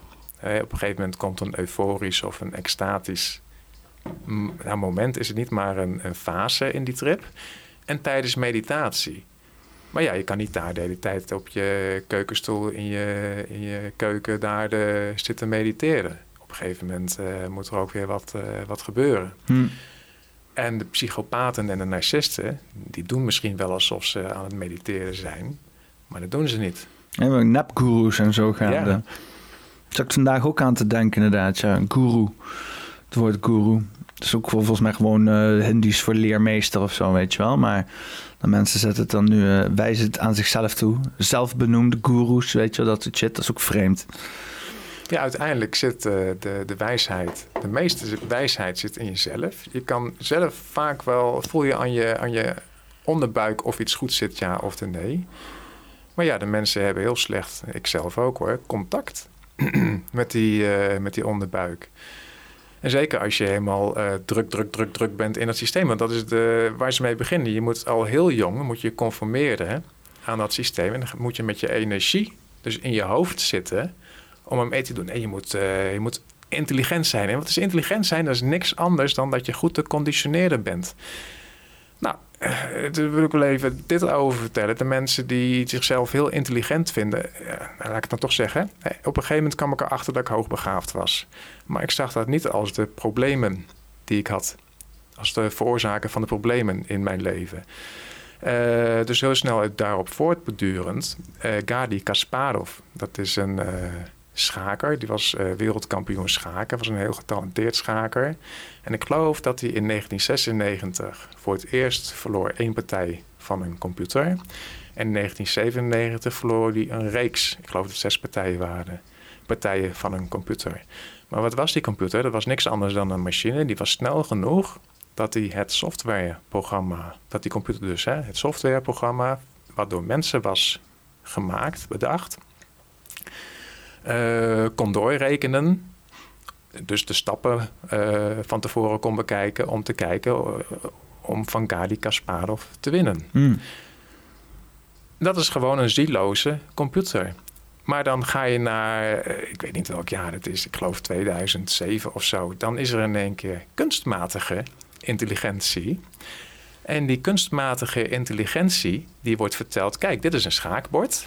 En dit zijn de spelregels. Leer jezelf maar schaken. En daar hebben ze toen uh, de beste of de duurste, weet ik veel wat, schaakcomputer die op dat moment in de wereld was, tegenover gezet. En binnen een paar uur heeft die uh, kunstmatige intelligentie zichzelf schaken geleerd en versloeg die schaakcomputer. Dus mensen die zichzelf zo intelligent vinden. Hè? er zijn heel veel documentaires over de intelligentste mensen op aarde. Die heeft een IQ van 200 en Einstein en dit je legt het allemaal af tegen een moderne smartphone als je daar de juiste software uh, op zet. Het gaat om iets heel anders. Het, gaat het is ook maar inderdaad hoe je intelligentie definieert, weet je wel. Als je dat uh, uh, doet aan de hand van een paar toetsjes die je moet maken en vinkjes die je moet afdenken, weet je wel. En dan noem je het dat intelligentie, denk ik, ja. Zo, zo lus ik er ook nog wel drie, weet je wel. Maar dat is wel wat we met z'n allen aan het doen zijn. Dat is wel wat ik in ieder geval ook acht jaar gedaan heb met mijn fucking studie, toch? Moet je ook allemaal vinkjes en allemaal dingetjes doen. En dan alsjeblieft krijg je een papiertje en nu ben je officieel dit en dat, weet je wel. Nee, je denkt van nou... Ja, en, wel. en wil je dat niet, dan ben je onaangepast of dan ben je niet intelligent of je bent moeilijk, uh, een moeilijk persoon. En, ja, en dan, dan krijg je een minder hoge functie of een lage functie of een uitkering ben je dan gedoemd tot in dit systeem. Maar het, het, is niet mijn systeem waar ik hier in leef. En jouw systeem ook niet. Ja, stom, stom, is, dan heb je alle vinkjes en alle papiertjes, weet je wel. En dan krijg je nog steeds die fucking promotie niet. En dan ben je teleurgesteld, weet je wel. Dat is de grap. Dan zit je dan met al je kut-emoties. ja, steeds meer mensen komen erachter dat ze gevangen zitten in het systeem. En dus er komt weer van, ja, hoe eerlijk en integer ben je? Als jij onrecht ziet of als jij ziet dat je mee aan het werken bent met dit fucking klote systeem Durf jij je eigen positie, hè, want je hebt een hypotheek of je hebt een vrouw en kinderen, je moet huur betalen. Durf je je eigen positie op het spel te zetten om dit aan de grote klok te hangen? Ja, maar aan de grote klok te hangen. Ja, dat heeft geen zin, want die grote klok die, uh, die slokt dat op. En, uh, kijk. Nee, maar mensen moeten dat voor zich. Als mensen het allemaal voor zichzelf zien, dan hoef je het ook niet meer aan de grote klok te hangen. Weet je, want in, in zekere zin weet iedereen wat we. Het is, het is bekend. Het is allemaal in het openbaar. We doen er allemaal aan mee. Alleen mensen moeten zelf tot een bepaalde inzicht komen, weet je wel. Dus je kan maar eindeloos staan schreeuwen van ah, maar dit is er gaande. Uh, mensen, mensen moeten daar zelf op een of andere manier achter zien te komen. En zo geraffineerd zit die systeem in elkaar. Want degene die het beste conditioneren waren. Dus de, er is een Japans gezegde en het gaat zoiets van alleen dode vissen gaan met de stroom mee. ja, nou ja, ik heb als levende vis heb veel moeite. Alleen die... dode vissen gaan met de stroom mee. Dat vind ik wel een mooie inderdaad, ja. Heb ik dat papiertje weten te halen, er staat dan diploma op. En ik dacht, nou, ga ik leuke dingen ontwerpen of, of, weet ik veel wat allemaal. Maar ja, dan kom je toch weer met narcisten. Vraag me af of daar iets achter zit, diploma. Die, die, die plop. Nou, even kijken. Uh, diploma, betekenis. Dan moet ik eigenlijk etymologie hebben. 16, uh, eh, even kijken, uh, schriftelijk bewijs van gunstig uh, ding. Ik moet, even, ik moet even etymologie hebben. Etymologie, ik kan het bijna niks meer zien, jongen. Dit is alles tripte me helemaal naar de tyfus. Grieks. Kom je met dip, ik, dip, ik moet... Dip, dit wordt helemaal niks, joh. Ik kan helemaal niks zien, joh. Maar ik kom met die zonnebril op. Ik moet moeite doen om niet in een lachbui... Wat je, waar je nu in gaat, of nou een lachbui is of een serieus respect... daar ga je echt keihard in nu, merk ik. Uh. Okay, ik, ja, jij gaat me lachen, inderdaad. Dat is Google. Ik, ik, ik, ik kan helemaal geen shit hiervan maken, jongen. Nou ja, afijn. Pronunciation. Uh, ik probeer uit te zoeken wat de etymologie is van diploma. Normaal doe ik dat gewoon oh, binnen een handomdraai, want uh, dat is wat we hier doen. Maar momenteel is het erg moeilijk om eigenlijk ook maar sowieso iets te doen hier. Oh, dan heb jij je diploma niet gehaald, gezakt. Ah. Een mislukkeling voor het huidige systeem. U kunt door naar de volgende ronde, gaat niet langs af. En als u geluk heeft, mag u ook langs de baas. Daar ben ik trouwens net langs gekomen. Ik, ik, ik, draag mijn mislukking uh, voor het systeem medaille uh, als trots op mijn borst. Ja, ik denk de levende vissen onder ons die nu zien van ja, maar hallo, het is mijn wereld niet waar ik nu in leef. Ja, de truc is dat je, dat je elkaar gaat vinden. En dat je samen het systeem op een of andere manier buitenspel weet te zetten. Maar dan komt weer, die dode vissen hebben dus een mooie positie in dat systeem. Ik generaliseer nou, hè, want er zijn ook levende vissen die ook een mooie positie in het systeem hebben. Maar in feite ja, zijn ze wel. Sommige dode vissen die leven gewoon nog. Die doen alleen maar alsof ze dood zijn. Ja, die zijn genetisch gemanipuleerd, joh. Ja, het is zo'n enge wereld waar we eh, in leven. Maar uh, ja, dus die dode vissen zitten allemaal op machtsposities. Dus kunnen wij als levende vissen wel een andere wereld werden, maar willen. Maar die dode vissen houden uiteindelijk het systeem in stand. En dat is wat ook gaande is. Dat de hele middenklasse, die wordt langzaam kapot gemaakt.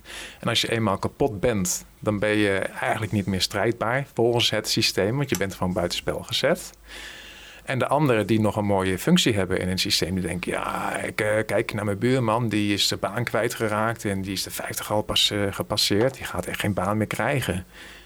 Dus uh, ja, ik hou mijn mond maar en ik doe maar gewoon wat van mij gevraagd wordt. En ik ga tot mijn pensioen vol proberen te maken. Of ja, ik heb net een, een kleine en ik zie het probleem allemaal niet. Nou ja, je bent dan gewoon vroeg of laat zelf aan de beurt. Dat is de fase waar we nu in zitten.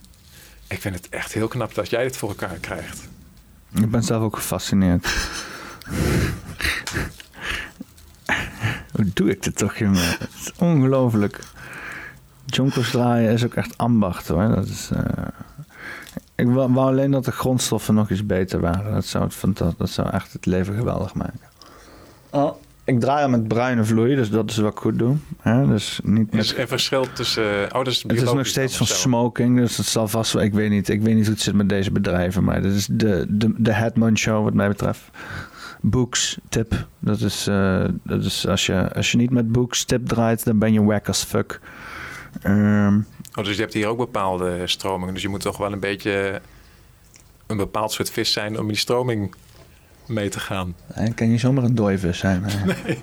Je moet eigenlijk dus besluiten, dat is het bewustzijn. Die moet beslissen of je, wanneer je nou een dode vis moet zijn of een levende. Of misschien is er een, een, een gulden middenweg. Misschien zijn de grijstint. En dan kom je weer bij die narcist. Ja, sorry dat ik zo hard ga. Die narcist die denkt heel zwart-wit. Ja, wij, wij, wij, wij, hebben zeg maar, wij kijken naar een wereld en wij moeten zeg maar uitmaken of het gewoon fucking zombies zijn of gehypnotiseerde schapen, weet je wel. Zijn, is, ben je nou gewoon gehypnotiseerd en, en, en nog te redden? Of ben je gewoon een of, andere, een of andere zombie die al gewoon al lang verloren is gegaan, zeg maar? Ja, ik, uh, ik kan er geen antwoord op geven natuurlijk. Nee, niet onder deze we zijn hier ook niet voor antwoorden, we zijn hier alleen voor vragen. Oh, ja. Als je hier bent voor ja. antwoorden, dan, dan stuur ik je graag door naar, ja, naar jezelf. Want daar vind je de antwoorden in jezelf. Kijk, het is dan niet fantastisch bericht. Ja, ik denk dat we de komende periode zo goed mogelijk door moeten zien te komen. En dat de Messiah, die zich overal op machtsposities zullen aandienen, hè, dat zijn dan de psychopaten en narcisten. Ik denk vooral psychopaten. En ze kunnen heel charmant zijn en heel welbespraakt. En ze no. weten heel goed. Niet hier in Nederland hoor, al die motherfuckers en zo. Ja, die behoren tot de club. Je hebt zeg maar psychopaten die oh, weten... Man, het zijn ook, het zijn ook een stelletje. Het, het, ik, ik, ja, ik weet niet. Weet je wel, mensen die bijvoorbeeld dan naar Rutte kijken en denken van... oh, kijk eens wat charmant en zo. Denk van, hoe dan? Weet je wel, dat is toch, je ziet toch gewoon dat het gewoon gemaakt is. Ik weet het niet.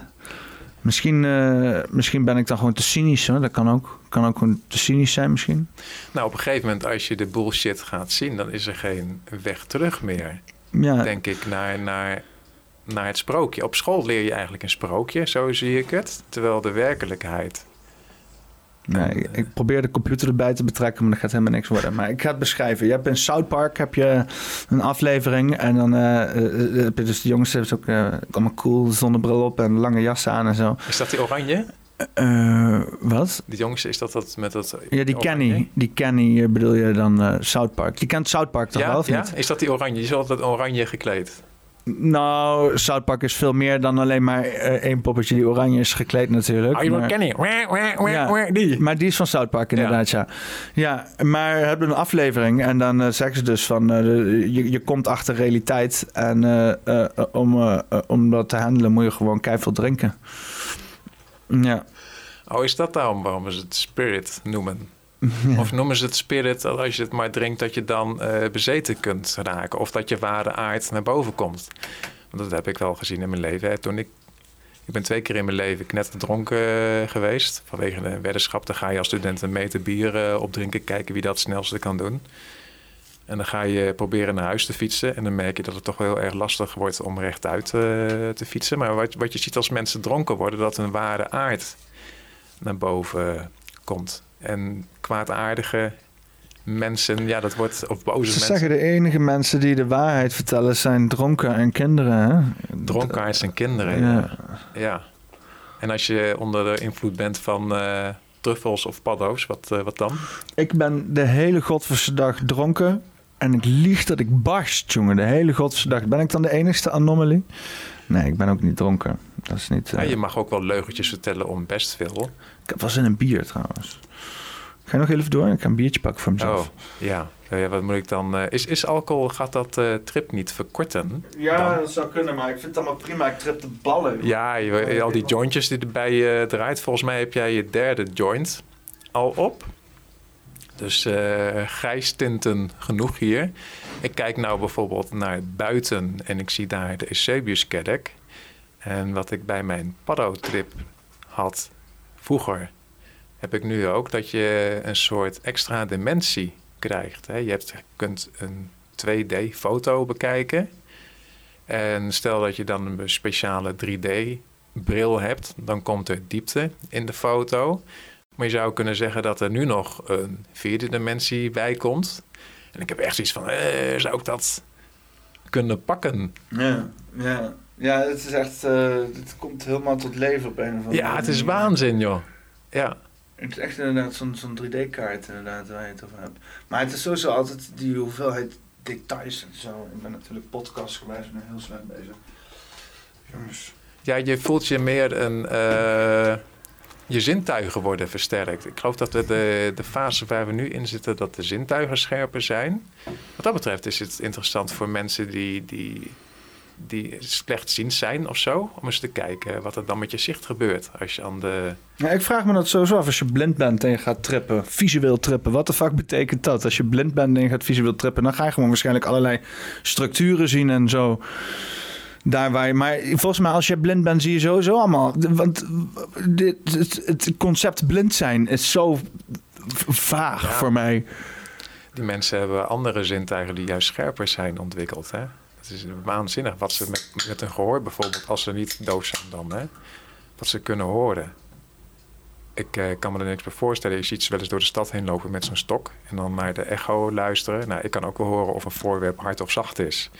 Maar nee, er zijn mensen, ik heb wel eens met wet en das of zo uh, gezien, geloof ik. Ik weet niet waar ik het gezien heb. Maar dat ze een soort echolocatie kunnen doen door ergens tegenaan te tikken. En dan denk ik, ja, oké, dan ben je echt wel ver ontwikkeld uh, met, met je oren.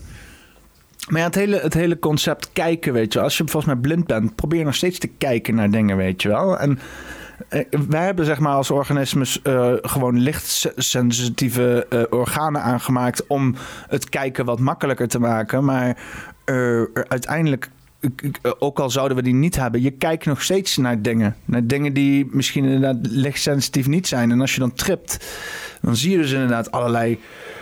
Ja, hoe noemen dat? Patronen en, en, en geometrische vormen en al dat soort zaken. Die ook iets zijn waar je naar kan kijken. Dat is ook een waarneming op een of andere manier. En wij bulderen daar overheen met onze visie, met onze zicht, weet je wel. Zo van, oh, maar we kunnen het toch zien en zo, weet je wel. Lichtsensitiviteit extern en zo. Maar als je dat allemaal wegneemt, dan is er nog steeds een hele hoop om naar te kijken, volgens mij. Snap je? Snap je wat ik ja, wil zeggen? Ja, het wordt patronen net gebruikt hier. En naar mijn idee, als je iets beluistert of ergens naar kijkt, je gebruikt je zintuigen, dan doe je aan herkenning. En ja, dan kom ik weer bij die conditionering terecht. Dus, dus mensen die zijn alleen maar aan het herkennen waarin ze geconditioneerd zijn. En als je blind bent, dus blind dus niet kunt zien met je ogen, ja, kunnen ze je daar niet te grazen nemen. Dus dan mag je daar je eigen wereld gaan creëren. En hoe dat is, ik heb geen flauwe nul, want ik ben niet blind uh, geboren. Je bent, wel, je bent wel altijd in strijdmodus, heb ik het gevoel. Oh, ik ben zo'n strijder. Ik zit alleen de hele tijd nou naar buiten te kijken, want uh, het is prachtig. ja, ik ben een, uh, een strijder, ja. Dat klopt. Maar ook strijders moeten rusten, weet je wel? Ja, ik moet uitkijken dat ik niet... Ik weet nou dat het een podcast, podcast is. Een poppenkast. Een poppenkast. Ja, maar buiten is wel een hele mooie poppenkast, uh, Peter. Dat is mooi, hè? Ja. Het is ook zonde dat we hier in deze fucking studio zitten. Een beetje onze tijd en de tijd van de kijker te verdoen, gewoon. Ja. Tenzij mensen hiervan genieten, dan ja. is het... Uh... We zouden ook in de stad kunnen lopen en met mensen gaan praten... en die zien dan helemaal niks. Ja, ze hebben een beetje grote pupillen, maar voor de... Vind je, dat, vind je dat leuk als je zeg maar juist... Uh, want heel veel mensen schuwen daarvoor weg in de trip... om dan sociale interactie te ondergaan en zo. Ja, ik denk dat het een kenmerk van een echte is... dat je graag mensen provoceert. Want als je die dode vissen wakker wilt maken, hè, moet je er een beetje inporren. Zo van. En dan zo van, eh, dat is ongemakkelijk, hè? Want dat is ongemakkelijk als je ergens bij iemand begint te porren. Hè? En dat willen ze niet. En als mensen zich ongemakkelijk voelen, dan worden ze niet aardig naar je. Dus, dus ja, daar moet je mee weten te dealen. En de meesten zeggen dan, oké, ik doe het niet. Het draait ook allemaal niet om, we hoeven toch ook niet allemaal aardig tegen elkaar te zijn. Dat is toch allemaal, uh, is allemaal woke onzin is dat. Ja, dat zijn allemaal die maskers. Weet je wel, we moeten gewoon uh, moeten duidelijk zijn naar elkaar. Dat is, dat is wat veel belangrijker zou moeten zijn, vind ik. Ja, dat, nou, ja, dan moeten we politiek gaan praten. En dat kan ik dus niet. Of als die narcist, die kan daar heel mooie gesprekken, die woordsalad uh, van maken. Wordsalad. Ja. Woordsalade, ja. Ja. Ik vind het wel, vind het wel een mooi, mooi concept, inderdaad. Woordsalade. Mensen die er inderdaad gewoon gaan alles door elkaar heen husselen. Op een gegeven moment begin jij te twijfelen aan jezelf. Ja, ik moet eerlijk zeggen, want ik heb, wel, ik, ik, ik, heb er, ik heb daar wel een soort van zintuig voor weten op te bouwen. Om dus ook echt goed in de gaten te houden van wat er allemaal gebeurt. Wat ik heb gezegd. Ik weet altijd donders goed wat ik heb gezegd. Uh, en, uh, uh, maar ook wel ruimte te houden van dat daar meerdere perspectieven op kunnen zijn. Weet je wel, hoe dat Ja, opgevoed kan, kan, kan, kan worden. Maar ja, dat is waar vaak die marges, waar ik dus inderdaad eh, eh, heel ehm, eh, coulant in wil zijn, dat kan dus inderdaad gekaapt worden door iemand om daar misbruik van te gaan maken. En dan te gaan lopen vroeten en zeggen van ja, maar als je het dan zo hebt gezegd, dan, eh, dan eh, dit en dat, weet je wel. Dat, dat- ik, ik, een beetje die parasitaire houding daarin. Als je, als je inderdaad eh, te, te coulant bent, zeg maar, in je, in je marge, zeg maar. Soms moet je ook gewoon echt staan en gewoon voor wat je... Dus, en dat is het dan een beetje het, het tegenstrijdige. Soms af en toe moet je gewoon staan voor wat jij denkt dat is gebeurd. Maar ja, soms eh, is dat misschien niet de realiteit. Soms... Ja, het systeem wil je geen eigen ruimte geven. Zoals mijn yogaleraar dat mij heeft eh, uitgelegd. Ik heb eh, ooit een opleiding gedaan om yogaleerkracht te worden. Ik heb geen examen gedaan, want ik wilde alleen maar mezelf leren kennen. Hoe, hoe een mens in elkaar zat. Om dat beter te begrijpen. Maar die eigen ruimte, die, eh, die ontbreekt hier in de westerse maatschappij. Hè? Dus eh, je hebt grijstinten in, in bepaalde gesprekken. Maar je hebt ook van, oh, tot hier niet verder. En dan moet je duidelijk zijn. Ja. Maar een kind bijvoorbeeld kan niet zeggen, oh, tot hier niet verder tegen papa of mama. Dat gaat niet. Of als je in een indianenstam zet, zit, ja, dan betekent zeggen tot hier en niet verder meestal dat je een probleem krijgt. Of dat je verbannen kunt worden. Dus eh, ja, en hier is het keurslijf, dus die eigen ruimte, wordt volledig opgeslokt door het systeem. En het is maar de makkelijkste weg om die dode vis eh, te zijn en mee te gaan in de stroom. Maar ja, aan het einde van die stroom is een waterval. En die waterval die dendert naar beneden met grof geweld. En daaronder zijn een paar rotsen en er staan de psychopaten die zieltjes eh, op te vangen. Nou ja, ik ben inderdaad helemaal af. Ik, ik- normaal kan ik altijd, normaal kan ik vet goed multitasken, maar ik merk, ik bak er helemaal geen zak van. Ik bak, ik bak er helemaal geen zak van. Hebben we nou ook waterige ogen? Of ligt het aan mij? Of jij waterige, of jij waterige ogen? Ja, ik heb ook waterige ogen. Ik zie het al. Maar ik vraag me af of dit een beetje... Of dit acceptabel is. Nou, het zal wel. Kwaliteit, ik, ik kan het allemaal moeilijk zien. Ik kan het moeilijk zien als het allemaal acceptabele beeldkwaliteit is. Dus als je dit kijkt en denkt, foei lelijk beeld heb je gecreëerd, Peter. Dat is de schuld van de trip. Schuld maar het is van een technologie, oh, hè? Het is wel een stuk chillen, man. Even die bouwlampen uit. Oh, die bouwlamp is intens, jongen. Dat is echt, uh, dat is, oh, dat is... Uh... Ik weet hoe intens het is nu uh, momenteel. Maar jij loopt volgens mij voor. Of, of, ja, qua ja, op trip. Ja, want jij was er dan trippen volgens mij. En ik had zoiets van, oh shit, ik moet dat kopje nog... toen heb ik in één keer een heleboel in een wangzak geduwd. wangzak. En uh, ja, die ben ik nou aan het, uh, aan het voelen. Dus ik ben ah, we hebben sowieso allebei onze eigen trip gaande natuurlijk. Kan het denk ik niet. Uh, het is heel erg persoonsgebonden hoe, je, hoe jouw curves gaan en dergelijke. Maar ik denk ook wel dat we in een gezamenlijke, in ieder geval energetische verbindenis zitten natuurlijk. Dat denk ik ook wel. Ja. We voelen ja. zo samen deze ruimte. Ja.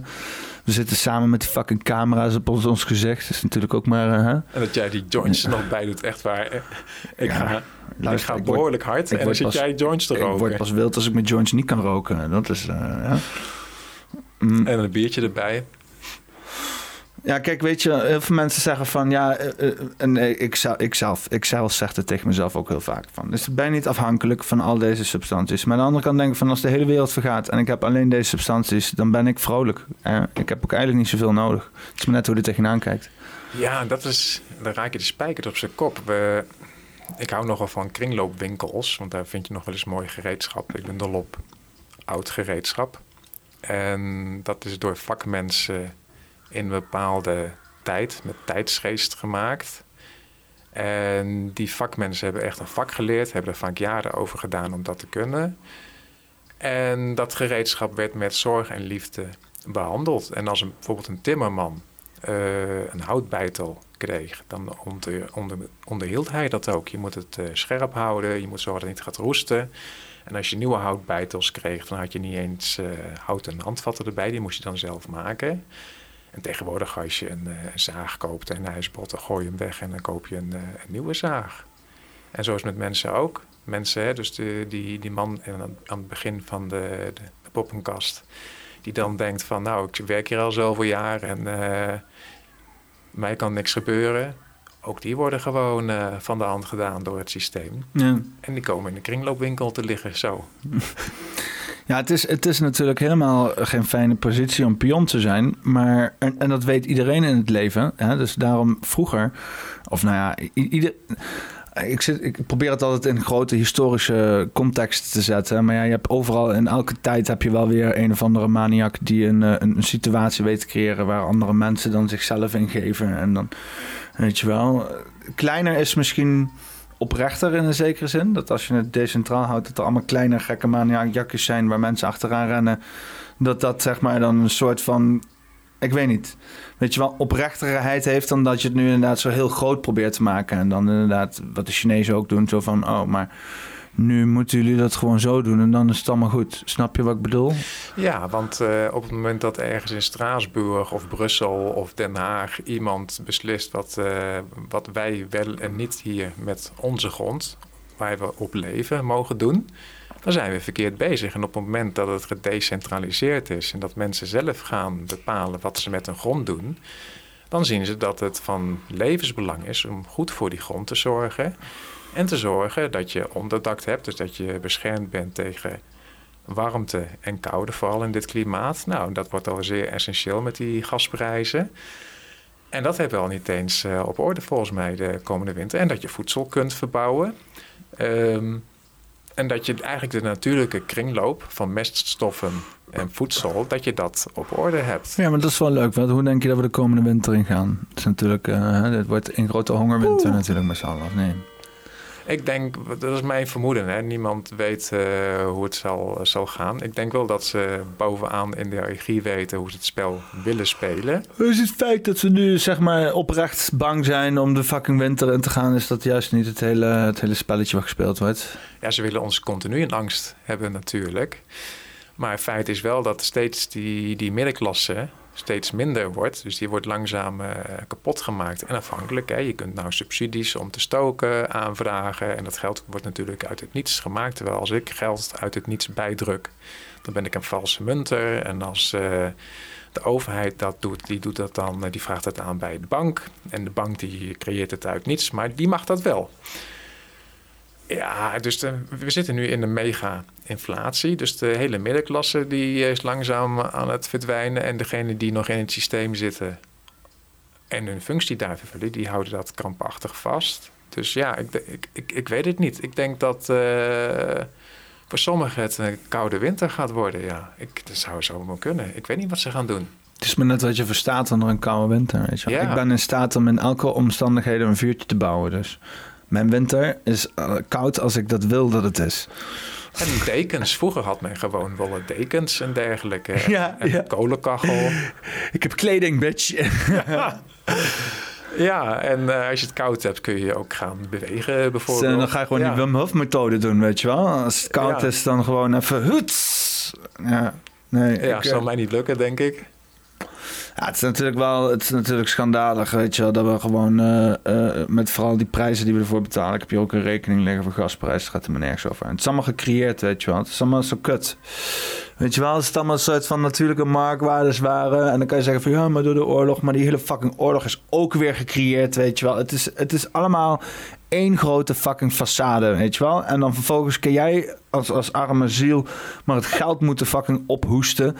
Ja, weet je wel. Uh, ik, ik weet het ook allemaal niet uh, wat je er tegen kan doen. Op een gegeven moment is het gewoon klaar. Op een gegeven moment betaal je gewoon niet meer. Precies, dus wat ik zei eerder in deze poppenkast... dat je met een hele flat besluit... of meerdere flats staan dan hier... van oké, we betalen geen huur of hypotheek meer... Wat gaan ze dan doen? Want het zou wel heel hilarisch zijn dat die asielzoekers, die statushouders, die krijgen hier een woning. En dan gaan ze hier mensen die al jaren in Nederland wonen. En er zitten hier natuurlijk ook mensen die net wonen in deze uh, flat. En die gaan ze dan uitschoppen. Nee, ze, ze, een rare situatie. stroom afsluiten. Weet je wel, als ze hier de, de, de flat af... Want ik zit er ook wel eens over na te denken. Als ik die riool, rioolbuis die hier uitgaat... Als die van glas zou zijn, weet je wel... Naar mooi glazen plaat, dat je kan zien wat voor fucking scheid... die hier op dagelijks niveau uit deze flat komt, uh, komt gedwarreld. Kijk, dat zijn allemaal faciliteiten, weet je wel. En op het moment dat dat afgeknepen wordt... dan, dan wordt het allemaal niet meer zo aantrekkelijk om hier te wonen, zeg maar. Dus in die zin, ja, je hebt een hele hoop macht, weet je wel, ten opzichte om, om mensen te laten betalen. En daar is er natuurlijk een hele hoop wiggelruimte tussen. Ze gaan het individueel natuurlijk allemaal kijken en zo. En, oh, hoe kan je dat?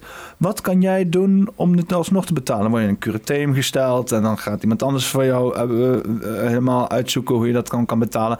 Maar ze krijgen het fucking geld. Dat is waar het om gaat, weet je wel. Ze, zullen, ze zullen het fucking geld krijgen die zij zelf op de shit hebben. Zij hebben inderdaad die waardige van dit is wat je moet betalen. Het is nergens op gebaseerd. Helemaal niet gebaseerd op op, op whatever the fuck. Want wat je zegt, dit gebouw is al lang fucking afbetaald. Maar ja, ja. het wordt uitgebaat door, door, door de, de, de nou ja, uitgebaat wil ik zeggen. Ik moet heel eerlijk zeggen, ik heb ook wat te doen met die, met die woningstichting. Of niet te doen, want er wordt genoeg geld uh, uh, geparasiteerd, zeg maar. Hè, naar, ja, stel dat dit al lang is allerlei plekken. Maar het is ook een hoop gezeik hoor, zo'n heel ding. weet je wel, om dat dan van buitenaf te het beste is als je dit allemaal gewoon in eigen beheer hebt. Dat is het ook het meest harmonieuze. En dan inderdaad, dan voelen mensen ook verantwoordelijkheid.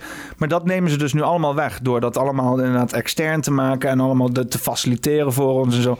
En je krijgt zo'n eindeloze cirkel van ja, letterlijk scheid in en scheid eruit die moet onderhouden worden. En ondertussen en een paar van die parasieten die er dan inderdaad lekker op gaan zitten. Weet je wel, die zuigen de laatste beetje financiële liquide middelen waar dan iets moois mee zou kunnen gebeuren in theorie. Maar ja, dat gebeurt toch niet met het hele systeem. Uh, zuigen zich lekker naar zichzelf toe. En ze doen het ook soort van schuldeloos. Want ze weten van, ja, als ik het niet wegzuig, dan doet iemand anders het. En als het in het systeem blijft, dan wordt er niks nuttigs mee gedaan, weet je Want er is niet een situatie hier van harmonie. Er is hier geen mensen die echt verantwoording nemen voor een eigen plek.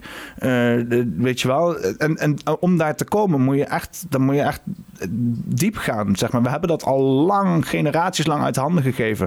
Ik had de laatste discussie over met een vriend Alles is gefaciliteerd hier in Nederland. Alles is gefaciliteerd. We zijn zelfs overgefaciliteerd. Het gefaciliteerde moet gefaciliteerd worden. En we worden geboren in zo'n faciliteiten-ding. En we hebben er bijna al een schuld aan. Want oh mijn god, je zou je mij niet faciliteren aan iets, weet je wel. Nee, het is uh, ook, ook het, je ziet het heel mooi terug in het verkeer. Hè? allemaal zombies er doorheen. En zodra de lijntjes wegvallen, weten we allemaal niet meer wat we moeten doen. Dan is het allemaal uh, uh, ja, dan, dan, dan Nederland, als je de lijntjes en dingetjes weg zou halen, mensen, als je naar, naar India gaat, mensen weten donders goed, mensen rijden daar met 50 kippen, uh, een hele gezin op een klein brommetje die half functioneert, door een chaos van verkeer heen, elke dag. En ja, er vallen, oh, als je uitzoomt, heel veel doden, weet je wel. Maar die ene dude die dat elke fucking dag doet en daarbij gewoon een leven leidt van 80 jaar, is fucking superieur naar wat de fuck er hier op de weg gaat, gebeurt en zo, weet je wel. Die, die, mensen die hier maar gewoon hersenloos en wat dat betreft kan ik niet wachten totdat er allemaal zelfrijdende auto's zijn. Want al die mensen die, die, die ze zijn nu al, er is, er is geen interactie met de weg bij sommige mensen op het weg, weet je wel. Die, die, die blijven binnen de lijntjes, binnen de snelheid en voor de rest eh, hebben ze nul interactie met wat er om hen heen gebeurt. Het is, uh, en, en het symboliseert in mijn optiek heel veel wat er ook in deze maatschappij gebeurt, weet je wel. Alles is gefaciliteerd, pensioen, uh, verzekeringen, de hele bende en zo, weet je wel. En, en iedereen loopt maar als een soort van zombie, doelloos, donder doorheen, weet je wel. En niemand neemt meer verantwoordelijkheid voor zijn eigen shit. En dat gaan ze nu langzaam dus uh, afpakken. En die Tesla's, die ook tussen de lijntjes moeten rijden, dat gaat ook wel eens fout. Want die zijn ook uh, geprogrammeerd. En er gebeurden ook ongelukken mee. Alleen komt dat niet breed uit in het nieuws. Dat proberen ze zo... Uh, uit het nieuws te houden. Zodat de mensen denken, oh ja, maar Tesla, dat is uh, veilig. Of, als het in het nieuws komt, dan zeggen ze, ja, we zijn het aan het onderzoeken. En uh, of nou autopilot uh, was, of de, dat weten we niet. We zijn het aan het onderzoeken. En dan vervolgens hoor je er niks meer van en verdwijnt het in de overload aan informatie, aan nieuws. Wat je over je heen krijgt. En zie daar maar eens uit te komen. Ja. Hm. Het is ook een hele uitdaging waar mensen in, in, verkeerd zitten, weet je wel. Ik zag laatst een filmpje op YouTube waarbij een gozer die zei dus echt... Ja, ik ga niks proberen op te zoeken. Het is echt een, het is echt een drama. ik vond jouw relatie net vond ik toch weer Ik kan beter een Jonko draaien dan nu een YouTube-filmpje opzoeken. Dat kan ik je wel vertellen. Wat vond je mijn relatie? Ik vond jouw relatie heel knap onder, de, onder deze omstandigheden. Ja, maar het zit ook diep geworteld bij mij hoor. Dat is, dat is iets waar, wat mij, wat mij s'nachts bezighoudt. Vooral als het gaat om verkeer. Motherfuckers in het verkeer. Dat zijn mijn grootste vijanden, weet je wel. Gewoon mensen die niet in het verkeer zijn voor de, voor de, de doorstroom van het verkeer maar daar gewoon alleen maar aan het transmitten zijn, weet je wel. En eh, ik snap het ook wel, want heel veel mensen willen daar ook helemaal niet zijn. En ze moeten daar zijn. Maar dat is die eindeloze cirkel waar zoveel mensen in vastzitten. En dat frustreert me dan ook weer op een dieper niveau, weet je. Want dan zeg ik, ik zit in het verkeer en dan denk ik echt van... Fucker, als je hier niet wilt zijn, doe wat met je leven, weet je wel. Ga je leven verbeteren. Ja, dat, gaat niet, want ze zijn ook maar een dode vis. En uh, wat, wat leuk is in het verkeer, ze laten vaak hun uh, masker vallen. Want ze zitten alleen daar in hun auto... Dus er hoeft maar wat te gebeuren in het geconditioneerde systeem. Hiaten in het systeem. En dan zie je een, een hand door het raam heen gaan. En dan zie je daar een middelvinger op. Uh, je ziet zoveel films op YouTube. Ik, heb laatst ook een middelvinger opgestoken naar iemand. Maar dat was omdat, omdat nee, nou, die persoon zat zich heel druk te maken. En ik voelde me geneigd om enige interactie te tonen. Ik denk als ik, als ik echt gewoon hem negeer, dan misschien, eh, weet je wel, dan, dus het was uit genegenheid. Maar het was een middelvinger wel zo van, eh, luister, dan weet je in ieder geval mijn positie in deze zaak. En dat is niet waar de fuck jij bent in elk geval op dat moment. Ja, dat is, dat is wel... Uh... Misschien was het een narcist. En dan, uh, dat is een... stel dat je narcisten hebt, die moet je dus dan niet voeden. En dan is de middelvinger geven is eigenlijk voeden. Dus uh, niet reageren op narcisten, dat is uh, uitsterven of uitlateren, hongeren. Dat ze niet meer op jou kunnen parasiteren. Ja, kom toch weer terug op die narcisten nou, iedere keer. Weet je, weet je waar we dit soort lessen leren? Als mensen? Ja, niet op school en ook niet... Jawel, op... wel op school. Oh ja, de, op de schoolplein bedoel Fucking, Inderdaad, op het schoolplein. Die interactie tussen kinderen, weet je wel. En elk moment dat zeg maar daar uh, dus, dus zeg maar interventie wordt, wordt genomen... vanuit dus inderdaad mensen, volwassenen... Die, die, dat, die dat allemaal moeilijk vinden om te zien. Maar dat fucking schoolkind... dat kinderen zeg maar onderling dat gemene shit gaan doen... en uitfigureren van hoe mensen eigenlijk zitten. Zo, dat is super belangrijk. En pesten en zo zo, weet je wel. Ik ben ook vroeger gepest. Ik heb vroeger ook mensen gepest. Ik heb een beetje ertussenin gezeten, in mijn optiek. Het is heel raar voor mij dat ik op een gegeven moment van mensen hoorde van, van oh ja, ja, jij was de pestkop. Ik denk, hè, was ik een pestkop? Ik denk, oh ja, ik zou ook wel een pestkop misschien kunnen zijn geweest voor iemand of zo. Maar het is heel belangrijk om die dynamiek uh, uit te figureren, om ook om te gaan met pestkoppen. Want het grappige is, die pestkoppen, die aandachtszoekers, die aandachtzoekers, de mensen die het status willen, die dat ego aan het voeden zijn, dat eindigt niet bij de schoolplaats. That's. He, dat gaat gewoon helemaal tot aan je dood door, al dat gedrag, weet je wel. Dat, dat, zie je, dat zie je inderdaad gewoon in het werk terug. Als je op het kantoor zit, je hebt daar ook gewoon dat, dat in de politiek. Ik, zie, ik zit de politiek te kijken. Ik denk, dit is net een godverse fucking schoolplein.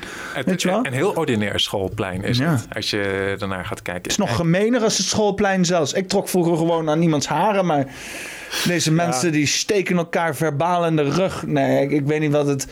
Uh, het is ook gekaapt. Het is niet eens meer ook een mooie politiek waar je naar zit te kijken. Weet je, als je bijvoorbeeld die uh, shit kijkt van uh, in, Engeland, weet je wel, met die twee partijen die dan ook tegenover elkaar zitten en dan allemaal, weet je, dan komt dan nog soort van af en toe retoriek uit of dingen waar, je dan denkt van, oh, dat is waardevol. Maar ik, ik zit nu al, al twee jaar ook te streamen. Ik heb uren, uren die shit lopen streamen. Echt, dat, ik, ik, weet, ik begin te twijfelen aan, aan, aan, aan mijn bestaansrecht. Zoveel politiek heb ik gekeken. En uh, ik moet eerlijk zeggen, het is niet waardevol, man, wat daar gebeurt. Het, is theater. Niet, uh, Als je gaat zien dat het theater is. Het heeft nul waarde. Wat daar gebeurt, heeft nul waarde in het leven. Weet je wel, gewoon als je tot de kern komt van, weet je wel, uh, wat er moet gebeuren. Uh, uh, weet je wel, we weten allemaal wat er moet gebeuren. Weet je wel, shit moet gewoon draaiende blijven. We, we moeten met z'n allen even wat te doen hebben. We moeten waarde hebben in ons leven. Dat wat in de politiek gebeurt, draagt nergens iets aan bij. Het is alleen maar inderdaad een, een, een, een voedingspoel voor wat jij over praat. Parasieten en psychopaten. Om daar inderdaad een soort van orgie te houden met z'n allen over de rug van ons allen. Weet je wel, dat is en een beetje wat. idiots. Ja. Uh, het ja. geeft ze allemaal. Het, dan, dan zeggen ze van, van: wil je dat soort mensen podium bieden? Weet je wel? Dan, dat, dat, dat uh, hebben we over complottheorieën of dat soort dingen. Dat ze, dat, dat, dat ze boos zijn van dat dat soort mensen podium geboden worden, weet je wel. Fuck, de Tweede Kamer biedt podium tot alleen maar stelletje fucking psychopaten. Dat gebeurt al. Het wordt podium alleen al. Dat laat zien dat het een theater is. Ja. Ja. Ik weet niet of er een podium is in de Tweede Kamer. Ja. Ja, het is een soort podium. Het, spreek, het spreekgestalte heb je. Uh... Ja, en als je dan naar de, de Engelse het lage huis noemen ze dat, hè, geloof ik, dan was die, die gang waar, tussen die twee partijen waar jij het over hebt, die was twee zwaardlengtes breed. Ja, dat zit helemaal ja. vol met allemaal domme symboliek ja. Uh, daar. Ja. Ja, ja hoe verzin je het allemaal? Dan denk ik, ja, ja maar... het is traditie en cultuur. Hè? Dat is, En dat is wat het, zeg maar, uh, die ge valida validatie geeft. Is omdat je het al zo lang doet. En dan gaan mensen maar zoiets hebben van... Ja, het zal wel echt zijn. Het zal wel, het zal wel iets van waarde hebben. Maar het is... Het is uh... Je weet niet beter. Dat is het hele probleem. Je wordt op school niet geleerd dat er ook nog andere mogelijkheden zijn. En stel dat je van die... Het is ook een soort van baan waar je jezelf in houdt, weet je. Het is een soort van menselijke valkuil. Natuurlijk. Tuurlijk, mensen houden zichzelf ook graag in de waan. Uh, en de echte denkers, de diepe denkers, die gaan dan bijvoorbeeld uh, filosofie studeren. Ze hebben wel eens intelligentietests gedaan onder studenten. En ik geloof dat uh, in de jaren negentig was er dan een uitkomst. En degene... Filosofie studeren vind ik altijd... Ik, ik, ik vind het altijd een... blijft, blijft mij ook dat ik denk van oké, okay, en dan wat? Precies. Dan ga je, dan ga je denken... Ga je studeren over het nadenken, zeg maar, of zo. Of wat, wat zijn we hier aan... Wat, wat zijn ze aan het doen? Ze zijn eigenlijk gewoon allemaal mensen die in het leven heel veel hebben nagedacht, zijn ze aan het observeren en dat allemaal aan het opsommen. En dan zeggen hier, dit zijn heel veel mensen die hebben nagedacht over het leven. Ja, we gaan nu zelf lopen denken. En, en we zijn we nou uiteindelijk beland in een mega diepe shitzooi. En we zijn er niks wijzer van geworden. Je hebt helemaal mooie namen met uh, filosofen in de geschiedenis en dergelijke, voor zover het waar is. Maar je schiet er niks mee op. Maar mensen die dus net een middelbare schooldiploma hebben gehaald en uh, echt geïnteresseerd zijn, waar gaat het nou om in het leven? Ja, dan kun je bijvoorbeeld ook, uh, als je uh, medicijnen hebt gedaan, dat noemen ze tegenwoordig anders, psychiatrie, gaan studeren of psychologie. Maar ja, je wordt gewoon belazerd. Ja, dan keek je net iemand naar binnen. En er komt nogal heel hard binnen bij mij. Ja, het is in één keer realiteit komt binnen. Ja, mijn mooie aanzichtkaart wordt verpest. Ja, zeker met je fucking hoofd. Misschien was het Stuart, mijn buurman. Een oudere man, kan dat? Ja, ja dat is Stuart. Oh, ja, Sowieso ja. Stuart, ja. ja. hij is, is ook geweest hier op de podcast. Dus een uh, theoloog, Fries. Uh, heeft zijn eigen kanker genezen. Die gozer, die, die, het systeem, die heeft, die heeft er helemaal niks mee te maken. Dat is, die gozer leeft al zo lang buiten elk systeem wat er wordt aangelegd. Ik vind het vet. Uh, je kan ervan vinden wat je wil, weet je wel. Maar ik vind het vet dat uh, zulke mensen bestaan, weet je wel. En dat is precies waar ik het over heb. Dat is die stukje authenticiteit. Hij creëert zijn eigen verhaal. Hij laat zich door niemand fucking wijsmaken. Alleen door niemand wijsmaken. En helemaal niet door een of andere overheid wat hij zou moeten vinden of voelen, weet je wel. Ik vind dat sterk, sterke shit. Ja, hij is een levende vis, maar hij moet zich wel conformeren aan bepaalde regels. Dus hij zal huur of hypotheek betalen. Ja. En nou ja, binnen bepaalde grenzen. Maar ja, dus je stelde net de vraag, hoe gaan we dan de winter door? Ik, ja, ik, ga het uitleggen en dan ga ik even mijn eigen winter door. Ik moet even bier pakken en ik moet verse bak pakken. Ik moet een refill nou. Ik ben zo needy nou, jongen. Maar ga, hoe komen de winter door? Ik heb geen flauw benul. Dan zou ik een punt erachter kunnen zetten. Ga maar gewoon. je moet de mensen toch wel wat langer bezighouden. Ja, ja. Dat is, uh... Ik denk dat er meerdere opties uh, in, in, in de planning liggen. Ehm, de huizenmarkt zou in elkaar kunnen storten. De aandelenmarkt zou in elkaar kunnen storten. Ik hoor iemand lachen. Uh, maar het zijn... wat allemaal fout kan gaan. Ja, maar het huis staat er dan nog steeds. En aandelen, wat zijn aandelen? Ja, dat zijn gewoon uh, afspraken. Dat zijn juridische entiteiten. En er wordt ook in gesteggeld. Dus het is allemaal nep. Maar er zijn wel hele mensenlevens door verwoest. Omdat aandelenbeurzen crashten. Dus dan gaan mensen van het dak afspringen. Of mensen gaan in grote auto's rijden omdat de aandelen zijn gestegen. Dus het is allemaal nep. Ja, maar ik weet gewoon niet wat deze winter gaat gebeuren. Ik, uh, ik, ik, denk... al, die, al die dingen die je net hebt uitgesproken, ga ik draaien in mijn Jonko en dan steken we het in de fik. Terwijl ik aan het praten ben, ben ik gewoon alleen maar naar buiten aan het kijken als een klein kind. Dan ben je ook niet gevaarlijk, hè? Dan als je uh, je aan het verwonderen bent over hoe mooi iets kan zijn. Je bent alleen gevaarlijk op het moment dat je. Dat is een andere tip die ik wil geven eh, aan mensen. Welke mensen zijn het gevaarlijkst? Mensen die een mooi masker laten zien, laat ik het zo zeggen. En dat wordt je helaas niet op school verteld, maar dat zie je dus wel op het schoolplein. Want het schoolplein is gewoon eerlijk. Stel dat daar geen volwassen meester of uh, juffrouw rondloopt om de boel in de gaten te houden. Kinderen weten zelf wel wat eerlijk en rechtvaardig is. En uiteindelijk zullen ze het zelf regelen. Als een, een pestkop te ver gaat, dan heb ik het vermoeden. Maar ja, dan wordt er al ingegrepen met, uh, door de meester dan, dan zal die pestkop zelf wel te grazen worden genomen. Want kinderen zullen dat uiteindelijk niet accepteren, denk ik. Maar ja, dat wordt ze afgeleerd. Want alles wordt van hogerhand geregeld voor die kinderen. Dus van jongs af aan moet je autoriteit gehoorzamen. op het moment dat je de autoriteit gehoorzaamt, dan doe je het goed. En dan kom je de winter door. Nou, dan gaan we zien of dat uh, geholpen heeft. Ik weet het echt niet, joh, wat we deze winter uh, krijgen. Ja, ik heb allemaal vermoedens. Ja, weet je, het ergste wat kan gebeuren is dat er gewoon stroom eh, uitvalt. Zo, weet je wel. Als, het, als we gewoon stroom hebben, dan is het allemaal goed aan het eind van de dag. En ja, als je een bak rekeningen dan hebt, ja, dan op, op, dan kan je op een gegeven moment, als ze dan met z'n allen zeggen we betalen het niet, dan moeten ze toch, dan is het de, de next move aan hun. Ze kunnen niet iedereen hun huis uitzetten. ze kunnen niet bij iedereen de stroom afsluiten.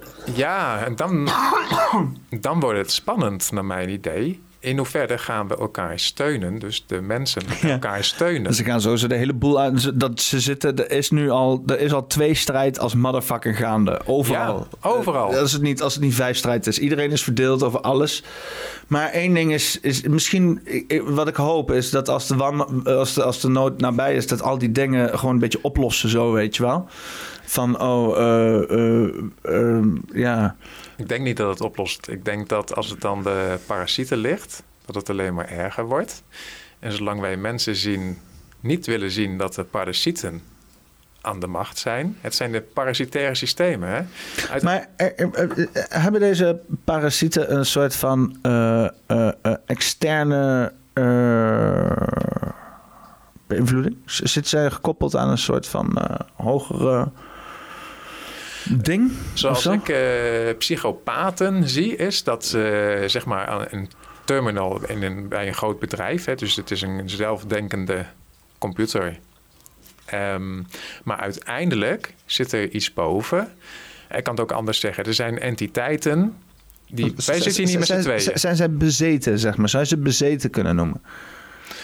Zoals ik het zie, is een uh, psychopaat niet bezeten. Die kan wel bezeten raken, naar mijn idee. Maar het is al een fout zieltje wat erin zit. Maar wij zitten hier niet met z'n tweeën. Er, zit hier, er zweven hier allemaal entiteiten rond. En het is heel moeilijk contact te krijgen met die entiteiten. En nou wil het toeval Misschien moet je iets meer uh, joints tot je extra, nemen. Extra gevoelig voor extra entiteiten. Nou, ze trainen in de hoek daar. Ik weet het zeker. Oh nee, is een spin, laat maar. Hadden Mike Tyson nodig. Die hadden hem te pakken genomen. De baddest man on a planet. Oh, nou hij is tegenwoordig met duiven bezig. En podcast aan het opnemen met Stevo. Ja, Mike Tyson is uh, zeg maar een symbool voor mij voor transformatie. Het was echt een... Uh, hij is nou... Hij heeft vrede gevonden in zichzelf. Terwijl die voorheen allemaal onzin uitkraamde. En als je maar één verkeerd woord zei, dan, uh, ja, dan nam hij je te grazen. En ja, nou is het een heel... voor mij is het een symbool voor een, een, iemand die een echte ommekeer in zijn leven heeft gemaakt ten goede. Maar daarom, uh, uh, wat ik probeer te zeggen, weet je wel. Wanneer zegt van, uh, heel stellig van, zijn deze mensen nog te redden, weet je wel. Of je nou psychopaat of narcist bent of whatever, wat fuck. Voor een label we allemaal niet aan je kunnen hangen, weet je wel. Maar is, er altijd, is er niet altijd een weg naar um, redemption, weet je wel? Op een of andere manier. Voor iemand als, als uh, Mike Tyson laat zien dat een behoorlijke omkeer kan maken in, in, in psyche, zeg maar. En hoe je tegen de wereld aankijkt en hoe je tegen jezelf aankijkt. Hij is mens, naar mijn idee, dus geen psychopaat. En hij is in een verkeerd milieu opgegroeid. Hij koos, koos er ook min of meer voor. Hè, want is hij misschien gecoacht door een psychopaat? uitgebaat door een psychopaat. Cus D'Amato, bedoel je dat? Ja, je hebt duidelijk, ik weet niet wie, uh, wat dan? Is, is hij een psychopaat? Is, nou ja, hij, op een gegeven moment, uh, uh, op zijn twaalfde ging hij boksen. En er was een professionele bokser die hem leerde boksen. En die professionele bokser kreeg een gebroken neus van een 12-jarig jochie dat Mike Tyson heette. En toen dacht die professionele bokser, laten we naar een echte goede trainer gaan. De man die uh, Ali uh, in de wereld heeft geholpen, qua trainer dan. Hè. En dat was Cus D'Amato. Dus Cus D'Amato is er verantwoordelijk voor dat Mike Tyson in de jaren negentig binnen een paar seconden mensen in de ring knock-out sloeg. Maar dat is puur, dat, dat is zo leuk met Mike Tyson. Dat was puur een ego-wereld waar die in zat. En die ego-wereld maakte hem doodongelukkig. Hij had geld, maar hij had ook allemaal geldproblemen, want hij kreeg allemaal rechtszaken in dat zinloze bullshit-systeem. En ik weet niet in hoeverre hij ziet dat het hele systeem bullshit is. En als je het spel van de parasieten gaat spelen, want dat ga je in feite doen hè, met al die rechtszaken, ja, dan ga je nooit winnen, sowieso financieel niet. En waarom moet recht dan draaien om en op geld? Maar fijn, hij zag dus dat die ego-wereld allemaal, daar lag het echte geluk niet. En hij had uh, bijna alles wat hij kon krijgen in die ego-wereld. Maar het echte geluk ontbrak bij hem. Dus op een gegeven moment geloof ik dat een kind van hem, een dochter, die kreeg een ongeluk in huis met een uh, snoer van een lamp. Die werd, uh, wat was het nou? Dat doet er niet hoe. Die werd gewurgd door een snoer van de lamp, geloof ik.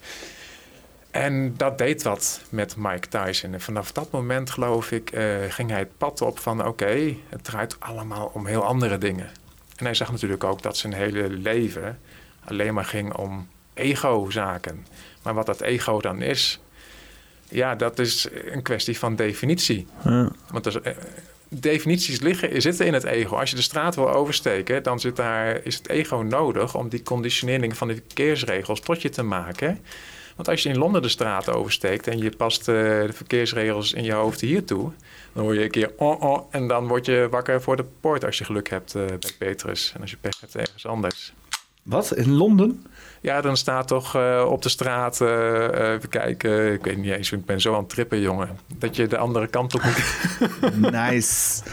Tripping balls. Wat staat er in Londen? Wat? Als je in de, in de stad op Londen... In de stad op Londen moet je mij horen zeggen. Als je op straat kijkt, look first right dan, geloof ik. Of andersom. Ik kan niet eens logisch nadenken nu wat dat betreft. Maar de mensen die uit het landen komen waar de auto's rechts rijden... die kijken in Londen de verkeerde kant op als ze de straat willen oversteken. Ja, dan kan er zomaar een taxi komen aanrijden. En dan is het over en uit. Maar waar is dat? Is dat omdat ze daar aan de andere kant van de straat rijden of zo? En ze rijden voor ons voor, voor mensen in Nederland. Wij rijden rechts.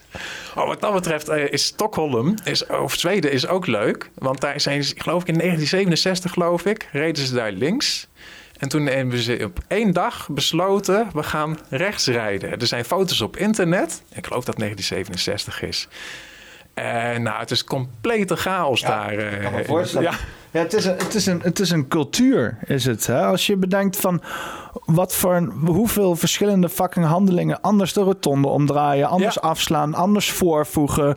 Het is, het is een cultuur links rijden, weet je wel. Dat is waar je voor kiest op een of andere manier. Ja, ik denk dat... ik blijf me toch fascinerend dat ze daar op die eilanden, want Australië doen ze het ook, hè, volgens mij. Ze, ze, dat is misschien ook, ja, de Australië reizen ook links toch of niet? Volgens mij Australië, Hongkong zou kunnen, Singapore. Ja, dat is ook die Britten, weet je wel. Die fucking Britten, weet je wel. Met, die, met, een, met een domme gedoe, weet je wel. Oh, links rijden. Ja, het is een kwestie van conditionering. Dus dat, dat ja, het, is, het is Brits tegen... Het is, want het is hetzelfde. Dat is dat uh, Brits imperialisme. Hè? Links rijden, ook die met de ounces en de pounds en de feets en dan weet ik veel wat. Tegen het uh, uh, Duitse uh, metrische systeem, rechts rijden, weet je wel. Want het is gewoon logischer. En het is, het is bijna dat, dat feminine van, van, van het, het, het, uh, het, het, het, het, de royal... Weet je wat, is ook nu een vrouw en zo. Tegen het masculine van dat Duitse...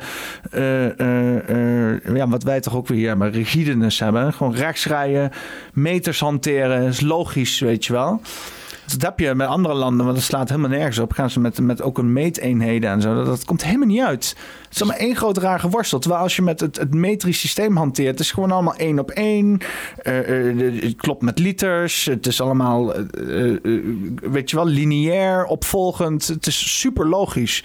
Maar dan zijn nog steeds landen die dan toch met yards en met, met, met ounces en met allemaal rare shit die allemaal niet op elkaar past. Heb je allemaal rare berekeningen nodig om dat allemaal in elkaar te moeten vangen en zo. Maar toch houden ze daar aan vast, weet je wel. Een soort van, uh, ik weet niet. Ja, daar verdwijnt steeds meer van. Maar volgens mij ligt uh, Kilo, die ligt in uh, Parijs. Dat is een cilinder van, ik geloof, 39 mm, ja, millimeter. En dan 90% iridium en, of 10% platinum, zoiets. Ja, en, en de meter die ligt daar ook. En dan vraag je af. Ja, het is natuurlijk ook Frans. Hè? Want ik, ik, zag wat Duits en zo heel erg. Maar het is dat, dat hele metrisch systeem en zo, dat is natuurlijk Frans. En de Fransen die hebben dat van de, van de Egyptenaren en zo. Dat, is die, dat, dat is die 1850 Napoleon shit. Die, die, die heeft die kennis geherintroduceerd hier. Ik denk dat het uh, van de vorige beschaving was. En dat de vorige beschaving ook meer plaatselijk dingen zelf organiseren. En dan kunnen, kunnen de mensen dus ook zien van... hé, hey, de arbeid die ik hier doe, dat heeft zin. En nu ben je arbeid aan het verrichten voor een systeem. En Joost mag weten eh, wat er mee gebeurt. Of je bent een manager of een directeur of een aandeelhouder die je nooit hebt gezien. Die kan jij een steen hakken? Kan ik een steen hakken? Je wilt uh, splijten of vormen? Nou, gewoon voor vormgeven. Iets met een steen. Kan je iets met een steen? Uh, weet je, als je een grote blok steen hebt en dan uh, daar moet je een pilaar van maken of zo. Zou dat kunnen? Nou, die ik heb gezien, die pilaren in Arnhem, in een kelder bij, is dat de Weverstraat? Die kan ik nooit na, dat, dat lukt me nooit. Ook al geef je mij tien jaar de tijd, dat gaat mij niet lukken. Je hebt, je hebt het dan over gladheid, je hebt het over uh, ruwheid, je hebt het over vlakheid, je hebt het over rondheid, je hebt het allemaal over verschillende toleranties. En die, uh, die granieten steen, ik denk, of pilaar, het is maar de vraag of dat ooit graniet is geweest. Misschien is het wel een soort uh, polymeer geweest. Dus dat ze het in die vorm hebben gegoten en daarna hebben nageslepen. Maar dat het uitgehard is of zo, uitgehard materiaal. Ja, ik, maar wat, wat, wat kan je zeggen over die materialen en zo? Uh, Nou, je kan de, de vorm kun je definiëren in uh, nauwkeurigheden. En dan ga je dus, wat ik net zei, vlakheid, rechtheid, haaksheid, ruwheid. En je hebt een heel uh, boek met allemaal hoe je dus iets kunt specificeren. Um, ja, ik kan dat niet, niet namaken. En wat ik heb gezien, alleen hier in Arnhem al, wat dan graniet is gemaakt. Als je mij een beitel en een uh, hamer geeft en een draaibank en een freesbank dan zit je nog met het probleem dat graniet heel hard is.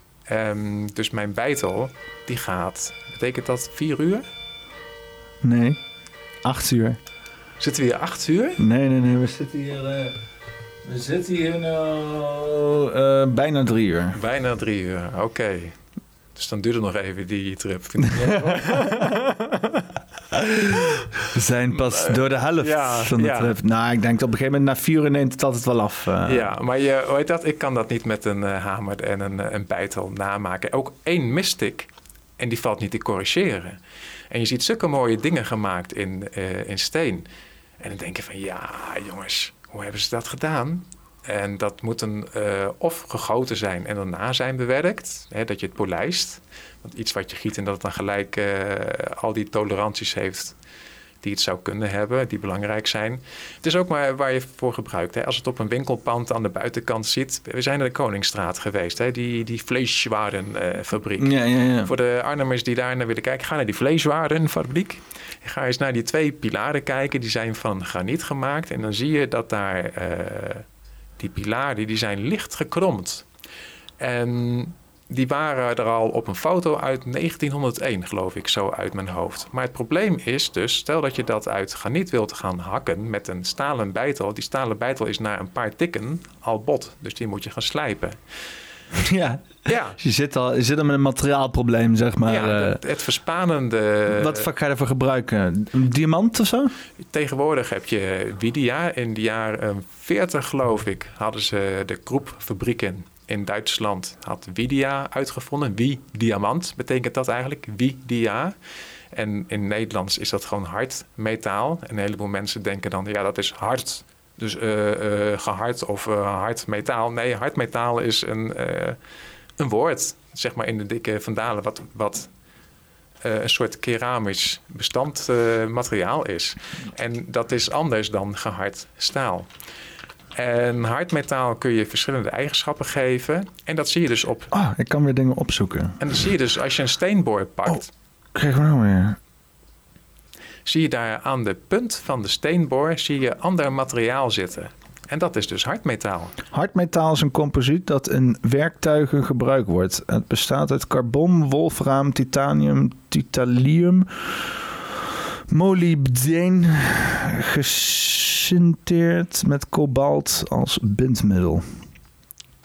En dan uh, een hele harde shit of zo, of wat? Ja, het, uh, ik geloof niet eens, ik weet niet eens meer of je het keramisch mag noemen, ja of nee, maar het is... Uh, ik geloof dat uh, hardmetaal, dat je dat harder kunt krijgen dan saffier. Saffier staat onder diamant in, uh, in hardheid. En uh, ik ben zo stoned of hoe heet dat? ja, maar dus echt de vraag is, hoe deden mensen 400 jaar geleden dat dan? Ja, in India zie ik allemaal dingen en de vraag is allemaal mensen zich af, hoe deden ze dat? Ja, ik weet het niet. Als het nu al niet wat, wat zag, je, wat zag je in India? In India zijn allemaal uh, tempels ook van uh, mooie steensoorten gemaakt. Die, uh, en die stenen die klinken zelfs, dus die maken muziek. En die zijn zo nauwkeurig gemaakt. Je ziet bijvoorbeeld een ketting. Hè? Dus een ketting van schakels waar je iets aan kunt hangen. En die is ook van, van steen gemaakt. Nou, als je dat uit steen gaat houden, je maakt maar één mystic en het breekt, of je ketting is gewoon kapot, maar het is daar allemaal. En waarom zou je dat allemaal gaan maken? Heb je de tijd om dat te doen als je het vroeger uh, zo arm af had? Ja, blijkbaar had het zo arm uh, niet. Iedereen was vroeger aan het uithongeren. Daarom maakten we allemaal tempels. Ja. Dat is, dat is, dat is, de, dat is, dat is de, de logica, toch? Waar we... Ja, we hebben de, de aardappeleters van Van Gogh. Daar heb ik het in mijn documentaire over. Dat uh, was eind 19e eeuw. Schering en inslag hier in Nederland. En toch is in diezelfde periode is er zoveel moois gemaakt in steden. Niet alleen in Nederland, maar gewoon in... Als je naar Brussel kijkt, oude foto's van Brussel en Antwerpen... Joh, het is niet te geloven wat ze daar allemaal neer hadden gezet. Er is zoveel afgebroken. Maar ook bruggen en knoppen. Me voorstellen hoe bevredigend dat is als je zoiets hebt gebouwd. Ja, het is nog leuker. Wij gaan nu naar de Efteling toe om daar een, een, een soort sprookjeswereld. Kerel, mensen zitten Minecraft te spelen op hun computer. Om Ja. met blokken te spelen. Om te laten zien van kijk wat de fuck ik heb gebouwd. Moet je je voorstellen dat je met een fucking... Ik weet niet wat het was, maar in ieder Heel geval... klein vliegje. Oh, ik dacht misschien is het een bug. Maar anders eh, ga je heen, vlieg. Hij is heen gegaan. D- dat is, mensen op, zitten op Minecraft te doen alsof ze iets aan het bouwen zijn, weet je wel. Maar als je gewoon echt samenkomt met z'n allen en fucking fantastische shit maakt, waarom de fuck... Nee, dat kan niet, want ik moet geld creëren voor deze fucking dude die geld probeert te creëren voor zichzelf, weet je wel. Het, is- het is zo achterlijk. Ja, we zijn geld aan het najagen. Alsof, tot, alsof dat het is. Maar geld is gewoon een, een illusie. Het gaat om bestaansrecht. Of een ander zegt van ja, het gaat om eh, vrede en, en harmonie. En daarvoor heb je geld nodig, zeggen dan mensen. Maar eh, dus die Efteling, naar mijn idee, die sprookjeswereld, die was er al. Dat was de vorige beschaving. Want als je naar, naar sommige bouwwerken en architectonische hoogstandjes gaat kijken, het is zo mooi om daar naar te kijken. Ik kijk nu bijvoorbeeld eh, naar buiten toe, gewoon naar moderne bouwwerken, hè, dus eh, rijtjeshuizen en zo. En dat alleen al is leuk als je aan het eh, trippen bent. Maar hoe mooi zal het dan wel niet geweest zijn als je in een oude stad loopt, zoals Deventer of Arnhem van een honderd jaar geleden. Ja, dat is grotendeels weg. Dus die mensen hoefden geen Minecraft te spelen of naar de Efteling. Die leefden gewoon de Efteling of die leefden Minecraft. En dat is naar mijn idee is dat ons afgenomen. En de truc is om dat weer eh, terug te vinden. Maar dan moet je wel zien, mijn mening zeg ik weer expliciet, dat er een stel parasieten tussen de mensen zitten die iedere keer systemen gaan bedenken en eh, machtsposities gaan opeisen. Maar he- hebben wij denk je ook niet... eh, denk je dat, eh, dat we niet... eh, dat we, hebben, we, hebben we ooit zoveel mensen gehad in de wereld als nu? Weet ik niet, maar ik heb wel documentaires gezien waar ik achter sta als je een rekensommetje doet, dat er genoeg ruimte is op de wereld om iedereen in, in de natuur te laten leven. Ja, wat is dan natuur? Niet die vlieg die jij nou doodmaakt. Maar eh, ja, wil je ook al die natuur hebben? Eh, Mensen hebben nu een zwembad en een heleboel auto's. En, en- en op televisie laat je dan de Kardashians laten zien dat je dat allemaal moet hebben. Als mensen dat nastreven, Instagram is tegenwoordig... hè, Iedereen, iedereen op Instagram TikTok. is allemaal aan het laten zien... hoe goed hun reet eruit ziet en zo. ja, ja, dan kun je maar met heel weinig mensen op aarde zo leven. Maar stel dat je in vrede en harmonie met de natuur leeft, en je naast en met jezelf natuurlijk.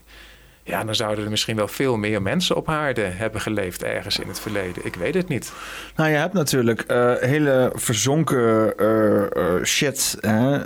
Denk aan Doggerland, dat nu Doggerbank. je hebt allemaal shit. Het midden, het, die Randall Carson die zegt dat, dat dus de, de Mediterraanse zee vroeger gewoon helemaal droog was. Er allemaal helemaal geen water. Daar is dus, op een gegeven moment is dus daarbij die... ehm, eh, de Gibraltar, die straat, is doorgebroken. Daar is allemaal water doorheen gekomen. En toen, toen is de pleuris zo uitgebroken. En dat is, is natuurlijk ook begonnen met een riviertje. En bla bla bla bla. is allemaal niet zo dramatisch als dat het hoeft te zijn. Er zal vast wel een keer een dramatisch evenement zijn geweest. waarbij er net grote hoeveelheid water doorkwam. Maar dat was allemaal droog. droog. Veel meer land, veel meer. Eh, eh, eh, 5000 jaar geleden was ook gewoon de hele situatie. En 10.000 jaar geleden was ook gewoon de hele situatie was heel anders allemaal geografisch gezien. Zeg, wie zegt dat daar allemaal niet al miljarden mensen en, en zo waren, weet je wel? Dat is allemaal weggespoeld onder een hoop modder, laten we maar zeggen. Ja, maar als je maar 70 jaar of 80 jaar leeft en je wordt eh, geconditioneerd in dit systeem en eh, op een gegeven moment eh, heb je vrouwen en kinderen en die moeten het eh, eten hebben en te drinken en een dak boven hun hoofd, dan heb je geen tijd om het allemaal te gaan uitzoeken. En op het moment dat je wel tijd hebt om het uit te zoeken, ja, dan ben je in één keer dood, want dan heb je kanker. Dus eh, ja. ja. Oeps, en toen had je kanker. Ja. Of je had al kanker terwijl je met je carrière bezig was, weet ik veel. Ik, het, het is, het is eh, eh, heel veel mensen geloven dat, eh, of heel veel mensen geloven, ik, in ieder geval, kanker, ik ga het gewoon lekker zeggen vanuit mijn eigen dingen. Kanker is ook een verhaal vanuit jezelf. waar je in kan participeren, zeg maar. Heel veel mensen die, die zien dan... Ik, ik heb geen kanker gehad en zo, dus ik weet helemaal niet waar de fuck over praat. Maar ik baseer het op wat ik heb gehoord van andere mensen. Dat je dus inderdaad uh, dat het inderdaad een, een, diepere betekenis kan hebben. Niet alleen maar van, oh, ik, ik, ik heb een gezwel waar ik van af moet, medicatie en huppakee. Maar het is een manifestatie van iets wat jou spiritueel en energetisch opeet, zeg maar. Hè? Een echte kanker in je lichaam, iets wat jou aanvreet vanuit binnenaan. En uh, zodra jij, als je dat niet zeg maar ook spiritueel, energetisch, maar ook gewoon in je omgeving en gewoon mensen waar je, die inderdaad het leven uit je zuigen, een baan waar je aan haat en zo, dat soort dingen. Dingen waar je gewoon letterlijk kanker voor krijgt, weet je wel. Dat je dat gewoon moet lozen. Dat je op een gegeven moment ook gewoon echt moet zeggen van, nou, ik moet echt inderdaad dingen gaan herzien en ik moet dus uit dat systeem stappen en gaan kiezen voor leven hè, in plaats van meedraaien in iets wat, waar, ik, waar ik alleen maar van krijgen. Zo. Dat je dus inderdaad ook echt die hele uh, uh, kanker gebruikt als, als iets. Ja, het is misschien ook wel heel dramatisch. Sommige mensen die, die zitten, die, het, is, het is heel dramatisch. Nou ja, je wordt tot de kern geworpen waar het nou om gaat in het leven als je ziek wordt. Als alles van een leien dakje gaat, hè, je ziet bij sommige mensen dat blijkbaar alles van een leien dakje gaat in het leven. En stel dat dat eh, in, in het leven is van een dode vis, hè, dus die gaat in de stroom mee en alles gaat van een leien dakje. Ja, waarom zou je dan een levende vis worden? Totdat die dode vis in één keer een kankergezwel op zijn schubben krijgt en dat vinnetje niet meer uh, goed doet. Nou ja, dan ga je die... Nou, het is, het is westerse moderne wetenschap die kijkt ernaar van oké, weet je wel, um, uh, hoe kunnen we die kanker wegkrijgen, weet je wel. Maar eigenlijk moet je ook gewoon kijken van wat heeft die kanker veroorzaakt. En dat is helemaal niet waar we mee bezig zijn momenteel. Ja, ik denk dat het uh, heel veel oorzaken voor kanker zijn. Je hebt ook verschillende soorten kanker. Maar in ieder geval word je tot de essentie gedwongen. En dat is van, uh, ja, ik wil weer, wil ik dit overleven of niet? En wat moet ik doen om te overleven? En als je in die red race bezig bent in het systeem, ben je niet met de essentie bezig. Dan ben je gewoon als een dode vis uh, in het systeem aan de gang. Dus ja, het is, het is een soort spiritueel spel waar we, waar we in zitten. De, de machthebbers willen dat we als een dode vis succesvol zijn in het systeem, net zoals de Kardashians. Ja, maar het is precies zo hoe je aangepakt wordt door de politie toch. Ze willen gewoon dat je meewerkt uh, uh, ik vond het wat dat betreft.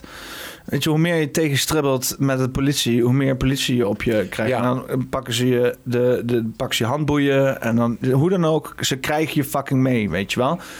Uh, ik, ik ga mee. Ze spelen vals. Ja, nou ja, ze spelen vals. Het is, ik, ik, ga, ik ga, hoe ik het dan doe, ik ga gewoon mee. Ik, ik werk mee. Ik ben absoluut niet tegen de. Ik, ben, ik, ik haat de politie. Uh, uh, maar op dat moment ga ik niet. Ik, ik wil niet die dude zijn die dan uh, tegen een busje aangevrongen staat. En dan uh, weet je wel staat te schreeuwen. Ah, weet je wel. Ik wil gewoon enigszins mijn waardigheid behouden. Dus dan werk ik maar gewoon mee.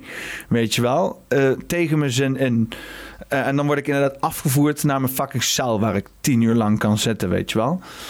Maar ja, dat is ook wel een beetje een metafoor voor het leven waar heel veel mensen in zitten, weet je. Als je snapt wat ik bedoel. Ja, want in die cel kwam jij tot de essentie van het leven op dat moment. Die, die, die cel was heel klein, dus jouw leven was heel beperkt op dat moment. Je bent gewoon weg. Ja, ja, je wilde weg. Dus stel dat je in die red race zit of in die cel of waar dan ook... en op een gegeven moment bevalt het je niet... dan kom je tot de essentie. Wat wil je? Je wilt eruit. Hoe ben ik hier gekomen? Is het eerlijk dat ik hier in die cel zit? Wat, uh, was het eerlijk dat je in die cel zat? Ik vond van niet. Uh, het is. Uh, ik liep weg van de situatie. want ze hadden me behoorlijk gefrustreerd. Maar ja, dat is persoonlijk. Dat is, dat is, mijn frustratie. En ik uitte dat door te zeggen wat een nazi staat.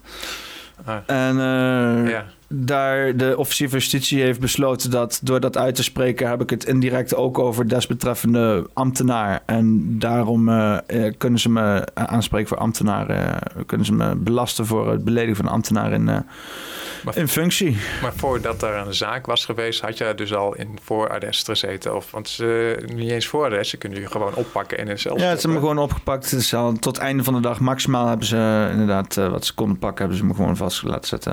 Het is wat, hè? Ja. Wat doe je er tegen? Alleen doe je er niks tegen. Maar als je nou met een heel stel mensen zegt van ja, hallo, daar zie je ook filmpjes van op internet. Hè, dat, uh, dat op een gegeven moment de politie de benen neemt, omdat ze snappen dat ze fout bezig zijn. En uh, de, de burgers zien van ja, hallo, ja, maar jullie zijn niet eerlijk. En dan kom je weer op dat schoolplein met die, met die kinderen. Die kinderen zien wel wat eerlijk is. En naar mijn idee zijn de goeden in de meerderheid. Alleen er zijn maar heel weinig sterke goeden. Ja, en er zijn natuurlijk ook wat kwaadaardige zieltjes tussen. Maar de, uiteindelijk is er iedereen bij, iedereen bij gebaat dat het goede zal overwinnen. En dat het goede zal regeren. Maar dan moet je wel eerst zien dat de kwade entiteiten op het schoolplein, wie dat zijn. En dat je ze dus buitenspel zet. Ja, je moet er eerlijk over zijn. Ja, je moet er eerlijk over zijn. En daarover mogen praten. Ja, ja en die, die, die, die bully, die kan misschien wel, die, eh, die Mike Tyson bijvoorbeeld, die kan wel misschien uh, heel erg vrede en, en harmonieus worden in zichzelf. Maar dat moet hij dan laten zien. Niet alleen door het masker voor te houden, daar moet hij ook naar, naar handelen. En ja, ik denk dat er helaas een, een, een, winter gaat komen, of dat nou deze winter is of een tijd. Dat we heel erg tot de essentie worden gedwongen. Hè? Dat kankergezwel, dat dwingt je tot de essentie. Hmm. En die essentie is dat je te eten hebt, te drinken.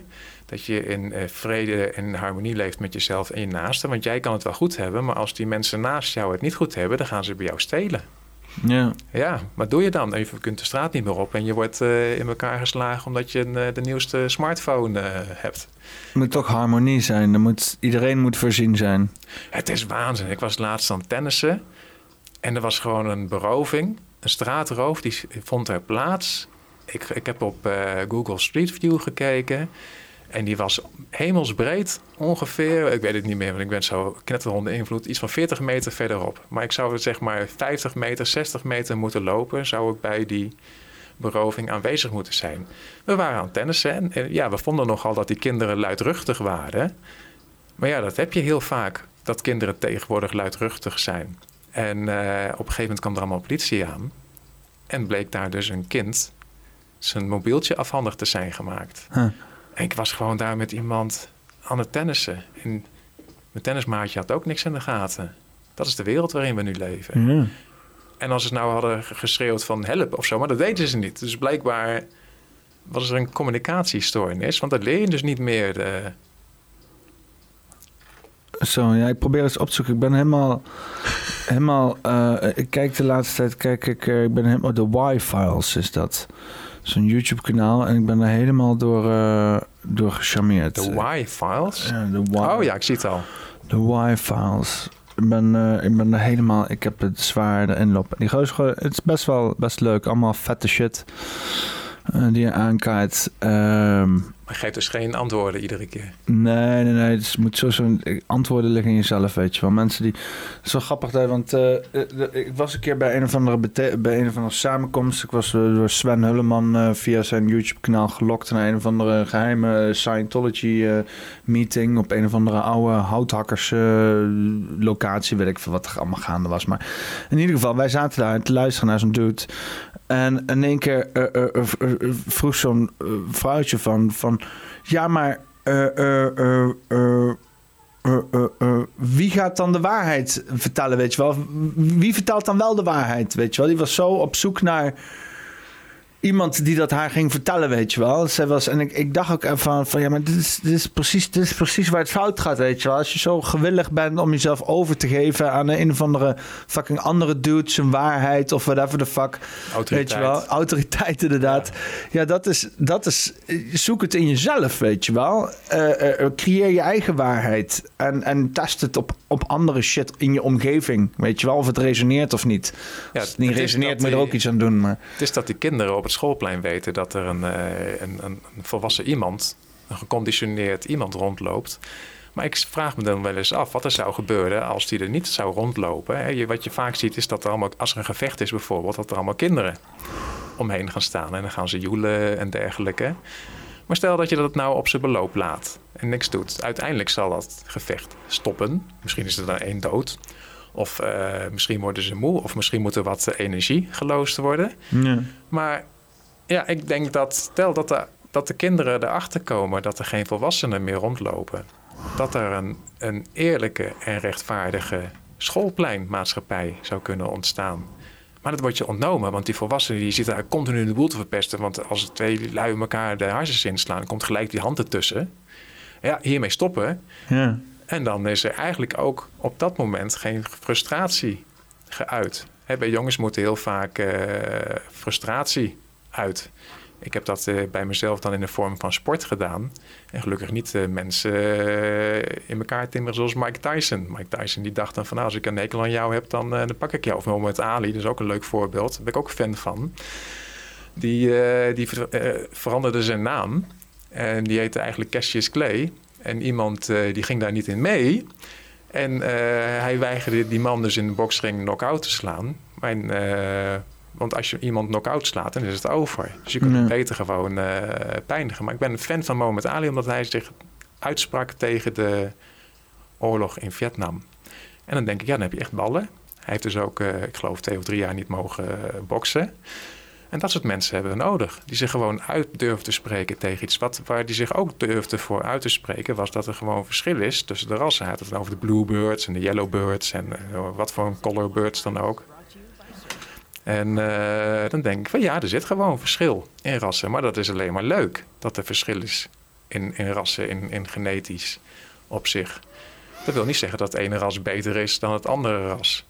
Of meer maar, maar, maar, maar, weet je, want we doen dat natuurlijk met honden ook. En dan zeggen we allemaal ras en zo. En ik had laatste discussie ook eh, met, met iemand dat ik dacht van ja... Weet je wel, eh, het is, maar het is, het is in één keer, het, is, het wordt in één keer heel persoonlijk uh, dat is het een beetje, weet je wel. Het hele rassenleer van ons ons aangedaan door Duitsers en Portugezen. Om ons voornamelijk te scheiden van uh, de slavenhandel en weet je wel. Maar dat is nu, dat het ons nu nog steeds als een soort van ja, alsof het feitelijk is, weet je wel. Maar het is, het is helemaal niet. Het is, het is meer een. Het is, het is een sociaal construct. Die hele rassenleer, dat is niet een soort van biologisch, whatever. Uh, weet je, mensen hebben dat dan in het idee, dan weet je wel. Het was letterlijk een dude die gewoon iemands hoofd ging opmeten en zo. En daar is rassenleer op gebaseerd, weet je wel. Met hetzelfde wat we doen met honden, weet je wel. Hoe ver, hoe lang is je haar, hoe, hoe zie je eruit? oh, jij bent dit, jij bent dit ras. Ja. ja, voldoe je aan het ideaal of niet? Ben jij nou ja, het ideale het, is, Het is, nou ja, kijk, je, je kan... Uh, uh, wat, wat ik wil zeggen van is dat er niet zoveel verschillen zijn. Maar ja, als je naar honden kijkt... Uh, er zijn moeilijk veel verschillen. de ene hond die, die, die, die kan bij lange na niet wat de andere hond wel kan, weet je wel. En vice versa. En dus, dus als je dan die realiteit bekijkt en dan dat projecteert op mensen, denk je van ja. Misschien zijn er wel heel veel verschillen ook tussen ons, toch wel. Ja. Op een of andere manier. Dan is het Alleen dan wordt het wel heel persoonlijk in één keer. En dan is het toch leuk weer om naar Mike Tyson en Moment Ali te kijken. Want je ziet dat ze allebei een verschillende lichaamsbouw hebben. En Mike Tyson is meer, ik geloof dat hij 1 meter 87 was of 88 en die was maar 100 kilo. En dat was natuurlijk klein voor een zwaar gewicht. Maar hij was zo snel. En met boksen mag je dus niet trappen. Dus wat doe je? Je bukt gewoon. Ja, en dan moet die zwaargewicht, die moet voorover bukken en naar beneden. En het is lastig om naar beneden te slaan. Terwijl van, van de grond af kun je afzetten. En dat deed Mike Tyson ook. En dan kun je in één keer een volle map geven, heel simpel gezegd. Er komt natuurlijk meer bij kijken.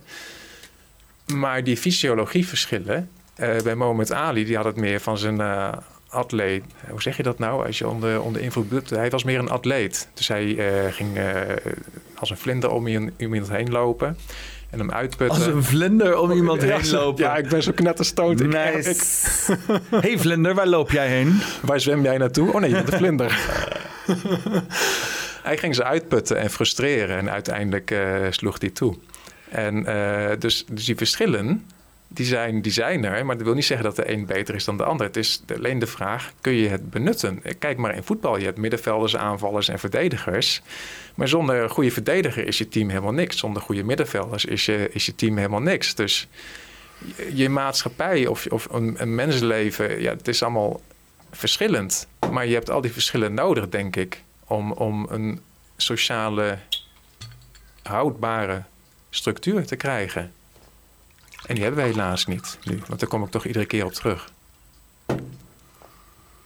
Ik zit wel te strijden hier, hè? Ik zit, weet je waar ik tegen aan het strijden ben om mijn hersens erbij te houden? ja? Ja. En dan gaat er heel lang in mijn hoofd om. ik denk, moet ik er een eind aan brouwen of niet?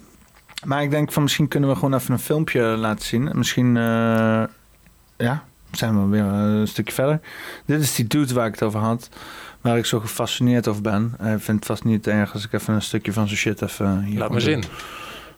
the moon was formed in the first place. The first theory of how the moon became linked to the Earth is the capture theory. It says the moon was just floating along, drifted near the Earth, and was pulled into orbit. This is almost impossible. Another explanation is the accretion theory that the moon and Earth formed out of dust clouds in the early solar system. But when systems form through accretion, they share similar traits. If the moon was formed this way, it would have an iron core, like the Earth. It would spin on an axis, like the Earth. But neither of these are true. The fission hypothesis was popular for a while, and this says the early Earth was spinning so fast that the moon was formed out of rock in the Pacific Ocean that was flung into space. But we later learned that moon rock is much older than the bottom of the ocean, so this is unlikely. The most popular explanation is the giant impact theory. This says that a large object about the size of Mars smashed into the proto Earth. The debris field from the collision coalesced to create the Earth Moon system. Again, these conditions would have to be so perfect that the odds are astronomical. Right.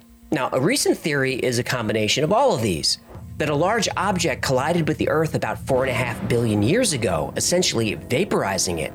And this vapor is called a synestia. And the synestia was spinning very rapidly, forming a torus. And the moon formed on the edge of this torus. Whoa, whoa, whoa, whoa, whoa, hold on. Torus? Uh, what's a torus? Well, this shape is a torus. Uh, that looks like a donut. It does, but in geometry, if you revolve a circle around an axis in three dimensional space, it's called a torus. Yeesh, and you wonder why you're not popular at parties. I'm very popular at parties, aren't I? So, we still don't know how the moon was created. You would think that actually going to the moon and collecting rock samples would solve some of these puzzles. But when moon rocks were brought back and studied, it only created more questions.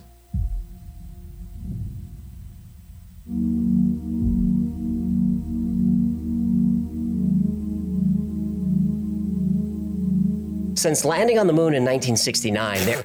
The moon landing was as fake as a teenager's Instagram. I knew you were going to do this. Look, do you like the idea that the moon is a hollow spaceship? Well, uh, yeah, I gotta admit, I, I do kind of like this idea. Okay, so for us to explore this theory, you need to concede that we went to the moon.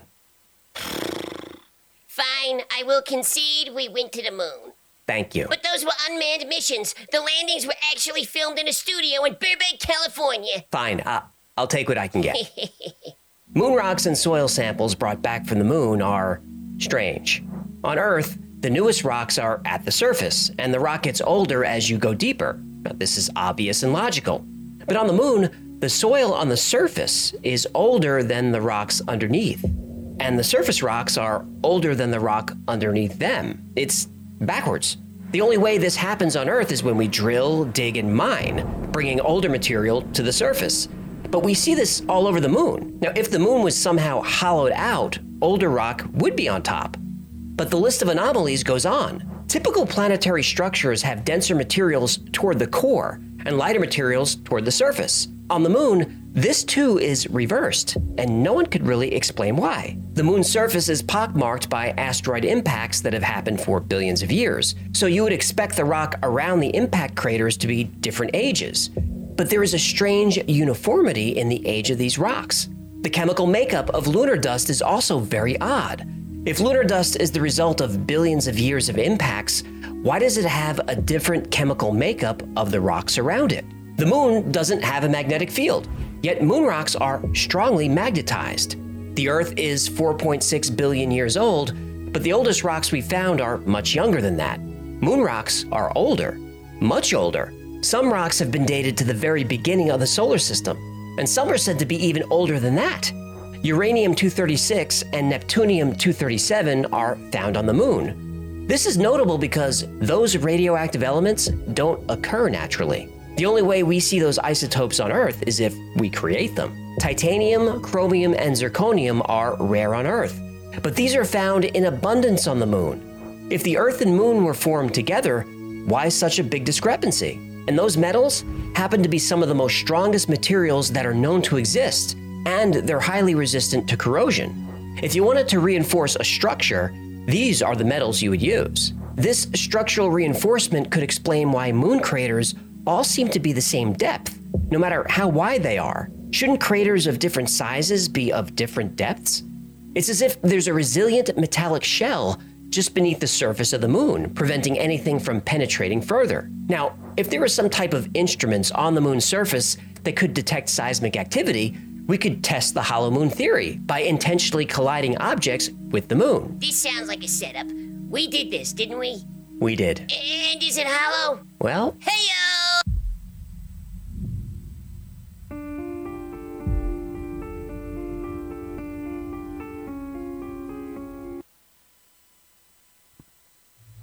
Voor vooral, het is even wel belangrijk voor de luisteraars. Er wordt nu een tekst gelaten ik laat random zo YouTube-filmpjes zien voor iedereen. Maar eh, er zijn ook mensen die gewoon luisteren. En er staat nu: eh, It would seem that the moon is more like a hollow than an homogeneous sphere. Dr. Gordon MacDonald, NASA. After returning to the command module, the Apollo 12 crew intentionally released the lunar lander, crashing it into the moon's surface. Then something very unexpected happened. Seismic measurements showed that the moon rang like a bell and reverberated for more than an hour. This was with a very small object compared to the size of the moon, so during Apollo 13, an even heavier object was crashed into the surface. This time, the moon rang for over three hours, and vibrations traveled to a depth of 20 miles. This doesn't happen on Earth. Reverberations last only a few minutes because of the Earth's density. And on Earth, vibrations slow down as they move toward the Earth's center, where material is denser. But the vibrations on the moon actually got faster around 40 miles down, indicating the interior of the moon is not only far less dense, but perhaps has large hollow cavities. The density of the moon is something that's difficult to explain. The moon is about 25% the size of the Earth, but it's only about 1% of the Earth's density. If the moon were a hollow shell, this would explain that. Besides the density issue, the moon has a lot of characteristics and coincidences that we don't see anywhere else. The moon is actually more like a planet than a moon.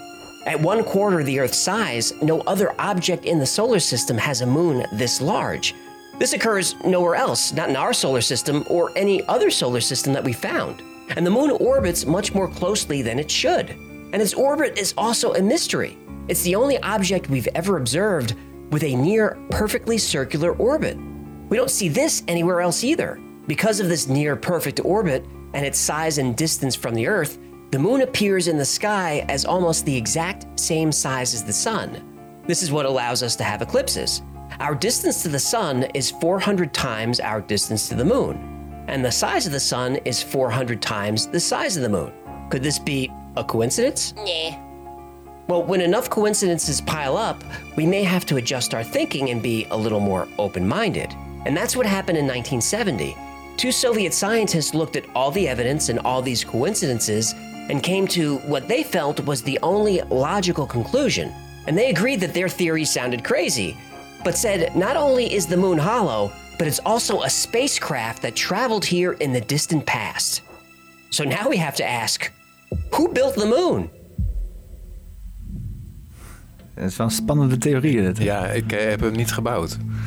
Ja, ik was het niet. Oh, hier. Was not me. Voor, voor de luisteraars. The Lunar Orbiter Experiment had vastly improved knowledge of the moon's gravitational field and indicated the frightening possibility that the moon might be hollow.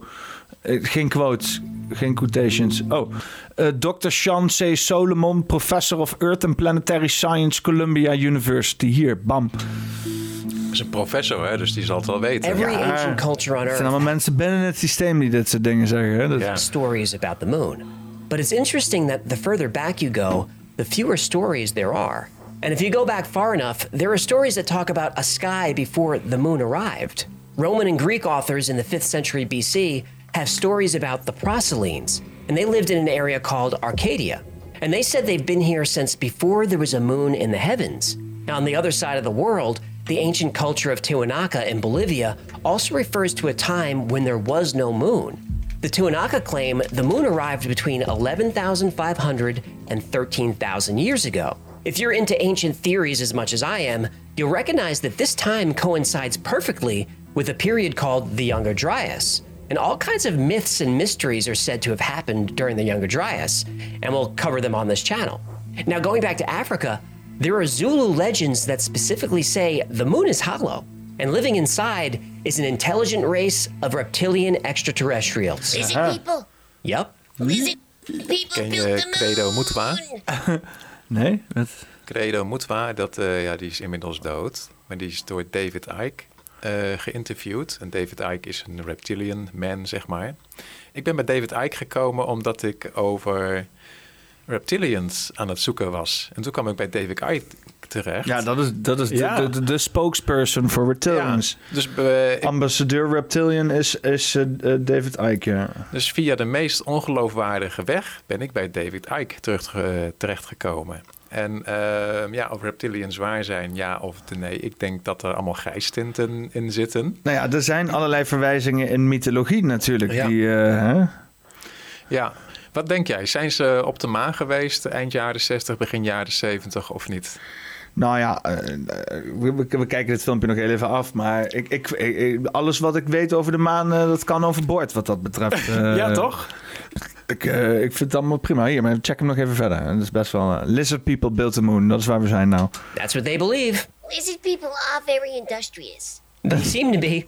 The Zulu believe the moon was put into orbit by two brothers who were gods. And this legend is similar to what the Sumerians believed. The Sumerians also had a legend of two brothers, Enki and Enlil, who were called, Anunnaki. yep, Anunnaki, the extraterrestrial gods who created mankind. Everything is falling into place with this one. Well, you ain't seen nothing yet. How about this? The Zulu also believed that before the moon arrived, the climate of the Earth was very different. There were no seasons, and a blanket of thick water vapor covered the entire planet. And we now know that the moon does stabilize our climate. Without the moon's gravity, the Earth's axis would wobble. There would be no consistent seasons, no tides, extreme weather. The presence of the moon is what allows life on Earth to thrive. So, back to the Zulu. The Earth was covered by a thick layer of water vapor, and you could only see the sun through this hazy mist. When the moon was finally placed into orbit, all this water vapor fell at once, and it created a cataclysmic global flood. Always a flood. Always, every time. Every ancient culture has a flood myth, and there's mounting evidence that this did indeed happen during the Younger Dryas. Cultures around the world have myths that are in perfect sync with each other. The coincidences keep piling up. The Zulu legend talks about how the arrival of the moon changed the tides and stabilized the climate. And this is something that wasn't understood by science until the past hundred years. Yet somehow the ancient Zulu were able to make the connection between the moon and the tides and the seasons. All of these myths and legends, plus strange coincidences and anomalies about the moon, start to add up to a compelling theory that the moon is hollow, is artificial, and was placed here by intelligent beings long ago. But coincidences aren't proof, and myths aren't proof. We need to know what's been happening on the moon lately to see if we can make our case with hard evidence. Lucky for us, the evidence is there.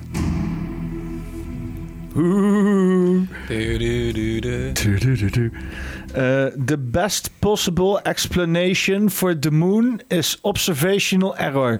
The moon doesn't exist. All existing explanation for its presence are fraught with difficulties. En er is een YouTube-kanaal, Godgevlamste. Wacht, wacht even. Erwin Shapiro, Harvard Smithsonian Center for Astrophysics. Ja, wat wil je zeggen? Het is een YouTube-kanaal, Godgevlamste heet die. En die eh, gaat daar heel diep op in. Ik heb daar wel eens wat van bekeken. Godgevlamste? Godgevlamste, volgens mij is het een Vlaming. Godgevlamste. ik weet het niet zeker, maar je kan Nederlands eh, spreken, naar mijn idee. Voor zover ik Nederlands kan spreken momenteel, maar dat is een heel ander verhaal. En eh, ja, dan is het een reflectie ergens in de stratosfeer, ionosfeer of zo van, van de aarde, wat, wat we zien. En hij kan dus ook de continenten aanwijzen. En hoe, nou ja, whatever. Ik denk dat hij het mooi in het filmpje gaat uitleggen. Dus ik ben dan voor mijn beurt aan het praten. Oké.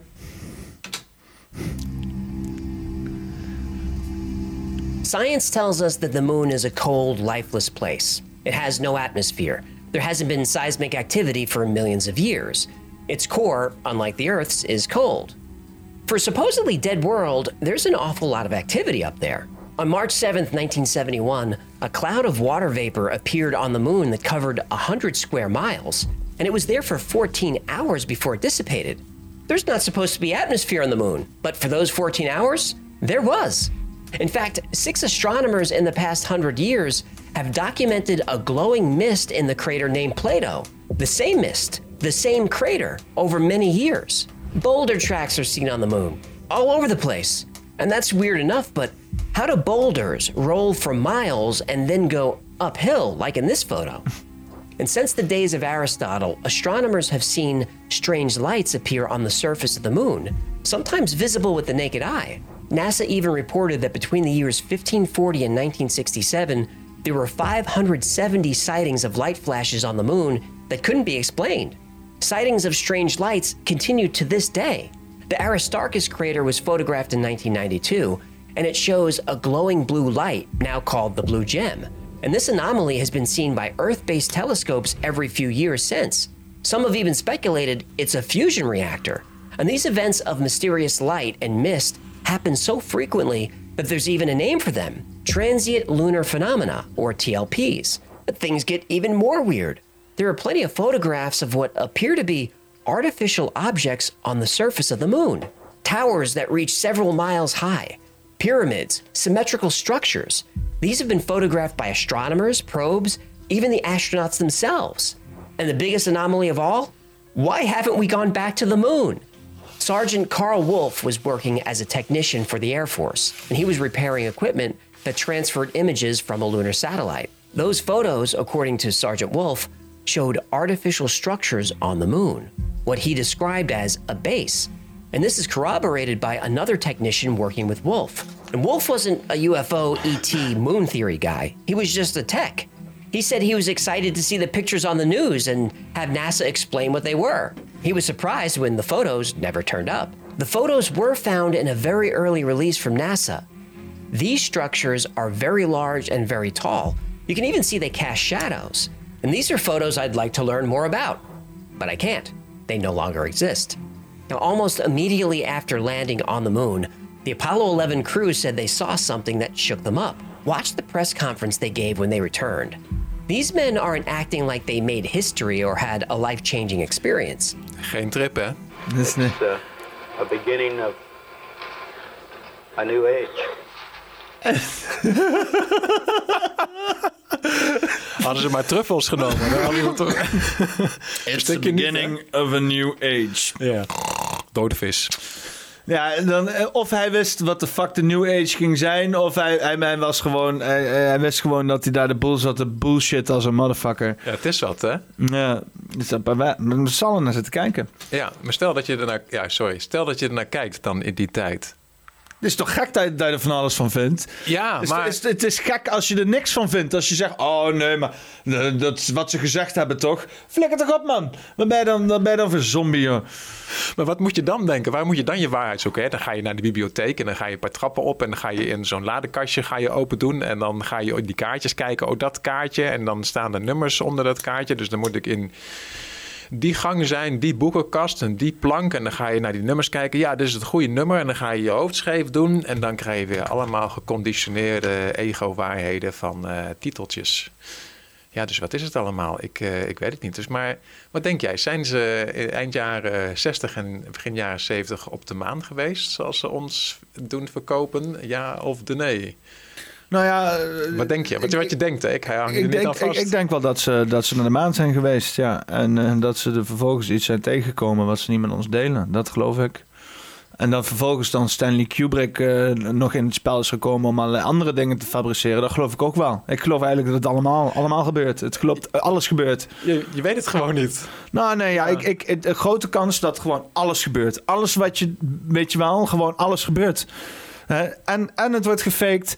En we hebben het wel gedaan. En het wordt alles, alles, het is alles gewoon, weet je wel. heel doolhof van En er zijn aliens en het, en het, is, het is alles gewoon. De, alles gebeurt nu. Ja, dus je hebt al die informatie eh, tot je gekregen. Je denkt, oh, nou, het is dit, oh, het is dat. Nee, oh nee, het is toch dat. Het zijn de aliens. Oh nee, het is toch een Death Star. En hij is uit een ander eh, universum, is hij hier gekomen, gematerialiseerd. Een Death Star, inderdaad. Ja, maar stel dat ik jou nou, eh, waar, je, waar je je geld op moet inzetten. Waar ga je dan je geld op inzetten? Je bent nou in een casino en je ziet er allemaal vakjes. Dus waar eh, zijn ze er geweest, denk jij? Uh, nou ja, op, op, op, basis van deze video... dan durf ik wel mijn geld in te zetten op dat de maan inderdaad een... een een alien eh, schip is wat daar is. Uh, en dat, het, het connect natuurlijk heel veel. Maar ja, dat is, dat is wel flauw wat je doet natuurlijk hier. Want zo daar draait het leven niet om. Dat is ook het leuke en het kunstmatige aan gokken. Is dat het leven niet draait om allerlei ultimatums. Het is gewoon uh, weet, gokken, ja. weet, je wie, weet je wie ultimatums geven? Psychopaten. Oh, ik ben door de mand heen gevallen. Oh.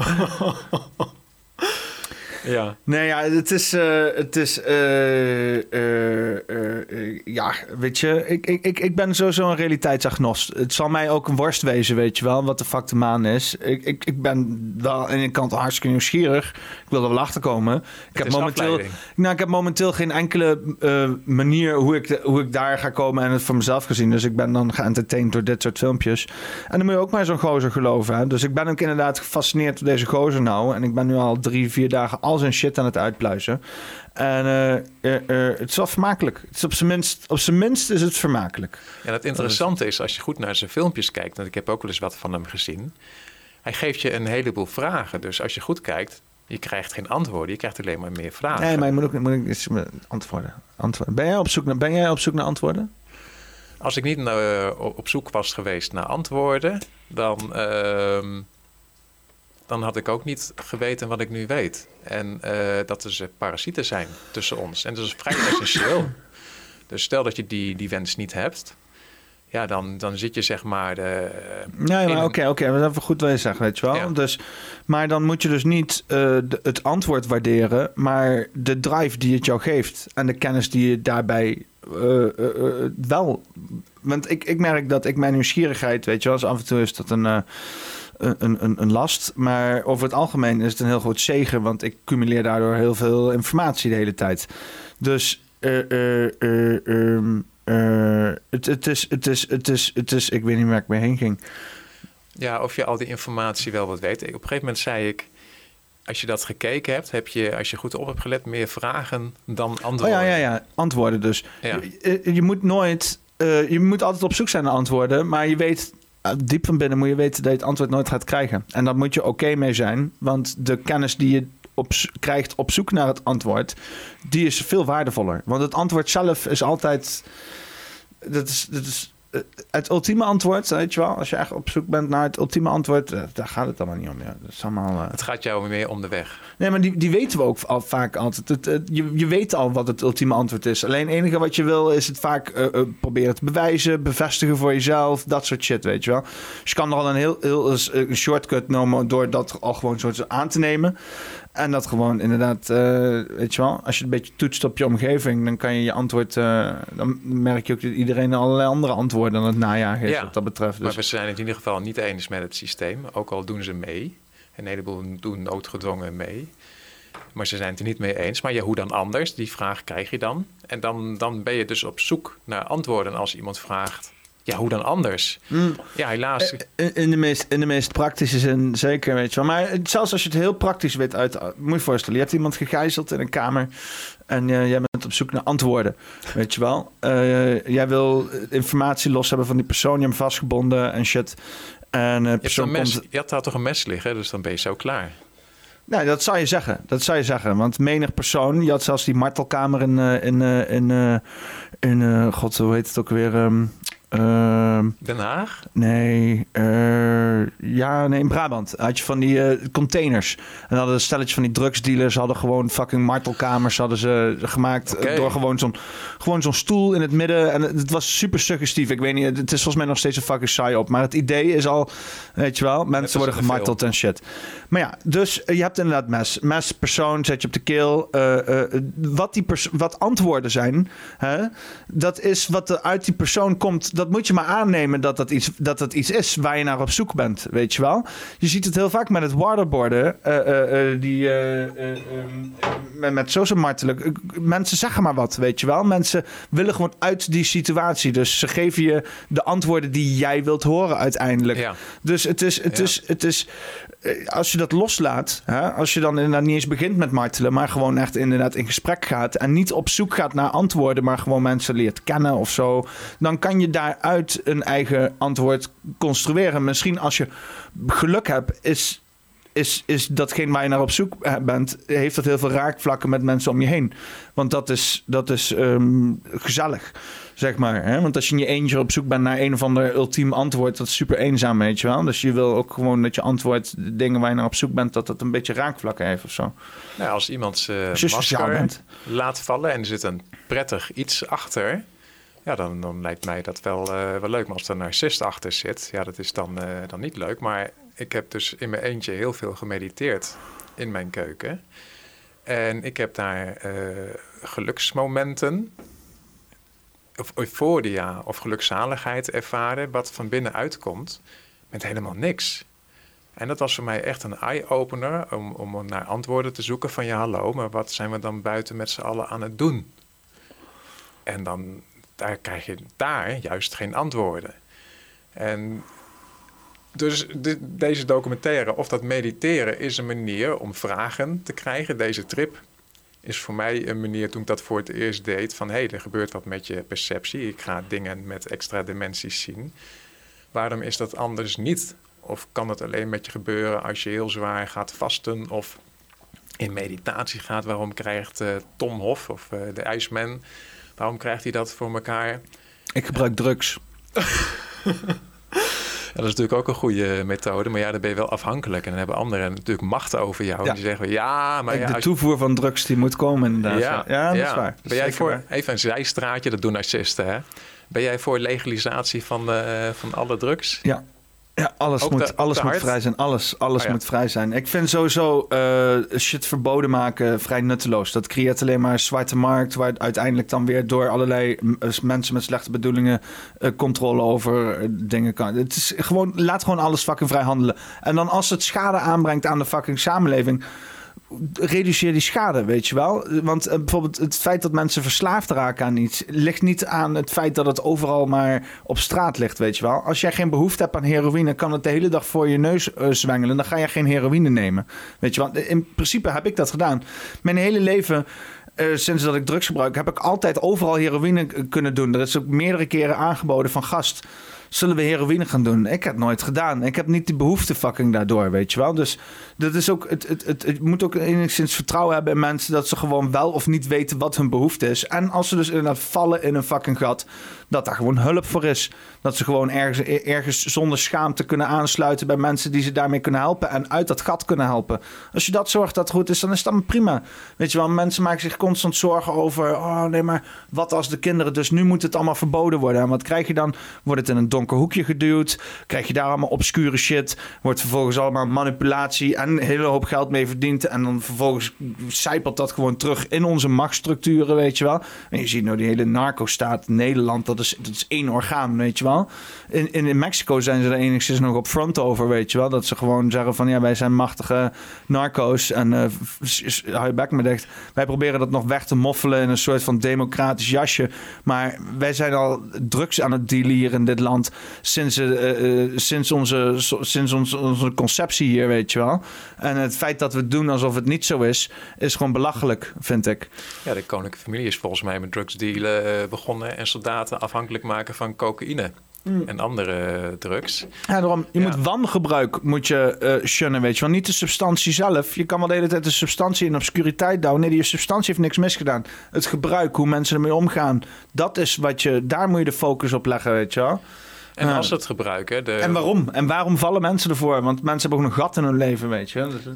Kijk, en als ze gebruiken is naar mijn idee ook niet, nog niet zo erg. Maar het ergste is vaak ja, ik ben geen ervaringspersoon, maar dat ze geld nodig hebben. Kom je weer bij geld.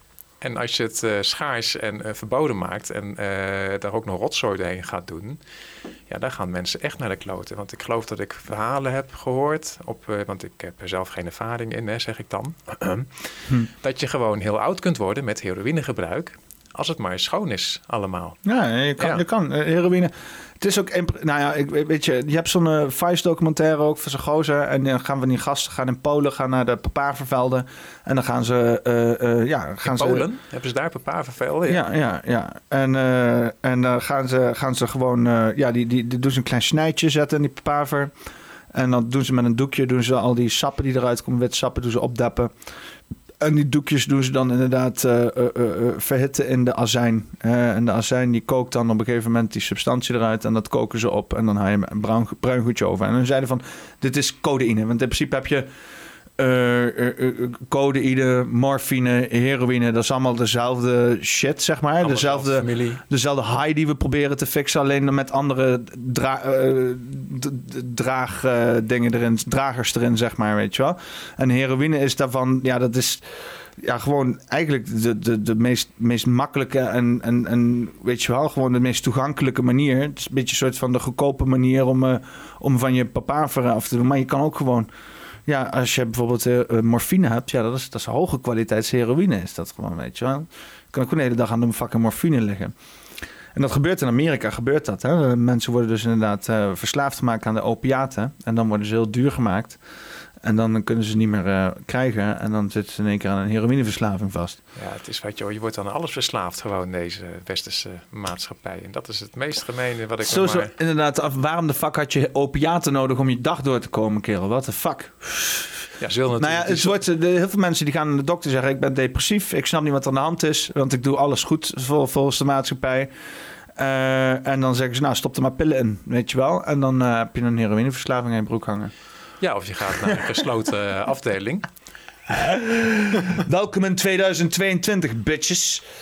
Ja, nee, ja, het is, uh, je moet, moet helemaal af van die gesynthetiseerde shit, weet je wel. Al dat, al dat, al dat stopt er maar een pil in. En uh, moet helemaal, helemaal, weg, helemaal weg van die westerse medicatie. Het is leuk dat het er is in de, in de echte noodzaken. En als mensen er dan voor kiezen. Maar het zou een soort meer optionele ding moeten zijn.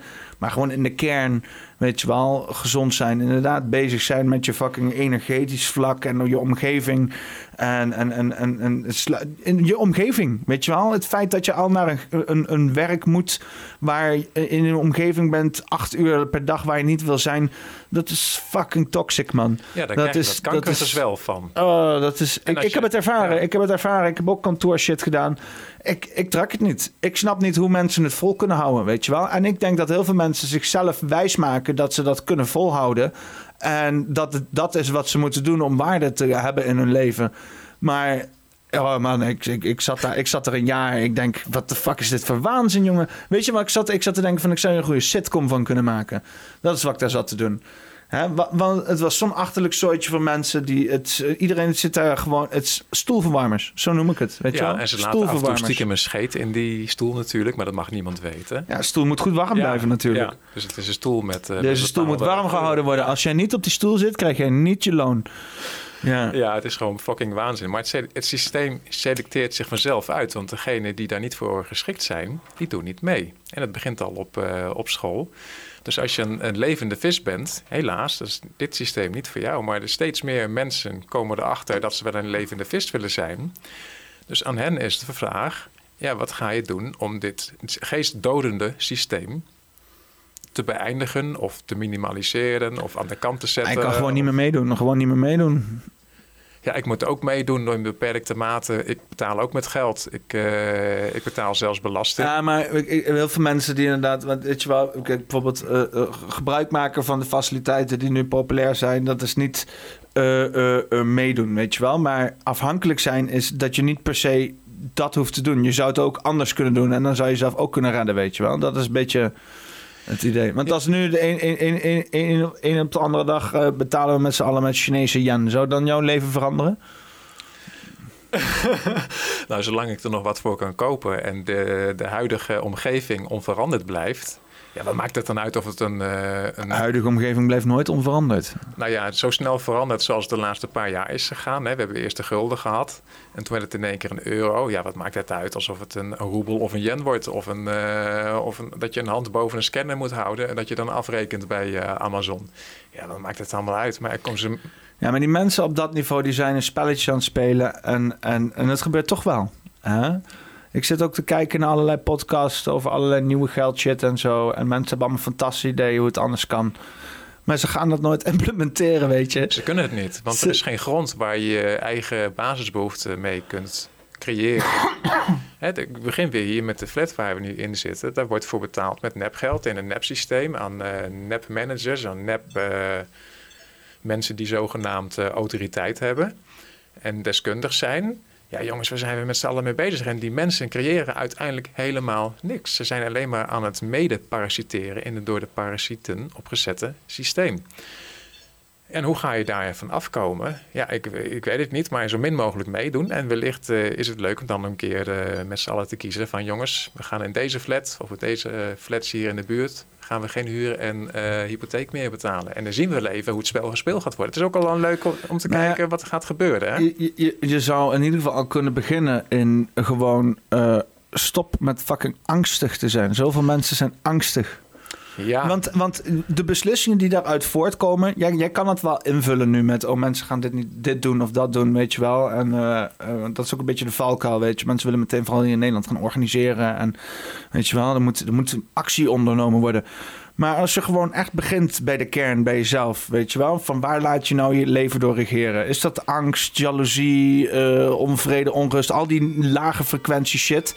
Dat is waar je uit moet komen, weet je wel. En hoe maakt niet zozeer uit, weet je wel, als dat betekent dat je van baan moet veranderen, of misschien moet je gewoon van uh, uh, positie veranderen in je bedrijf. Hè? Een keer moed tonen bijvoorbeeld, een keer gewoon dat, dat soort transitionele energetische moed.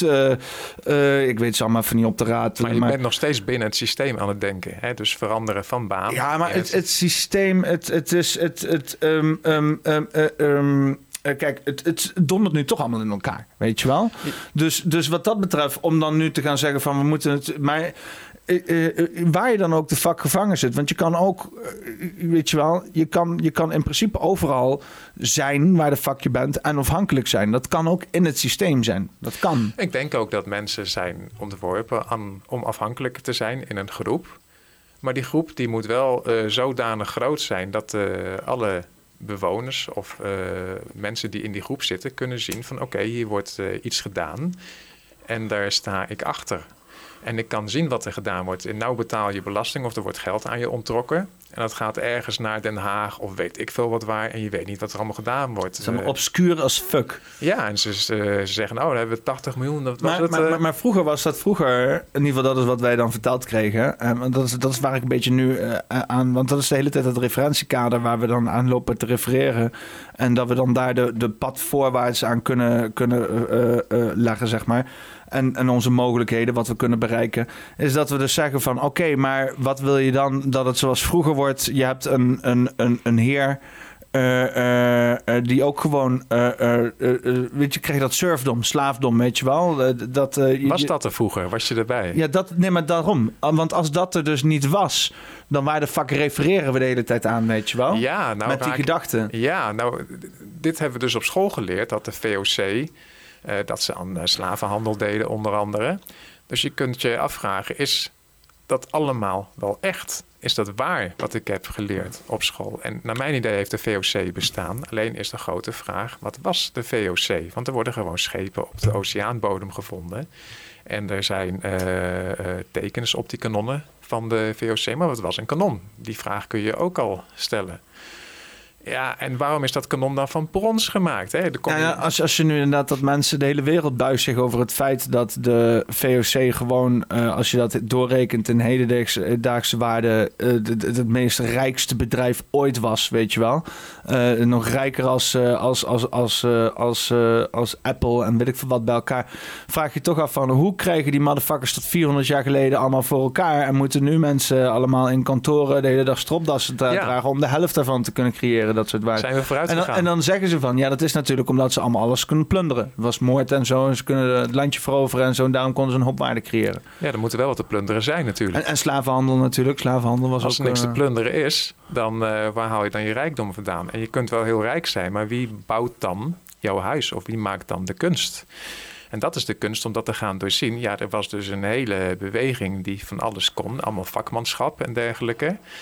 En het is blijkbaar alle... Ik sta er ook van te kijken hoe we die fucking schepen maakten. En ook uitpoepten als een motherfucker, weet je wel. Gewoon handgemaakte fucking boten van hout die de fucking stormen van de zee konden overstaan. Mensen met vol vertrouwen opstapten en de masten gingen hangen en zeiden van...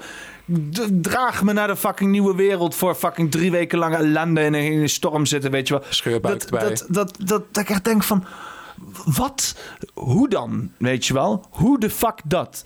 En dan hebben we het over piraten. Dus die, hadden helemaal, die waren helemaal niet geleid door God en zo. Helemaal niet wat we nu moeten geloven in elk geval. Maar. Ja, en wil je een piratenschip besturen, dan moet je er echt wel ontwikkeling hebben. En uh, die ontwikkeling was blijkbaar schaars, want de meerderheid van de mensen was analfabeet, als ik het mag geloven, de officiële geschiedenis. Maar ik heb ook verhalen gehoord van mensen die zeg maar gestudeerd hebben dat in uh, een paar eeuwen geleden dus maar een paar procent van de mensheid ongeletterd was. Dus ja, wie moet je dan allemaal uh, geloven? Maar als je gewoon naar de signalen gaat kijken of wat uh, nu nog over is aan bewijs. Ik geloof dat in Zweden, in de stad Zweden, dat ze daar een oorlogsschip naar boven hebben gehaald. Dat is zo'n houten oorlogsschip. En dat is behoorlijk goed bewaard gebleven. En dan denk je van, hoe hebben ze dat destijds allemaal gemaakt? Uit hout. En zeg maar, dat is een VOC-schip. Alleen dan in, uh, in Zweden van, van een heel andere partij. En waarom al die moeite? Om dat allemaal zo mooi te maken. Waarom niet gewoon functioneel? Maar ze hebben echt een heel kunstwerk van gemaakt. En dan denk ik dat er, dat er dus in het verleden iets was... wat voor ons geconditioneerde ego totaal niet te begrijpen is. Je moet je hele, of je moet, onze denkkaders passen daar niet, uh, niet in. En wie weet zijn er wel destijds verschillende uh, niveaus van beschavingen parallel aan elkaar. Zeg je nou dat er vroeger wel daadwerkelijk magie bestond? Hebben we het over narcisme, hè? Oh, nee, nee, nee, helemaal niet. Nee. Nee, maar dat, steeds dat, bestaat.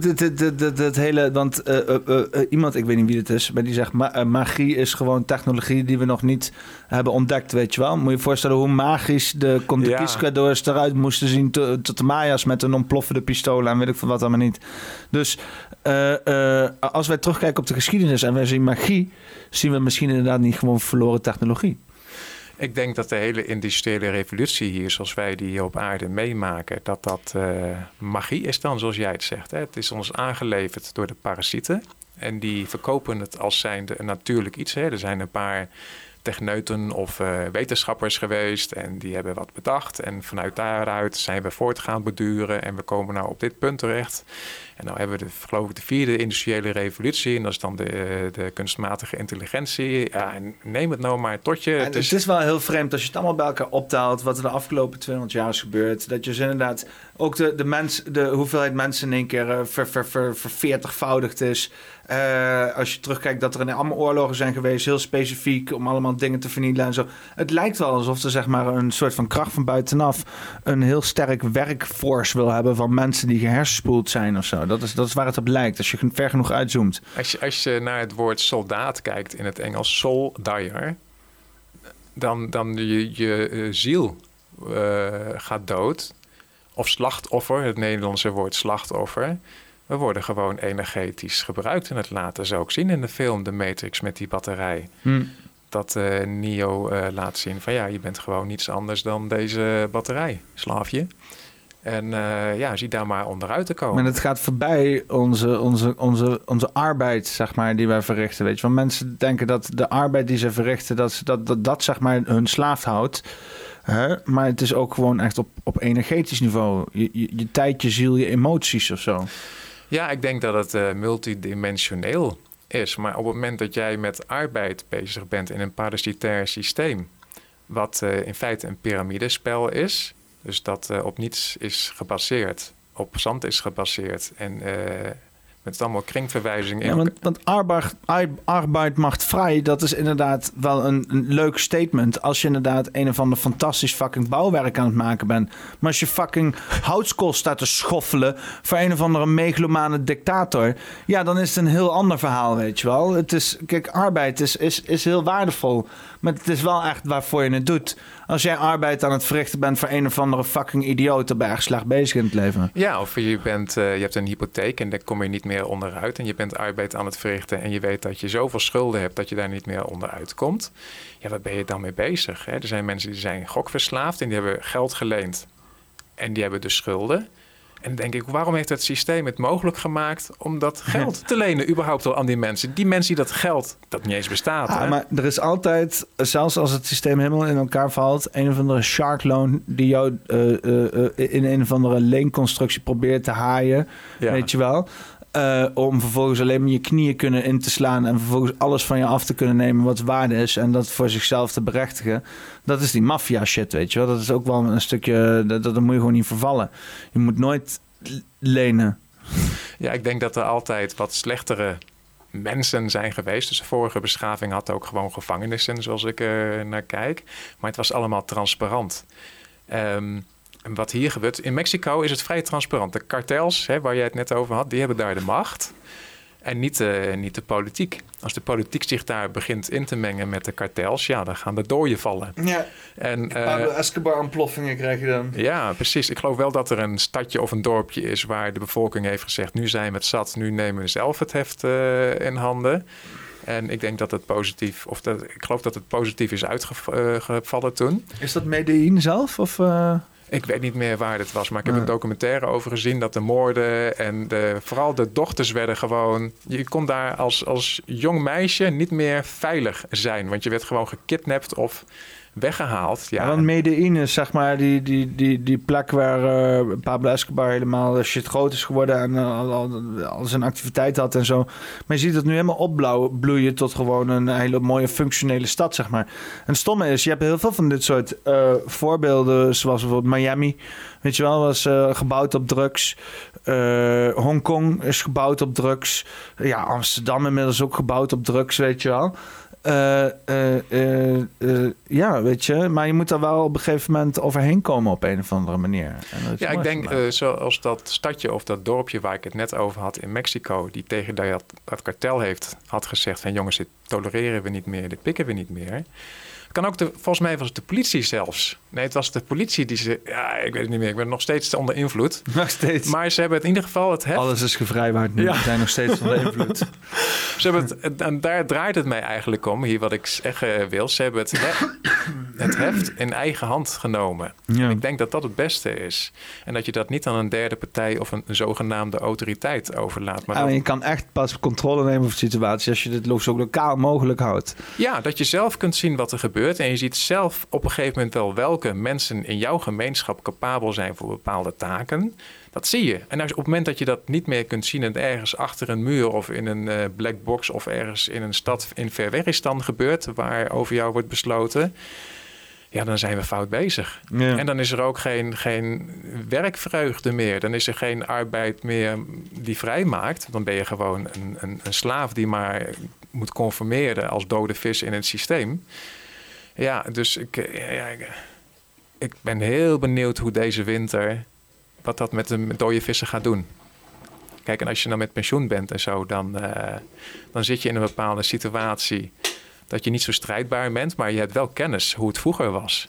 En mensen die wat jonger zijn en die nog in de kracht van hun leven zitten en niet ziek zijn, want dat, dat is ook al een gemeengoed hier in het Westen. Hè. Er zijn, geloof ik, meer dan 10 miljoen officieel chronisch zieke mensen hier, volgens het Centraal Bureau voor de Statistiek. Nou, de eerste vraag is wie bepaalt dat? Hè? Dus een arts bepaalt dan dat je ziek bent. Dus is iemand geestesziek? Is dat dan ik neem als iemand gewoon naar een arts toe gaat en zegt: hey arts, ik ben ziek. Dat het dan vervolgens gewoon wordt gemerkt, markeerd als ziek. Of uh, als je. Er ook een hele hoop hypochonders, zeg maar. Die, uh... Of als je zegt van ja, ik wil niet werken. Oh ja, die is gevaarlijk, die is echt ziek, die moet opgesloten worden.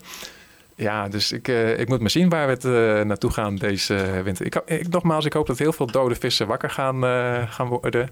En durven uit hun angstmodus te raken. En groepen gaan vormen, want daar gaat het in feite om. Dat je weer echte samenhorigheid krijgt op de middelbare school had ik geleerd dat, uh, dat de verzuiling ooit was geweest in Nederland. Hè. Dus je hoorde bij een sportvereniging, of je hoorde bij de katholieken, of de protestanten, of de humanisten, of geef het maar een naam. Dat is op een gegeven moment ook allemaal kapot gemaakt.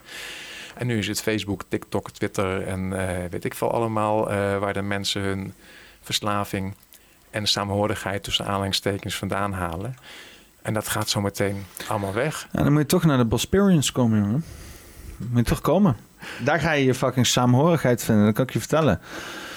Experience. Uh, In twee, het, uh, Wat is het nou de datums? 11, 11, 12, 13 november. Het eindigt ook op 13e. 13e. Oh, is dat een vrijdag dan? Nee, nee, het is een zondag. Oh, dat is wel jammer.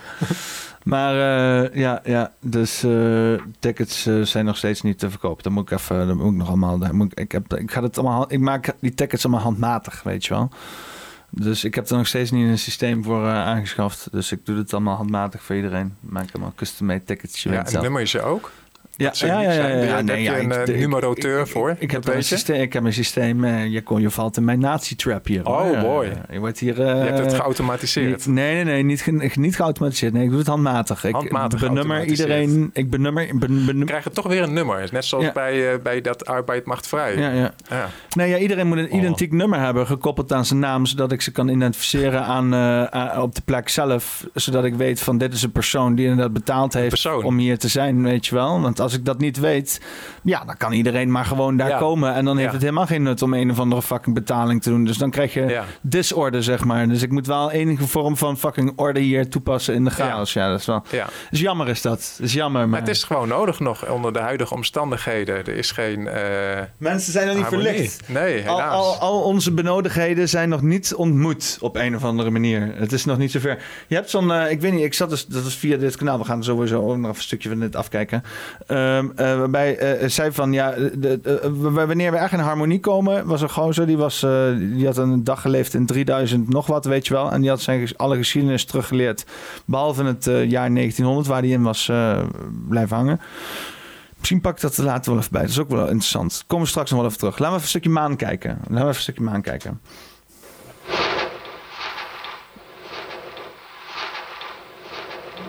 They look sad, frightened, uncomfortable, even depressed. Why? Is there a reason we haven't returned to the moon? And could it be that the Apollo missions discovered something that ancient cultures knew centuries ago? Something that reputable scientists believe is the only answer to this list of mysteries. That the moon is not what it seems or what we've been told. The moon is hollow, artificially constructed, and appeared in Earth's orbit from somewhere else, far away. Eh, makes sense to me. Does it make sense to you? So, what can science explain about the hollow moon spaceship theory? Well, the formation of the moon is still unknown, so score theory 1, science 0. The density problem is said to be because after the giant impact, the Earth's upper mantle formed the moon. The mantle is much less dense than the core. Okay, the problem with this is the giant impact theory probably isn't what happened. And the theory about the Earth and the moon forming out of that big donut shape? Um, in geometry, that's called a torus. Torus. Well, that wouldn't explain the density discrepancy. We're told the moon ringing like a bell is because the moon is much less dense, and the moon's rock has much less water, so vibrations reverberate longer and farther. This can't be proven, but okay. The perfect eclipses? Well, here's where science wins. The eclipses aren't exact. They're close, but not perfect. Besides, the moon is drifting farther away from the Earth every year, so eclipses are becoming less and less perfect all the time. And whether the moon arrived 14,000 years ago or was formed billions of years ago, it was much closer to the Earth, so it was much larger in the sky. Now, NASA claims that we know the moon isn't hollow because of seismic observations. And that's fair, but it's still conjecture. Look, we don't know for sure what's at the center of the Earth, much less what's at the center of the moon. If there's anything at all. Right. Now, the structures are said to be shadows or optical illusions. Nope. And the lights are from meteor impacts or reflections from glassy patches on the surface. Nope. But the bottom line is this yes, the hollow moon spaceship nope. theory is a wild one, I admit that. And many of the anomalies found on the moon can be explained. The explanations aren't perfect, but they're enough to satisfy skeptics. And I consider myself a skeptic but I'm open minded. I just want to know the truth. When I started researching this story, I thought it would be a fun ride, a pure tinfoil hat experience that we could button up with science. That's not what happened. There's just so much unknown and unexplainable that something doesn't feel right about what we've been told about the moon. But as always, the space agencies and the governments they serve are very selective about the images and information they release. So I have a message for them. For NASA, the European Space Agency, Russia, China, Elon Musk, Richard. Nou, moet je maar een kanaal voor kijken voor wat hij uh, voor een bericht heeft. want waar, waarom ik dit ook wel af wil kijken even. Uh, want uh, er was dus inderdaad is een of andere dude in 1900. En die zegt dat hij een jaar heeft geleefd in, in de toekomst. Mm, even kijken hoe ik dat kan vinden. En het is interessant wat hij zegt, want het is gewoon een leuke, leuke denk, een leuke gedachte-experiment. He spent a year in uh, 3906. Dus, dus heel ver in de toekomst. Ja, maar wat hij dus zegt is dat, dat uh, want hij mocht alle tijden uh, in de toekomst mocht hij alle tijden bestuderen, alle geschiedenis, behalve de tijd waar hij zelf in zat, zodat het niet kon beïnvloeden. Maar wat het zegt is dat we dus nog dik duizend jaar gewoon in uh, strijd zitten met onszelf eigenlijk de hele tijd. Uh, uh, voordat we eindelijk tot een conclusie komen van ja, hè, we moeten gewoon met z'n allen samenkomen en dan kunnen op een plek komen waarbij al onze benodigdheden zijn ontmoet. Als je in een plek kan komen waar iedereen's benodigdheden zijn ontmoet, dan heeft er niemand ook meer tekorten. En dan uh, uh, komt het gedrag, weet je wel, wat eruit voortkomt, waarbij je dus inderdaad moet gaan verdedigen en dat soort shit, om, om weet je wel, is dan een stuk minder. Hè? En dan kan je echt gaan naar een soort van utopisch-achtige situatie. Maar hij zegt van, ja, dat is helemaal, dat is helemaal in duizend jaar of zo. Dat is allemaal binnen, dat is niet binnenkort of zo. Nou ja, dan wil je daar naartoe gaan. dan moeten we eerst de komende tijd zien te overleven. En naar mijn idee is het ook van eh, essentieel belang dat je moet gaan zien dat de parasieten onder ons zijn. En zolang we dat niet zien, hè, want een mensenleven is zo lang niet om een heleboel te leren. En stel dat je er met een trouwt of uh, kinderen krijgt terwijl je niet getrouwd bent. Maakt allemaal niet uit. Je hebt een relatie met, met een parasiet. En die parasiet weet niet dat hij of zij een parasiet is. Want dat is ook alweer zoiets. Hè? Als je hoog in die hiërarchie zit, dan weet je dat je tot die club behoort. En dan, Mark Rutte heeft ooit een keer ergens verteld: een wereldorde die weer een tijdje mee kan. Oftewel, hij impliceert dat er ergens in het verleden een wereldorde is geweest. Dat is zo'n Nederlandse manier om te zeggen: We're gonna make a new world order. Ja. Ja, een nieuwe wereldorde die er een tijdje mee kan. Dat is zo Hollands, jongen. Ja, ja, ja. En, en, en, en dan kom ik weer bij die uitspraak van Johan Cruijff. Je gaat het pas zien als je het door hebt. En op een gegeven moment valt dan het kwartje van ja, maar ik weet waar hij het over heeft. Maar dan moet je wel het spel proberen te begrijpen. En dan heb je van die maloten nodig zoals jij en ik. Die gaan helemaal uitpuzzelen wat er aan de hand is en zo. En dan natuurlijk maken we fouten. En natuurlijk worden we ook door narcisten en psychopaten in de maling genomen. Maar het gaat erom dat we de wil hebben om uiteindelijk te begrijpen wat er aan de hand is. En ondertussen zijn we wel een aan trippen geweest. Dus we maken wel fun. En zo, we vergeten niet te leven. Het, het hoeft, allemaal niet, het hoeft allemaal niet vreselijk te zijn. Nee. Het kan allemaal hartstikke leuk zijn. Weet je wel? Ik denk dat dat ook een beetje de key is, weet je wel. Doe gewoon de shit die je moet doen terwijl het fucking leuk is. En dan heb je een goed leven, toch? Tot, totdat je doodgaat. Ja, weet ik niet. Weet ik, uh, ja, het wordt weer heel diepzinnig. Ik weet niet of ik alles uh, probeer uit te leggen wat ik te weten ben uh, gekomen. Ik weet niet of dat ook allemaal uit te leggen is. En ik weet ook niet of ik het allemaal bij het rechte eind heb. Maar, sowieso niet. Nee, sowieso niet. Sowieso niet. Sowieso hebben we het allemaal fout ergens. Ja, de vraag is alleen uh, wie gaat dat zo meteen bepalen? Of uh, zijn we dat zelf dan? Die ja, mensen moeten dat individueel, weet je wel. Individueel, dat is het. Zodra er inderdaad een instituut bij komt kijken, dan is het fact. Dan, dan ja. zijn we raakt. Is, is Petrus een instituut? Petrus, Petrus aan de Hemelpoort? Ik dacht dat je mijn, mijn instituut benoemde. Oh nee, nee, Peter en uh, Peter aan de hemel. Ja, dat is, nou, maar dan zeg je de oordeel over jezelf in het naleven, zeg maar. Ja. ja. ik denk dat de psychopaat helemaal geen, die vraag helemaal niet begrijpt. Die denkt van ja, maar ik heb het goed gedaan, ik heb ze netjes Nee, maar daarom, maar ook psychopathische levens moeten geleid worden om niet-psychopathische levens te kunnen uh, onderscheiden. Weet je wel? Wij, emotionele wezens, moeten er ons kunnen afzetten tegen iets wat dat niet is. Stel, alle psychopaat, alles wat wij nu klassificeren als psychopaat verdwijnt. Weet je wel? Dan komt er weer een nieuwe klasse van psychopaat, omdat we die grens gaan verleggen. We zeggen nee, je moet zo, e-, zo emotioneel moet je zijn om te klassificeren als niet psychopaat, weet je wel. Maar dus dat is de basis. Is... Dat, is, dat is man en vrouw, zeg maar, waar je het nu over hebt. Nee, ja, ja, ja. Wil je woke met me gaan? Hè? Ik heb wel zin om woke te gaan. Oh, van een wereld leven in. Het is gewoon waanzin, joh. Maar ja. Hij lacht toch, of niet dan? Ja, zeker als je aan het trippen bent. Ja, ik zeg, neem wat paddenstoelen. Je, je hebt een bal. Ja, nou ja, ik zag zo'n filmpje dus inderdaad van uh, een, uh, een bewaakte, um, uh, door, door Antifa bewaakte. Um, ik ik, ik heb hem ook drag, gezien. drag show. Ja, het was een hele kinderen. vette, vette drag queen. Een hele dikke was dat. Ja, ja. Letterlijk dik. En, en dan Ja. met dat korte rokje en iedereen kon onder een rokje kijken, ging op tafel staan en dat was voor kinderen. Was Ja, er liep een, eh, een jongetje of zo van acht of zo. Die liepen zo, oh wat leuk, wat leuk, wat leuk. En dan ging die camera netjes langzaam zo eh, de straat op. En dan zag je in de vette een paar lui van Antifa staan. Om te zorgen dat er niemand daar kwam vertellen. Ja, Hij had ook zo'n filmpje van, eh, eh, volgens mij van Laudo Crowder of zo in ieder geval. En dan zie je ze gewoon echt vol tegen die bewaking aanstaan, weet je wel. Het zijn wel van die regenboogdudes met AK-47. Het is echt eh colder. Denk to jij dat, dat, die, dat die travo's, zeg maar, dat dat voor een groot gedeelte eh, kinder- of pedofielen zijn? Hoe denk jij daarover? Weet je, kijk, luister, in de jaren zeventig had je sowieso al eh, eh, mensen die voor eh, open liefde waren en zo. En die, wilden, die, die willen het helemaal niet hebben over, over, over leeftijd en whatever the fuck. En die, die willen ook gewoon ja, dat er zo min mogelijk grenzen in zijn. En we hebben toen al ook besloten van er zijn wel grenzen, weet je wel. En ja, er is nu een hele hoop inclusiviteit gaande, ook in die gebieden.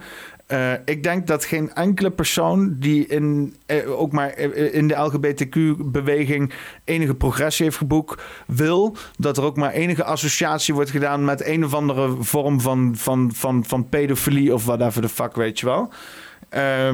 Eh, maar ja, het- het- het- die link leggen wordt al vaak gezien als een aanval, zeg maar. Dus het is ook bijna een politiek, weet je wel, pedofilie claimen is ook bijna een politiek statement geworden tegenwoordig Ja, op je een mag of andere bijna niks meer zeggen tegenwoordig. Ja. Maar ik bedoel, ja, toen ik dat zag van oké, je hebt allemaal volwassen gasten die zich verkleden als vrouwen en die gaan dan in korte rokjes eh, staan eh, dansen op tafels en kinderen zijn daar helemaal van oh, tot de botel. Nou ja, in de onschuld van de kind weet niet wat, wat, wat, wat, wat wel of niet normaal is. Ja, weet je wat het is? Wij staan er dan ook bij als volwassenen en hebben daar allemaal oordeel over, weet je wel.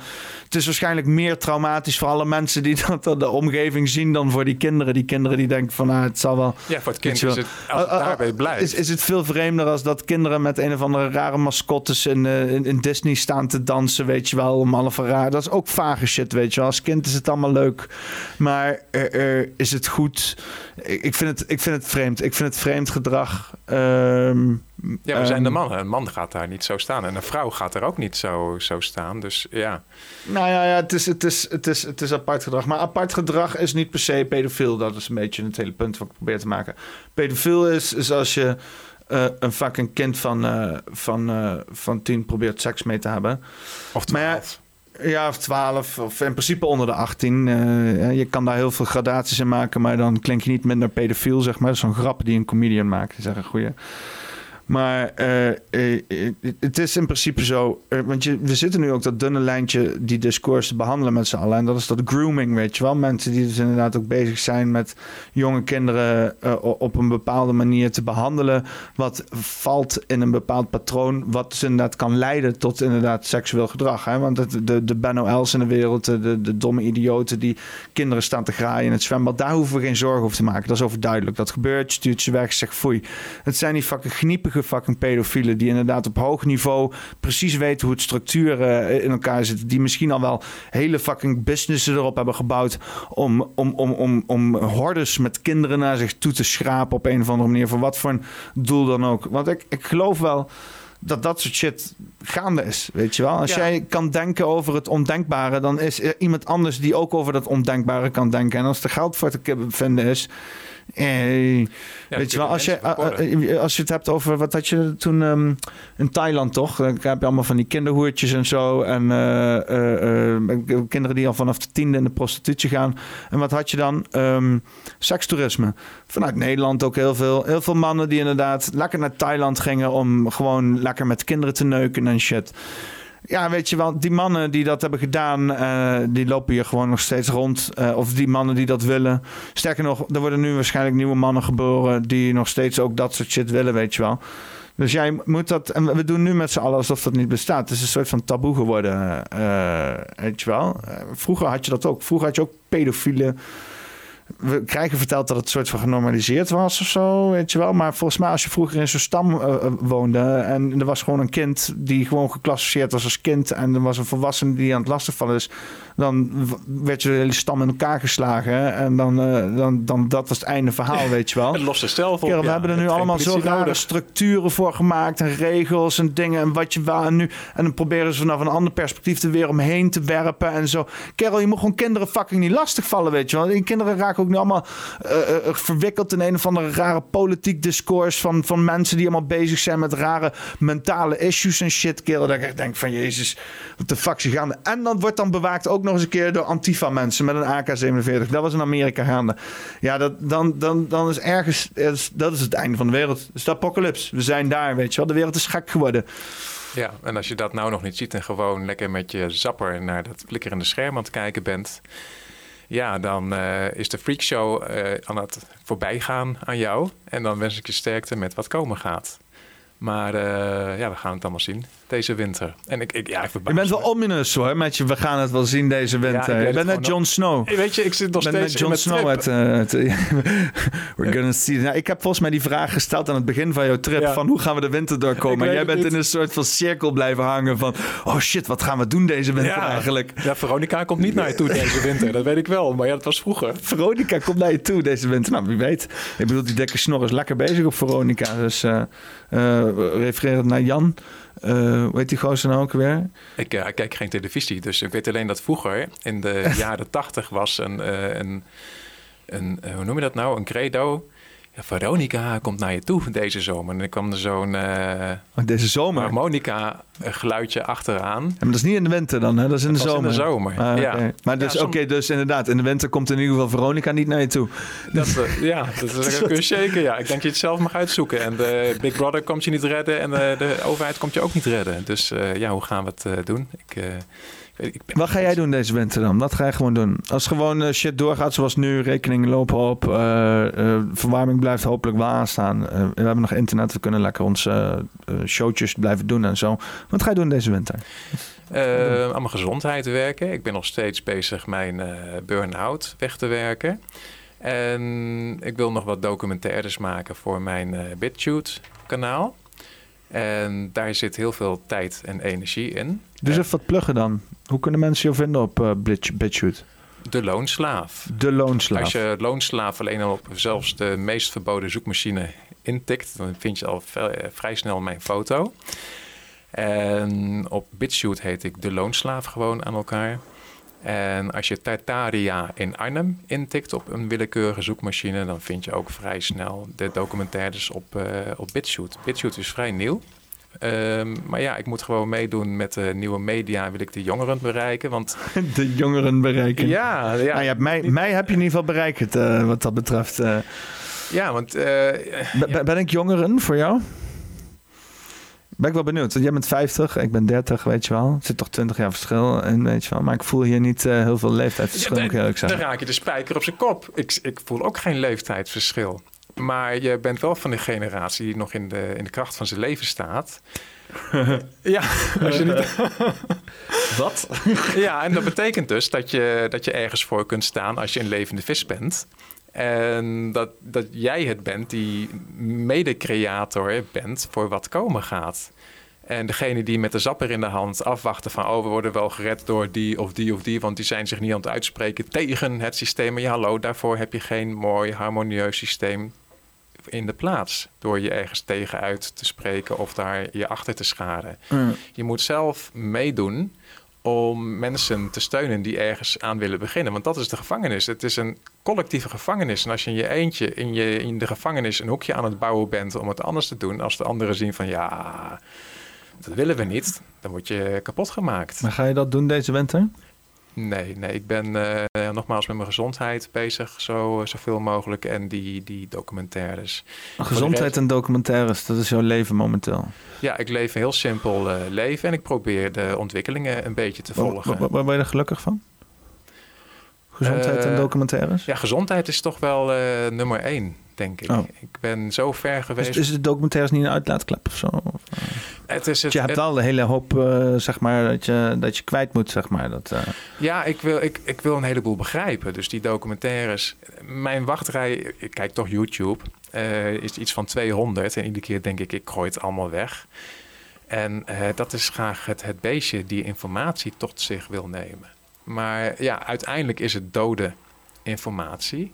Want het komt van een scherm af. En het is de vraag of, of wij het ergens tot leven kunnen maken in een, in een wereld, in een, zeg maar in een, eh, in een sprookjeswereld die er ooit was en die is verdwenen. Dus eh, ja, dan moet ik zo gezond mogelijk zijn. ja, dat is inderdaad wel een goede. Ja, zo dus- gezond mogelijk. Ja, Maar ja, dan is nog de vraag, hoe ga je dat doen? ja dat is niet alsof je dat bij de dokter gaat vinden. Nee, dat is een hele studie. En eh, voor mensen die even... Maar ook, ook het, het, is echt, het, het is ook een persoonlijk ding, weet je wel. Wat voor jou gezond is. eh, het, is het, het heeft een soort van waar je vandaan komt, eh, wat je voorouders, wat je voorouders aten, wat jij eet, weet je wel. Het, is, het heeft allemaal met elkaar te maken, zeg maar. En dat is waar ze ons allemaal van los proberen te rukken met het individualisme. Van nee, dat is allemaal niet belangrijk, je roots. Kom maar gewoon hier als los persoontje en dan vertellen wij wel wat, eh, wat een gezond leven is voor je. Hier heb je eh, super eh, grijze massa eenheidsworst voor je. Maar dat begint nu gewoon aan alle kanten te kraken, weet je wel. Iedereen moet het ook wel voor zichzelf een soort van individueel verhaal uitmaken. Weet je, je kan jezelf eh, eindeloos laten inspireren door een Sonja Bakker en weet ik veel wat voor shit. Maar wat jij eet, wat jouw voorouders aten, dat is belangrijk. Dat zit in je DNA, weet je. Ja, dat noemen ze epigenetics. Noemen ze dat. Epigenetics noemen ze dat. Dus zeg maar wat, eh, als je het over een zaadje hebt van een plant, of gewoon over de, het menselijk genoom, wat je voorouders hebben meegemaakt, of wat het plantje daar op dat land heeft meegemaakt, dat wordt in het genoom van dat plantje of de mensen wordt dat opgeslagen en wordt overgedragen aan de volgende generatie. Dus de eigenschappen die een, eh, een levend wezen heeft, zit niet alleen eh, in het zieltje wat erin komt. Er zit iets energetisch in. Maar er zit ook echt iets in wat in het DNA zit. En dat DNA neemt ook iets mee wat voorouders in dat DNA hebben geprogrammeerd. Dus het is veel ingewikkelder. Ja, maar moet je je voorstellen, een bepaalde zaad wat inderdaad door generaties aan voorouders is gezegend en aan, met aandacht is gecultiveerd. En, en dat is onderdeel geworden van, je, van inderdaad je cultuur. Eh, eh, eh, je cultiveert niet alleen het zaad, maar ook gewoon, het, is onderdeel van, want dat is wat al die bouwwerken ook naar mijn optiek allemaal zijn, weet je wel. Het is inderdaad het cultiveren van een cultuur, dat wat hun voedt uiteindelijk, daar hoort het zaad ook bij. Wanneer komt het op, wanneer oogst het, probeer je een harmonie te brengen. En, en, en dan, dan, dan, dan voedt het zich gewoon. Weet je, dan heb je alles, dan heb je alles wat je nodig hebt. Maar maar, maar nu, nu proberen we dat allemaal te syntheseren. Hè? Op, en en, en, en, en het, het heeft alleen maar steeds meer energie nodig omdat het niet in balans is. Hè? En, en het blijft maar falen aan de onderkant elke keer. En elke keer weer nieuwe oplossingen om het opnieuw te kunnen syntheseren. Een Ja, beetje een soort van... Ja, wat leuk met die eh, epigenetics eh, is dat je bijvoorbeeld eh, zaadvaste rassen hebt onder de planten. En die zijn dan op een bepaalde soort grond zaadvast gemaakt en uitgezocht. Zaadvast betekent zoiets als van stel dat je een plantje groeit en er komen vruchtbare Zaadvast. zaadjes. Dan, Ja, dan, ben jij zaadvast? ik zou het niet weten. Het ligt eraan dat je, dat je weinig klaarkomt over mensen heen. Nog een keer? Dat je, dat je weinig klaarkomt over mensen heen.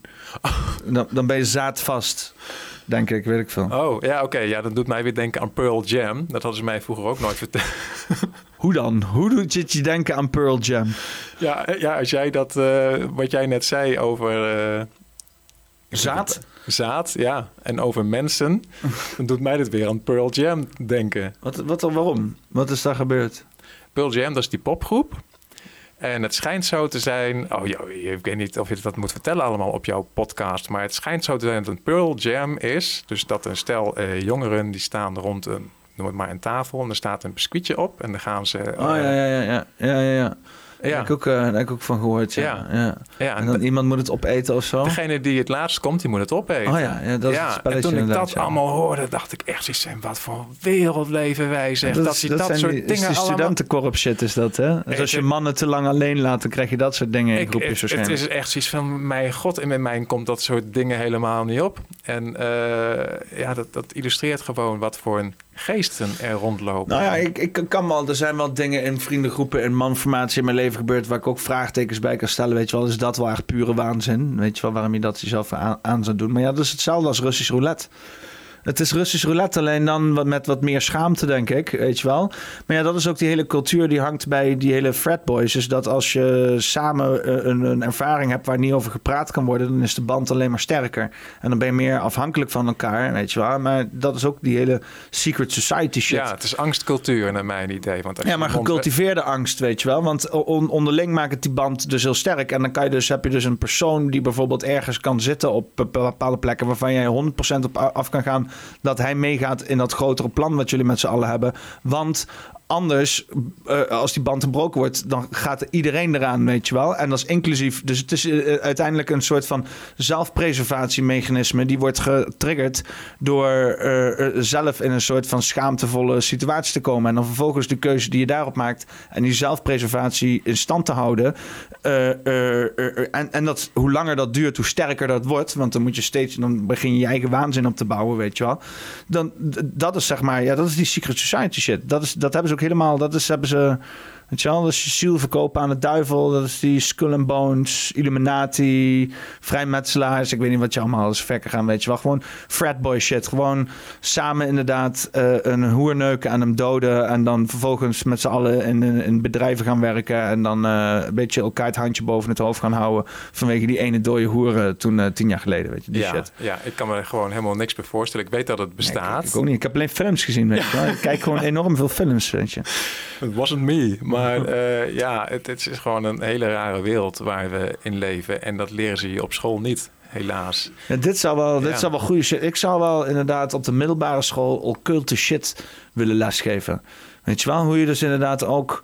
Want dat is een beetje dat hele, dat hele ding wat nou in de maatschappij... dat al die duistere shit het allemaal vermeden, weet je wel. Dus dat, dat christelijke, dat, dat, dat, uh, dat, dat, dat, uh, ja, dat christelijke Rooms-Katholieke gebeuren... dat het allemaal maar Eh, eh, eh, ook kinderen en zo, die moet je allemaal maar verwijken en zo. En dan vervolgens brengen we een soort onwetend tuig de wereld in die voor als een beetje alle valkuilen valt, weet je wel. Als het gaat over, over kwade shit die er gaan is. Want de shit die vandaag gaande is, is niet meer vreselijk als al wat dan in de Bijbel beschreven staat, wat dat betreft, weet je. Ja, het is een verrot schoolplein tegenwoordig wat aan de hand is. En ja, als je stel, stel dat je gewoon één week echte straatpsychologie op de middelbare school krijgt.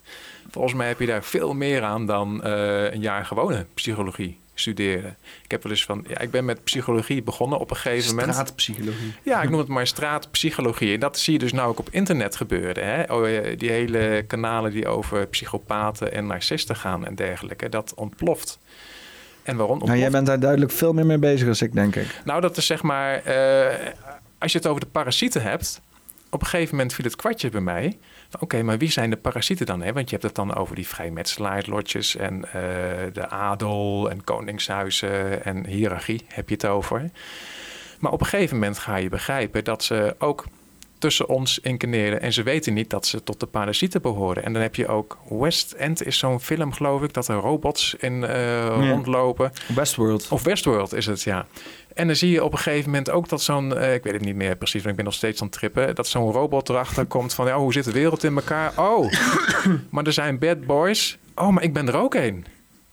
En uh, dus je kunt nou een wappie zijn terwijl je tot de parasieten behoort. Ja. Alleen je bent wel schadelijk voor, je, voor relaties in je omgeving. Oké, okay, dan vind ik het een goede. Wat doe jij als je erachter komt dat je een parasiet bent? Als ik, als ik... Nee, nee, nee, niet persoonlijk. Niet persoonlijk. Gewoon gewoon in het globaal zijnde. We oh, zijn allemaal, we zijn allemaal een gemengd bewustzijn. Maar je wordt wakker één dag uh, door misschien te luisteren naar ons. En je denkt, fuck, ik ben waarschijnlijk een parasiet. Wat, wat, wat moet je doen? Als je dan dat is sowieso een hele nat, uh, onnatuurlijke reactie, een, pap, een, een, een, parasiet uh, empathische reflex, reflectie gaat hebben. Maar stel dat gebeurt, wat, wat moet je dan doen? Je bent een parasiet, je kan jezelf niet helpen. Stel dat je weet dat je geen empathie hebt voor anderen, dat je geen gevoelens hebt, dat je geen liefde kunt ervaren. Die Dexter shit is dat toch? Is dat Dexter? Ja, dat is zo'n serie op. maakt oh ja, maakt niet uit. Nou, dan is de kans, laat ik het zo zeggen, de kans groot dat je tot de parasieten behoort. En wat is dan de keuze die je kunt doen? Um, ja, ik geef hier gewoon mijn mening. Kijk dan naar, Nazi-Duitsland, wat daar is gebeurd. Je kunt dus meedoen met het systeem en denken van ja, het komt wel goed. En uh, ik heb geen keus. Maar ook de parasieten gingen daar eraan. Tenzij je heel hoog in de hiërarchie zit, dan ontsnap je de dans. Maar als je dus de, de, parasieten moeten zichzelf heel goed bewust weten wie de host is. Precies. Je zit in een hiërarchie en denk niet dat jij de dans ontspringt. Je gaat zelf ook naar de knoppen, om het maar heel netjes te zeggen. En dus je kunt kiezen door mee te werken aan een systeem en zelf ook aan de, naar de knoppen te gaan. Want door nu mee te werken aan het systeem, systeem dus als een dode vis je te conformeren aan het siloze systeem en daar naar die waterval. Je hoort hem in de verte al eh, razen en ruizen en kolken. Maar dan denk je, ja, ik ben er nog nooit ingevallen in die waterval. Ik weet niet wat het is. En uh, het, het, het kolkt daar en het ruist daar. Het is wat lawaai in de vette. Geen idee wat het is. Maar ik heb het nu goed. En het is eh, de makkelijkste weg om nu gewoon te doen waar ik altijd mee bezig was. En dat is de meest succesvolle weg. Of ik weet niet beter dan dat ik zo ben of dat ik zo doe. Maar kijk dan naar Duitsland, wat daar is gebeurd. Um, als je als Nederlandse man of gewoon na de Tweede Wereldoorlog Duitsland inging, dan vlogen de vrouwen naar je toe. Je ziet bijvoorbeeld een filmpje in, in Berlijn dat ze Berlijn aan het schoonmaken zijn van de, van de, de rotzooi die er ligt. Je ziet bijna alleen maar vrouwen aan het werk. Er waren bijna geen gezonde mannen meer in Duitsland. Ja, en er zullen heel veel parasieten tussen zijn geweest. En die hebben ook allemaal het loodje gelegd. Dus aan, aan de, als je een parasiet bent, voor zover ik het nu kan inschatten, ja, als je meedoet aan dit systeem, dan ga je er ook zelf aan. Ja. Ja, het is, uh, je moet goed zorgen voor je host. En uh, maar ja, als je inderdaad, maar dat is wel een beetje dit, dit, systeem. Uh, kijk, als je er inderdaad nu, maar hoe, hoe lang? Want volgens mij zijn we al sinds de jaren zeventig Sinds de jaren zeventig zijn we bezig om die hele shit aan het af te breken. Hè? Als mens zijnde, als mensheid. Hè? En dat uh, heeft ons gebracht in de jaren tachtig, waarbij we allemaal verkocht worden door materialisme. Heeft ons gebracht in de jaren negentig, waarbij we, weet je wel, eigenlijk volledig dat systeem in werden gezogen. En dan 2000, wat begon met fucking 9-11, waarbij we nog even op onze plek werden gezet van, hé luister, wees zeker dat je fucking angstig bent elke dag en dat je ons nodig hebt om jou te beschermen, weet je wel. Volgens nog 2008 crisis erachteraan om even te laten weten van, luister, weet dat je uh, geld uh, shit in onze handen ligt, weet je wel. Je bent niks en niks en zelfstandig. En ik dacht van, er gaan op een gegeven moment gewoon echt, dat, dat breekt het. Dit is niet hoeveel, dit is niet wat mensen aankunnen, maar mensen blijven er maar in meegaan. Mensen blijven het maar geloven, weet je wel. Er worden nieuwe legio's aan mensen geboren nu, die allemaal op TikTok zitten en allemaal denken van, oh, dit materialisme, dit geweldige shit, ik moet mijn Rolex. Weet je wat mooi is nu trouwens? Dat mensen gewoon door vluchtelingen, ik vind het echt, ik vind het echt mooi. Dat mensen, ik vind het, uh, mensen die dan hebben geshined met een Rolex op social media en die worden nu door vluchtelingen beroofd. Ja, dan word je van je essentie beroofd in het leven. En ik heb ook een keer gehoord dat iemand op Zandvoort of zo, of uh, aan de zee ook met zijn uh, Rolex aan het shinen was. En het bleek een fake te zijn of zo. Nou, dat soort verhalen ja, dat ja. Je hebt ook genoeg vluchtelingen die inderdaad mensen fucking hun kop inslaan voor een fake Rolex. Dat is, dat, is, ook problematisch genoeg natuurlijk. Maar het, het vertelt ook genoeg over dat je niet zo moet fucking shinen met je Rolex, motherfucker. Dat is wel een, uh... Ja, dan ben je dus met de buitenkant bezig en niet met de binnenkant. vroeger in Nederland waren we er heel goed in om onze welvaart te, te verbergen, weet je wel. Maar op een gegeven moment nu in één keer, uh, ja, dat is die cultuur, een flashy en bling bling en zo, en status en materialisme. Maar Vroeger, weet je wel, kon je de fucking uh, rijken van de armen niet onderscheiden. Weet je, iedereen liep gewoon in volle rond aan de armen. Die uh, het is probeerde de rijken eruit te zien. dat ik in de jaren tachtig heb gehoord van, uh, van een psychiater. Dat was een, een vader van een vriend van mij. En blijkbaar vond hij mij een beetje raar, want hij vertelde tegen mij van ja, je hebt in Nederland 50 families die de dienst uitmaken. In Nederland? In Nederland, ja. 50? 50. Dat vind ik nog best veel. Want er zijn ook 13 families in de hele wereld die de boel de dienst uit zouden maken. het is maar waar je bent in de hiërarchie. Dat is eigenlijk de, de vraag die je moet, uh, moet stellen. Maar in Nederlandse kaders zijn er 50. is nog best gedecentraliseerd. is nog maar trots op Nederland. 50 families zelfs. Ja, nou, dus daar mag je trots op zijn. Maar dat denk ik dus... Eh, eh, ja, hoe, weet hij, hoe wist hij dat destijds in de jaren 80? Je had geen internet, je had helemaal niks. Natuurlijk werkte hij in een ziekenhuis en uh, de, loopt bepaald volk rond. En een ziekenhuis wordt ook volgens de wetten en regels... Nou, whatever. er zitten geen zieloze arbeiders die niks kunnen in een ziekenhuis. Ja. Dus um, ja, dan vraag je je af, hoe weet hij dat? En als hij dat uit een boek heeft, wie heeft hem dat boek gegeven, bijvoorbeeld? Dus dat zijn vragen waar ik geen antwoord uh, op kan krijgen. Maar die kennis, of dat inzicht, is het dus dat er een bepaalde hiërarchie is. Alleen het, waarom wist hij dat wel? En, en waarom vertelde hij mij dat? En waarom werd het niet op school verteld? Ja, dat is altijd de vraag. Ja. Waarom vertellen jullie mij dit niet op school? Ja. Godverdomme. En wie zit er boven dan, boven die 50 families? En wat... George Soros en Bill Gates. Ik zeg het je. Ja, wie zit er in het aardse veld het hoogst, denk jij? In het aardse veld? Ja, dus stel dat je een... Uh, ik denk namelijk dat het hoogst in de hiërarchie, wat er op aarde is, dat wij dat sowieso niet zien. Of het nou iets uh, gematerialiseerd is, ja of nee, ik weet het niet. Het kan ook kunstmatige intelligentie zijn. Het geeft alleen maar aan waar je, stel dat je wilt gaan denken van oké, wie zit er dan aan de top van de hiërarchie? Nou, dat kan kunstmatige intelligentie zijn. Dat kunnen buitenaardse zijn. Maar wat zijn dan buitenaardsen? Is dan deze aarde groter, deze bol of pannenkoek of uh, holle kubus. Maakt mij allemaal niks uit. Donutvorm. Holle donut.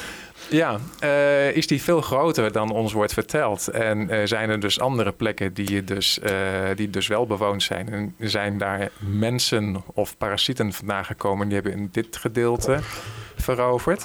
Ik weet het allemaal niet. Hij maar... had zo'n kaart die opgedoken was vanuit de UN of zo, vanuit de United Nations. Uh, ik weet niet of het allemaal waar is, voor hetzelfde geld uh, is het uh, allemaal fake news. Je weet maar nooit, map UN. Maar het is wel een leuke kaart, het is wel een leuke kaart.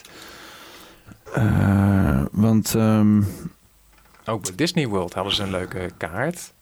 Want ja, ik raad toch nog een keer Godgevlamste aan op YouTube. Die ging die hele kaart, die op kantoor bij Disney World hing...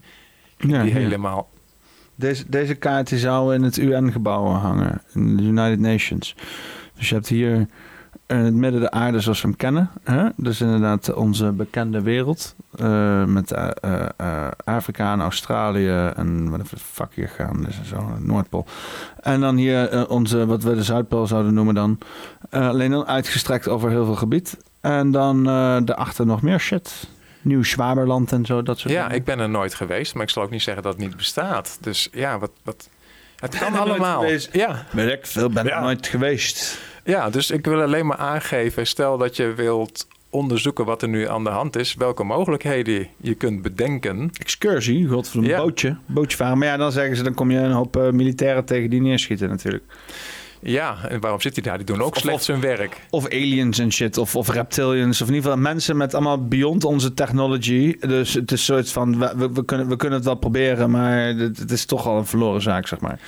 Ja, en het is ook koud daar, hè, geloof ik, als ik ze mag geloven. Maar ja, ik heb ook weer gehoord op... God, weet je wanneer het koud wordt? Deze winter wordt het koud. Met de huidige gasprijzen, godverdomme. Ja, tenzij je een kolenkachel hebt nog, zoals het vroeger was. Uh... Weet je wat hout kost, godverdomme? Kan je trouwens zo in het bos plukken, dat is helemaal geen probleem. Ja, dat is het dan nou juist. Ze hebben ons uh, onze basisrechten ontnomen door ons afhankelijk te maken van hun systemen. En nou gaan ze de... Ik heb laatst al gelezen dat uh, als je een elektrische ja, auto rijdt... Beetje, je kan gewoon hout sprokkelen. Je kan, en het, ze kunnen wel zeggen dat het illegaal is, maar je kan gewoon fucking hout sprokkelen. Dat kan. Je, kan gewoon, je kan gewoon... Maar dat kost moeite. Dan moet je tijd en, en, dan moet je fit zijn. Moet je fit zijn. Je moet uh, een zaag hebben. Een bijltje is wel handig. Moet je in een fucking rolstoel zitten. Dan ga je ja. geen hout sprokkelen, maat. Dan ben je genaaid, inderdaad. Dan moet je mensen hebben die voor jou hout kunnen sprokkelen. ja, wie gaat het doen als ze voor zichzelf al uh, niet eens kunnen zorgen? Nou, maar dat is het, weet je wel. Want je hebt dus heel veel van uh, gehandicapte mensen die allemaal uh, een houding hebben van heb ik jou daar, weet je wel. Omdat ze helemaal verzorgd zijn door de staat heb ik ook een probleem mee. Ja, maar dat is eigenlijk hetzelfde als dat uh, de jongere niet, generaties... Niet alle gehandicapten. Er zijn heel veel gehandicapten die zichzelf perfect weten te redden. Maar een zekere... En ik weet zeker dat gehandicapten onder elkaar ook weten waar de fuck ik het over heb. Weet je wel. Er is een groepje gehandicapten die nemen rijkschoons gebruik van, van alle middelen die ze krijgen. En ze zijn gehandicapt door whatever. Wat, het leven is oneerlijk, whatever. En maar dan zijn vervolgens nog steeds elke dag een klootzak, weet je wel. Gewoon tegen iedereen. Ja, kan ik begrip voor hebben. Maar in feite heb je dat ook met... Ja, ja, ik, ik wandel zelfs uh, twee middagen in de week met uh, een, een, bejaarde mevrouw. Die heeft de ziekte van Lyme gehad. Dus dan ben je door een teek gebeten. Ja, die is kut, jongen. Ben je er ook door, hoe weet je dat? Nee, ja, maar gewoon het feit dat je dan zo door zo'n teek gebeten wordt... dan ben je je leven fucking gehandicapt en shit. Ja, het is, het is waanzin. En als je daarin een beetje gaat verdiepen... dan kom je erachter dat in Duitsland bijvoorbeeld bosuitbijders... de meeste zijn besmet door de, die Lyme-bacterie noem ik dat dan maar, of virus. Maar die krijgen het niet. Dus het is een spel tussen... Het is een immuunsysteem uh, dingetje. Juist. Het is de ruzie dat die vrouw heeft met dat bos, niet met die fucking take. Nou, het blijkt dus dat uh, sensitieve mensen vatbaarder zijn voor de ziekte van Lyme dan uh, zeg maar psychopaten, laat ik het maar heel bot zeggen. En hoe, waarom heet het de ziekte van Lyme? Boven New York in de Verenigde Staten heb je het plaatsje Old Lyme. En daar was een laboratorium. Of dat er nog steeds is, weet ik niet. En daar schijnt dus dat virus gemaakt te zijn. Gemaakt nog wel? Ja, het is gewoon een... Uh, Net zoals AIDS. Ja, we worden Net zo corona. genept hier in deze kom wereld. Kom maar op met die medische desinformatieballen ja. onder mijn video. Vlekken maar op, ja. En het probleem is, als je die ziekte krijgt... stel dat je door een teek wordt gebeten... Uh, het wil niet zeggen dat alleen als je een rode vlek hebt... dat je dan de ziekte van Lyme hebt. Je kunt ook de ziekte van Lyme door die teken krijgen... door geen rode vlek te hebben. Uh, maar stel op het moment dat jouw immuunsysteem het moeilijk heeft, doordat je in de stress zit of je hebt te veel rotzooi binnengekregen of welke reden dan ook, en je draagt uh, Lyme bij je, dan, uh, dan word je gepakt. Alleen de symptomen is een lastig woord. Zeker als je nog gewoon het uh, trippen bent. Ik ben, nog steeds, ben nog steeds bezig. Nog steeds bezig? Ja joh. Ik heb ook niks gegeten en zo. Ja, ik, ook nog, ik, ik, heb ook nog, ik heb ook nog niks gegeten. Wij gaan straks fucking vreten bestellen als een motherfucker. En een slecht straks bestellen? Shawarma of zo? Met knoflook. ja, sowieso. Even kijken. En, uh, maar het probleem met Lyme is dat het zich op verschillende manieren kan manifesteren. En uh, dus het is niet zo van, oh, heb jij die klachten, dan is het Lyme. De ene keer uh, manifesteert het als zus, de andere keer manifesteert het als zo. Um, het is zo dat het bijvoorbeeld zich als MS kan manifesteren. Dus stel dat een uh, radioloog een, uh, een, scan van je hersenen maakt, dan krijg je lesies in je hersenen te zien. Dat zijn gewoon plekken die, ja, laat ik het maar zeggen, littekenweefsel zijn.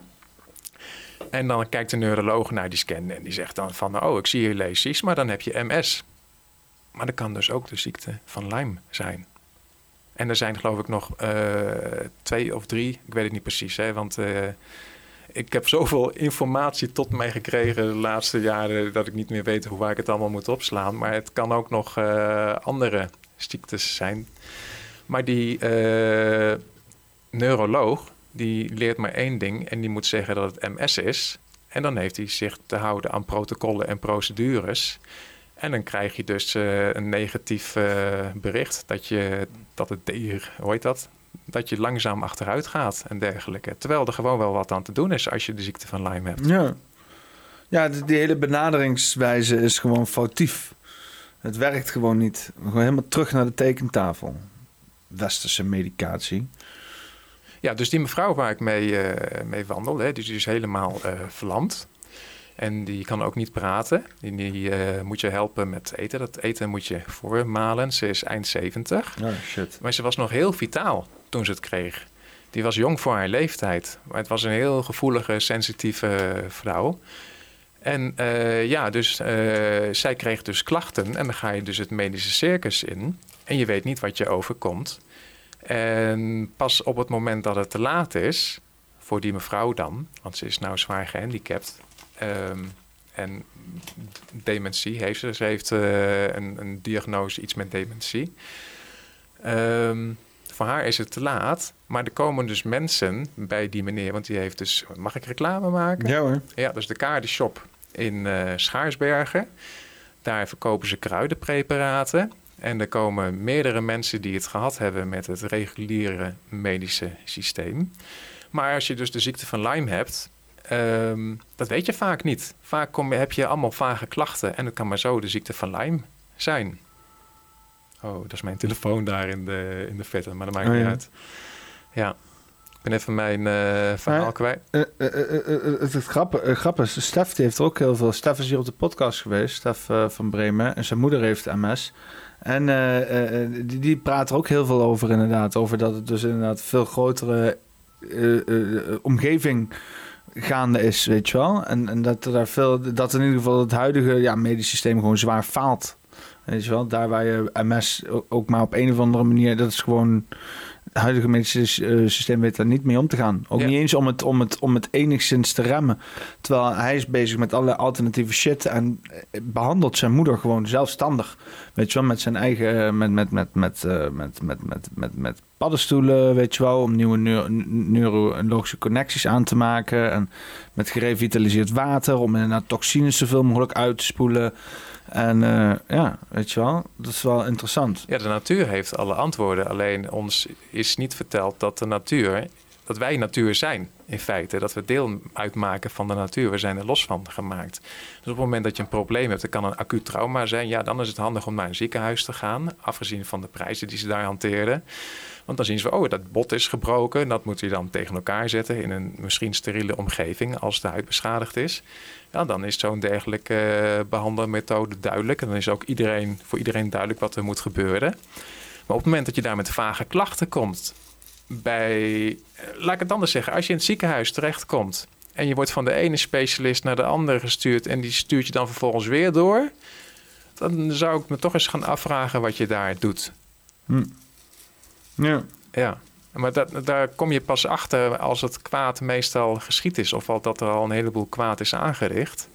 Dus die, uh, die man is dus naar aanleiding van zijn vrouw, waar ik het net over had, uh, zelf. In, uh, hij is naar Duitsland ooit gegaan, geloof ik. En hij is erachter gekomen dat de kaardebol een goed kruid is om de ziekte van Lyme te behandelen. Mits je in een vroeg stadium erbij bent natuurlijk. Want op het moment dat het lichaam kapot is, ja, dan, dan kun je niks meer. Als de hersenen gewoon er niet meer zijn, heel simpel gezegd, dan wordt het heel vervelend. Ja. Zeker als je ouder bent. Als je jong bent, weet ik niet. Heb ik er enig verstand van, wat geen verstand van. Dus die uh, is zelf uh, met, met kruiden aan de gang gegaan. Voor zijn vrouw was dat te laat. Maar voor mensen die inzien dat uh, het huidige medische systeem niet helemaal deugt, laat ik het netjes zeggen, die komen vaak na een omweg bij iemand zoals hij terecht. Want er zijn er meer mensen hè, die in, in kruiden doen. Je zei het net zelf. Dus uh, ja, dat is goed om te zien dat dat groeiende is. Dus we weten ook dat, dat er echt het... Ja, de, de grap is, vaak zijn de bossen waar je gestoken wordt door desbetreffende insecten... dezelfde oplossingen te vinden voor die desbetreffende insecten. Ja, die kaardebol die, eh, die groeit hier zelfs langs het fietspad tussen Elst en Arnhem. En, ja, wij noemen het allemaal onkruid, weet je wel. Nee, dat moet weg. Dat is allemaal niet waardevol. Dat is niet mooi. Groeit niet op de manier zoals ik het wil. Ja, dan moet je alleen even weten eh, wat je ermee doen moet. Maar ja, dat vertellen ze natuurlijk ook niet op school. Maar dat kun je gewoon op internet vinden tegenwoordig. Ja. Bij biologie kregen we wel, gingen we wel een beetje plantjes zoeken en zo. Maar dat was heel oppervlakkig allemaal. Ja, ik vond de biologie heel interessant. Weet ik nog dat ik voor het eerst een levende cel van een plant onder de microscoop ging bekijken. En dat het allemaal bewoog wat er in die cel gebeurde. En dan vroeg ik me af van wat, wat zit daarachter? Wie, hè, want er was fotosynthese in die cel. En ja, ik, ik kon me er niks bij voorstellen. Ik probeer me dan altijd voor te stellen wat daar gebeurt, welke krachten er zitten. En daar, daar liep ik spaak. En ik wist helemaal niks van uh, energie. Uh, hoe heet dat? Er zijn plekken. Ik ben nog steeds aan het trippen trouwens. Nee. Uh, ik ben op zoek naar de naam. Maar dan ben ik weer eigenlijk met het ego-wereldje bezig. Dat je dingen gaat benoemen die een bepaalde naam hebben uh, gekregen. Dus de ene, een cel heeft een energiecentrale, zeggen ze. Maar er is ook een energetisch iets. En dat werd me niet verteld in de biologie. En als de geest eruit is, ja, dan stopt, stopt dat allemaal. Mm. Dus uh, Hoe kwamen we daarop? Ik ben nog steeds aan het trippen, joh. Ik heb geen idee. De vraag is, ga ik nog een bier pakken of gaan we een titel bedenken voor deze podcast? Onkruid vergaat niet. Ja? Ja, want dat is, wel, het, dat is wel het, echt een... Het redmiddel tegen dit verrotte systeem. En het staat gewoon langs de weg en het helpt tegen van alles en nog wat. Het is een beetje cheesy, maar het past wel. Want jij bent ook wel een beetje onkruid dat niet vergaat, hè? Ik ben mega onkruid. Ze hebben mij kapot willen maken, maar uh, ik kan er alleen maar om lachen nu. Aha. Maar ik wil wel uh, nog even boksen met paar partijen. Ja? Je bent nog niet, uh, je bent nog niet klaar uh, met de strijd? Ik heb nog een paar dossiers en dan kunnen ze kiezen of het uh, gaat naar buiten toe. Of ik wil een schadevergoeding. En dan kun je zeggen van ja, maar dan ben je corrupt, René. Ja, maar ik heb bijna vijf jaar geen inkomen gehad. En hoe werkt dat? Ja, je moet dan je huis opeten, zeg maar, in het systeem. Terwijl iemand die in hetzelfde huis woont... Ja, ik kan een heel lang verhaal houden, maar dat heeft helemaal geen zin voor deze poppenkast. en die het huis huurt en die zou wel bijvoorbeeld een uitkering kunnen, kunnen krijgen. Maar dat, eh, er zijn partijen zo gemeen. Hè? We hadden het over de, de rechters en dergelijke. Ik heb bij het Tuchtcollege voor de Gezondheidszorg vijf keer gezeten. Niet alleen voor mezelf, maar ook voor anderen. Puur alleen al om dossiers te creëren. Om te laten zien van, zie nou wel, het is zo verrot en corrupt hier als het maar kan. Bij de Orde van Advocaten heb ik voor twee zaken gezeten. En dat bevestigt voor mij van ja jongens, het is hier zo verrot en corrupt als het maar kan. En het is allemaal netjes, zeg maar. Ze lopen in pakjes rond. Het zijn mooie gebouwen. Het is allemaal officieel. Maar als je naar Mexico gaat, naar die kartels, ja, dan is het tenminste duidelijk. En dat is eerlijker, naar mijn idee, dan zoals het hier gebeurt. Dus, nee, het is dus, in ieder geval in your face. Je weet, weet met wat je te dealen hebt, zeg maar. Dus je moet onkruid hebben om, om dat, uh, dat verrotte systeem uh, spaak te laten lopen. En, en het grap is, onkruid komt toch wel. Je hoeft alleen niet te wieden. ja, als je de grond slecht behandelt, en dat, uh, dat wordt helaas gedaan al sinds decennia. Ik heb een filmpje ooit gezien dat ze de, de grond gingen omploegen voor het eerst. Een hele zwerm vogels ging erachteraan. Die gingen al het leven uit die grond halen. En het jaar erop ging de ploeg er weer doorheen hè, naar de oogst. En weer een hele zwerm vogels. De zwerm vogels was al minder, want de grond was al deels dood. Nou, doe je dat een paar seizoenen achter elkaar. Dan is die grond volledig dood. Geen vogel meer die naar staat te kijken. Ja. Geen vogel die er naar piept, koekeloert. Ik weet niet, er is een spre spruik, spreuk hier ergens. Ik weet het. Er is ergens een spreuk hier. Geen vogel die er naar piept. Maakt niet uit. Maar ja, ja, maar toch in Nederland weten ze dat heel goed in stand houden, die boeren. En maar, en maar opbrengst en opbrengst en opbrengst. Ja, het, het, het draait uh, begrijpelijk om geld. Vroeger had je allemaal kleine boertjes. Ja, maar ze zitten ook vast in een systeem Juist. maar het draait allemaal om geld. Ja, Weet je wel? Ze zitten vast met alle rare leningen en allemaal rare shit van de EU en zo. En, dan, uh, en maar blijft ploegen als een stel idioten. Ja, maar het gaat uiteindelijk om bestaansrecht. En dus dan is de truc om voorbij alle systemen te kijken. En als je om bestaansrecht, uh, als je daarin gaat denken, dan weet je van oké, zijn die systemen die we nu hanteren legitiem? Wie vindt dat ze legitiem zijn? Zijn ze eerlijk? Ja, want zo'n boer die weet bijvoorbeeld wel wat goed is voor zijn grond. Alleen die wordt het gewoon onmogelijk gemaakt om dat, waar, dat, wat, dat, dat te doen wat daadwerkelijk goed is voor zijn grond. Weet je wel? Er zitten allemaal organen heen die zich erover buigen, die er allemaal shit van vinden. Want dan moet passen een grote plaatje en bla bla bla bla modellen en zo, weet je wel. Ja, uiteindelijk heeft hij een bedrijf en dat bedrijf moet zich financieel zien te bedruipen. Ja, dat ook nog. Ja, ja dus stagiaires, is, godverdomme. Ja, het is geen boer meer. Terwijl vroeger had je keutelboertjes. Weet je dat ik vroeger boer wilde worden? Toen ik uh, nee? jonge tiener was. Ik zie ook wel een boer zijn. Ja, je zit er gewoon een boerenpummel. En, uh, maar ik zag in de jaren tachtig al wel dat het boeren onmogelijk werd gemaakt. Hè. Toen hadden ze het over, uh, hoe heet dat, overbemesting en dergelijke. was heel erg rot in de, in de jaren tachtig. En ik zag allemaal kleine boertjes verdwijnen. En waar ik ben opgegroeid, ergens aan de Veluwezomer, zijn de meeste boeren zijn verdwenen. En als ze er nog zijn, hebben ze een grote stal waar die uh, klaarhaas en berthaas in lopen. En die kunnen zich niet meer bedruipen met, met de weide die ze daar zelf hebben om in het voedsel te voorzien. Het voedsel moet van heine en ver binnengehaald worden. Oekraïne of zo. Ja, maar het ja, maakt niet uit wat. Maar vroeger had het boertje, die kon eigenlijk met, met andere boeren onderling konden ze regelen dat het allemaal bedroop. En het is ze helemaal afgenomen. En dan denk je, ja, maar ze hadden het zwaar. Nee joh, moet je kijken hoe zwaar ze het nu hebben. Ze hebben prachtig materieel en En zoveel hectare en zoveel koeien en ik weet niet wat. Maar ze zitten tot hun strot in de schulden. Ze hebben stress van hier tot Tokio. Terwijl het boertje in de jaren 70 reed in een... Uh, ik, ik had er nu een paar voor mijn geest. Hè. Die had dan bijvoorbeeld een Opel uh, Record. Dat was voor die tijd een grote auto. en die had echt geen stress. Nee. En nu wel. chill aan boeren, gewoon lekker. Ja, die reed daar op zijn Steyr, op zijn John Deere. Er is zo'n uh, gezegde van, of in ieder geval verhaal van, uh, ik weet niet, oh, dat is al sowieso geprojecteerd, maar mijn moeder vertelde die wel eens. Maar er, van, er zit dan zo'n uh, zo'n Griek zit, op zit te vissen.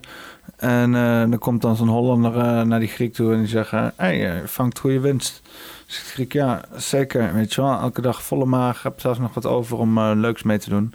Zeg nou ja, als je twee engels hebt, dan uh, kan je twee keer zoveel vangen, weet je wel.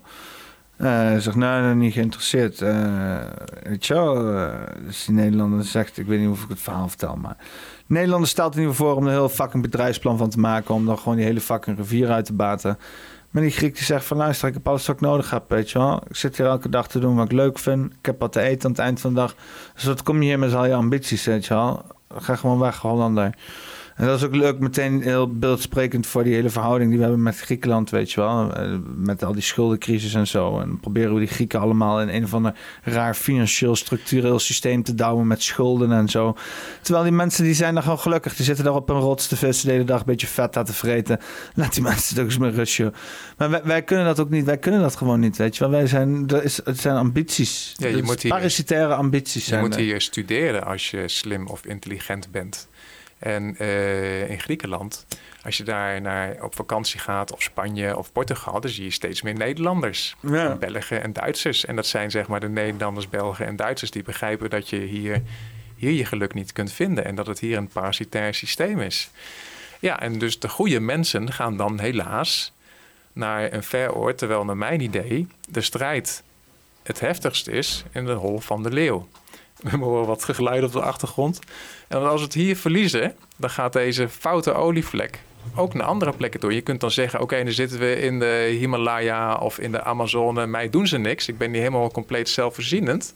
Maar moet je eens oh, kijken. Ook daar komen ze. Ook daar ja, maar moet eens kijken wat DARPA van mooie killer robots allemaal heeft gedaan. Wat killer drones en weet ik veel wat allemaal. Je wordt gewoon afgeschoten en geen haan die er naar kraait. Ik weet dat ik negatieve dingen zeg, maar ja, de parasieten malen daar niet om. Ze willen ons gewoon als kippen of konijnen in een kooi hebben. Dat noemen ze dan een flat of een, uh, weet ik veel wat voor namen ze daar. Je hebt ook van die, van die, van die muren, zeg maar, wat, waar je in mag wonen. En daar heb je alle voorzieningen die aanwezig zijn. Je mag daar sporten, winkelen en weet ik veel wat. En dan kun je af en toe naar buiten kijken door zo'n raampje, de woestijn in of de natuur in.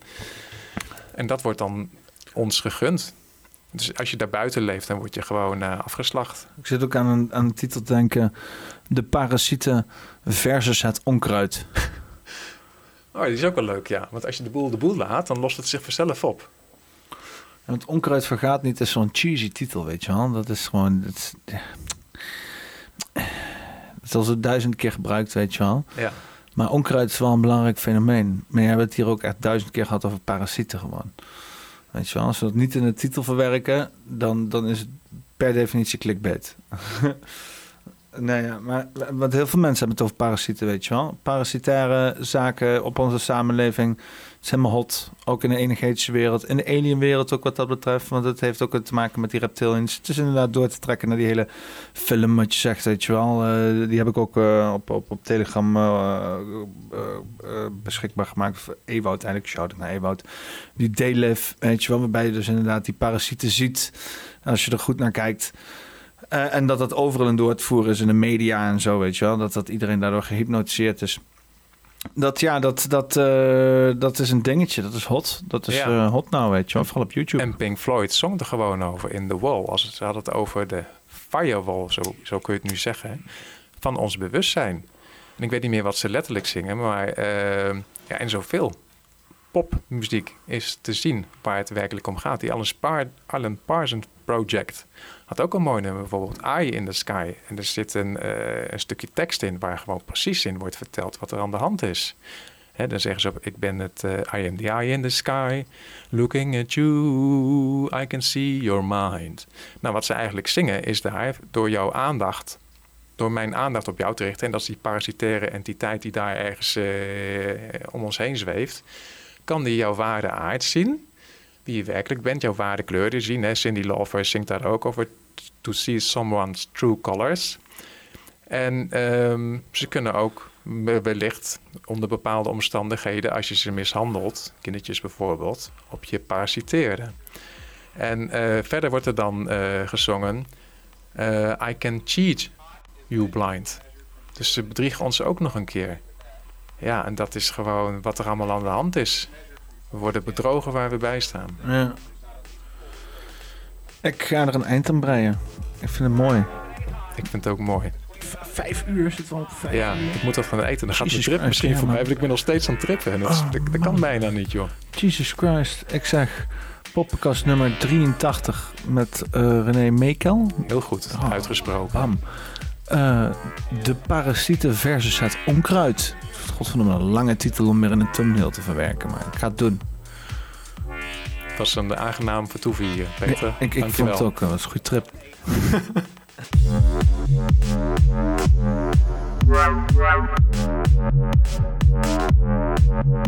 Wow.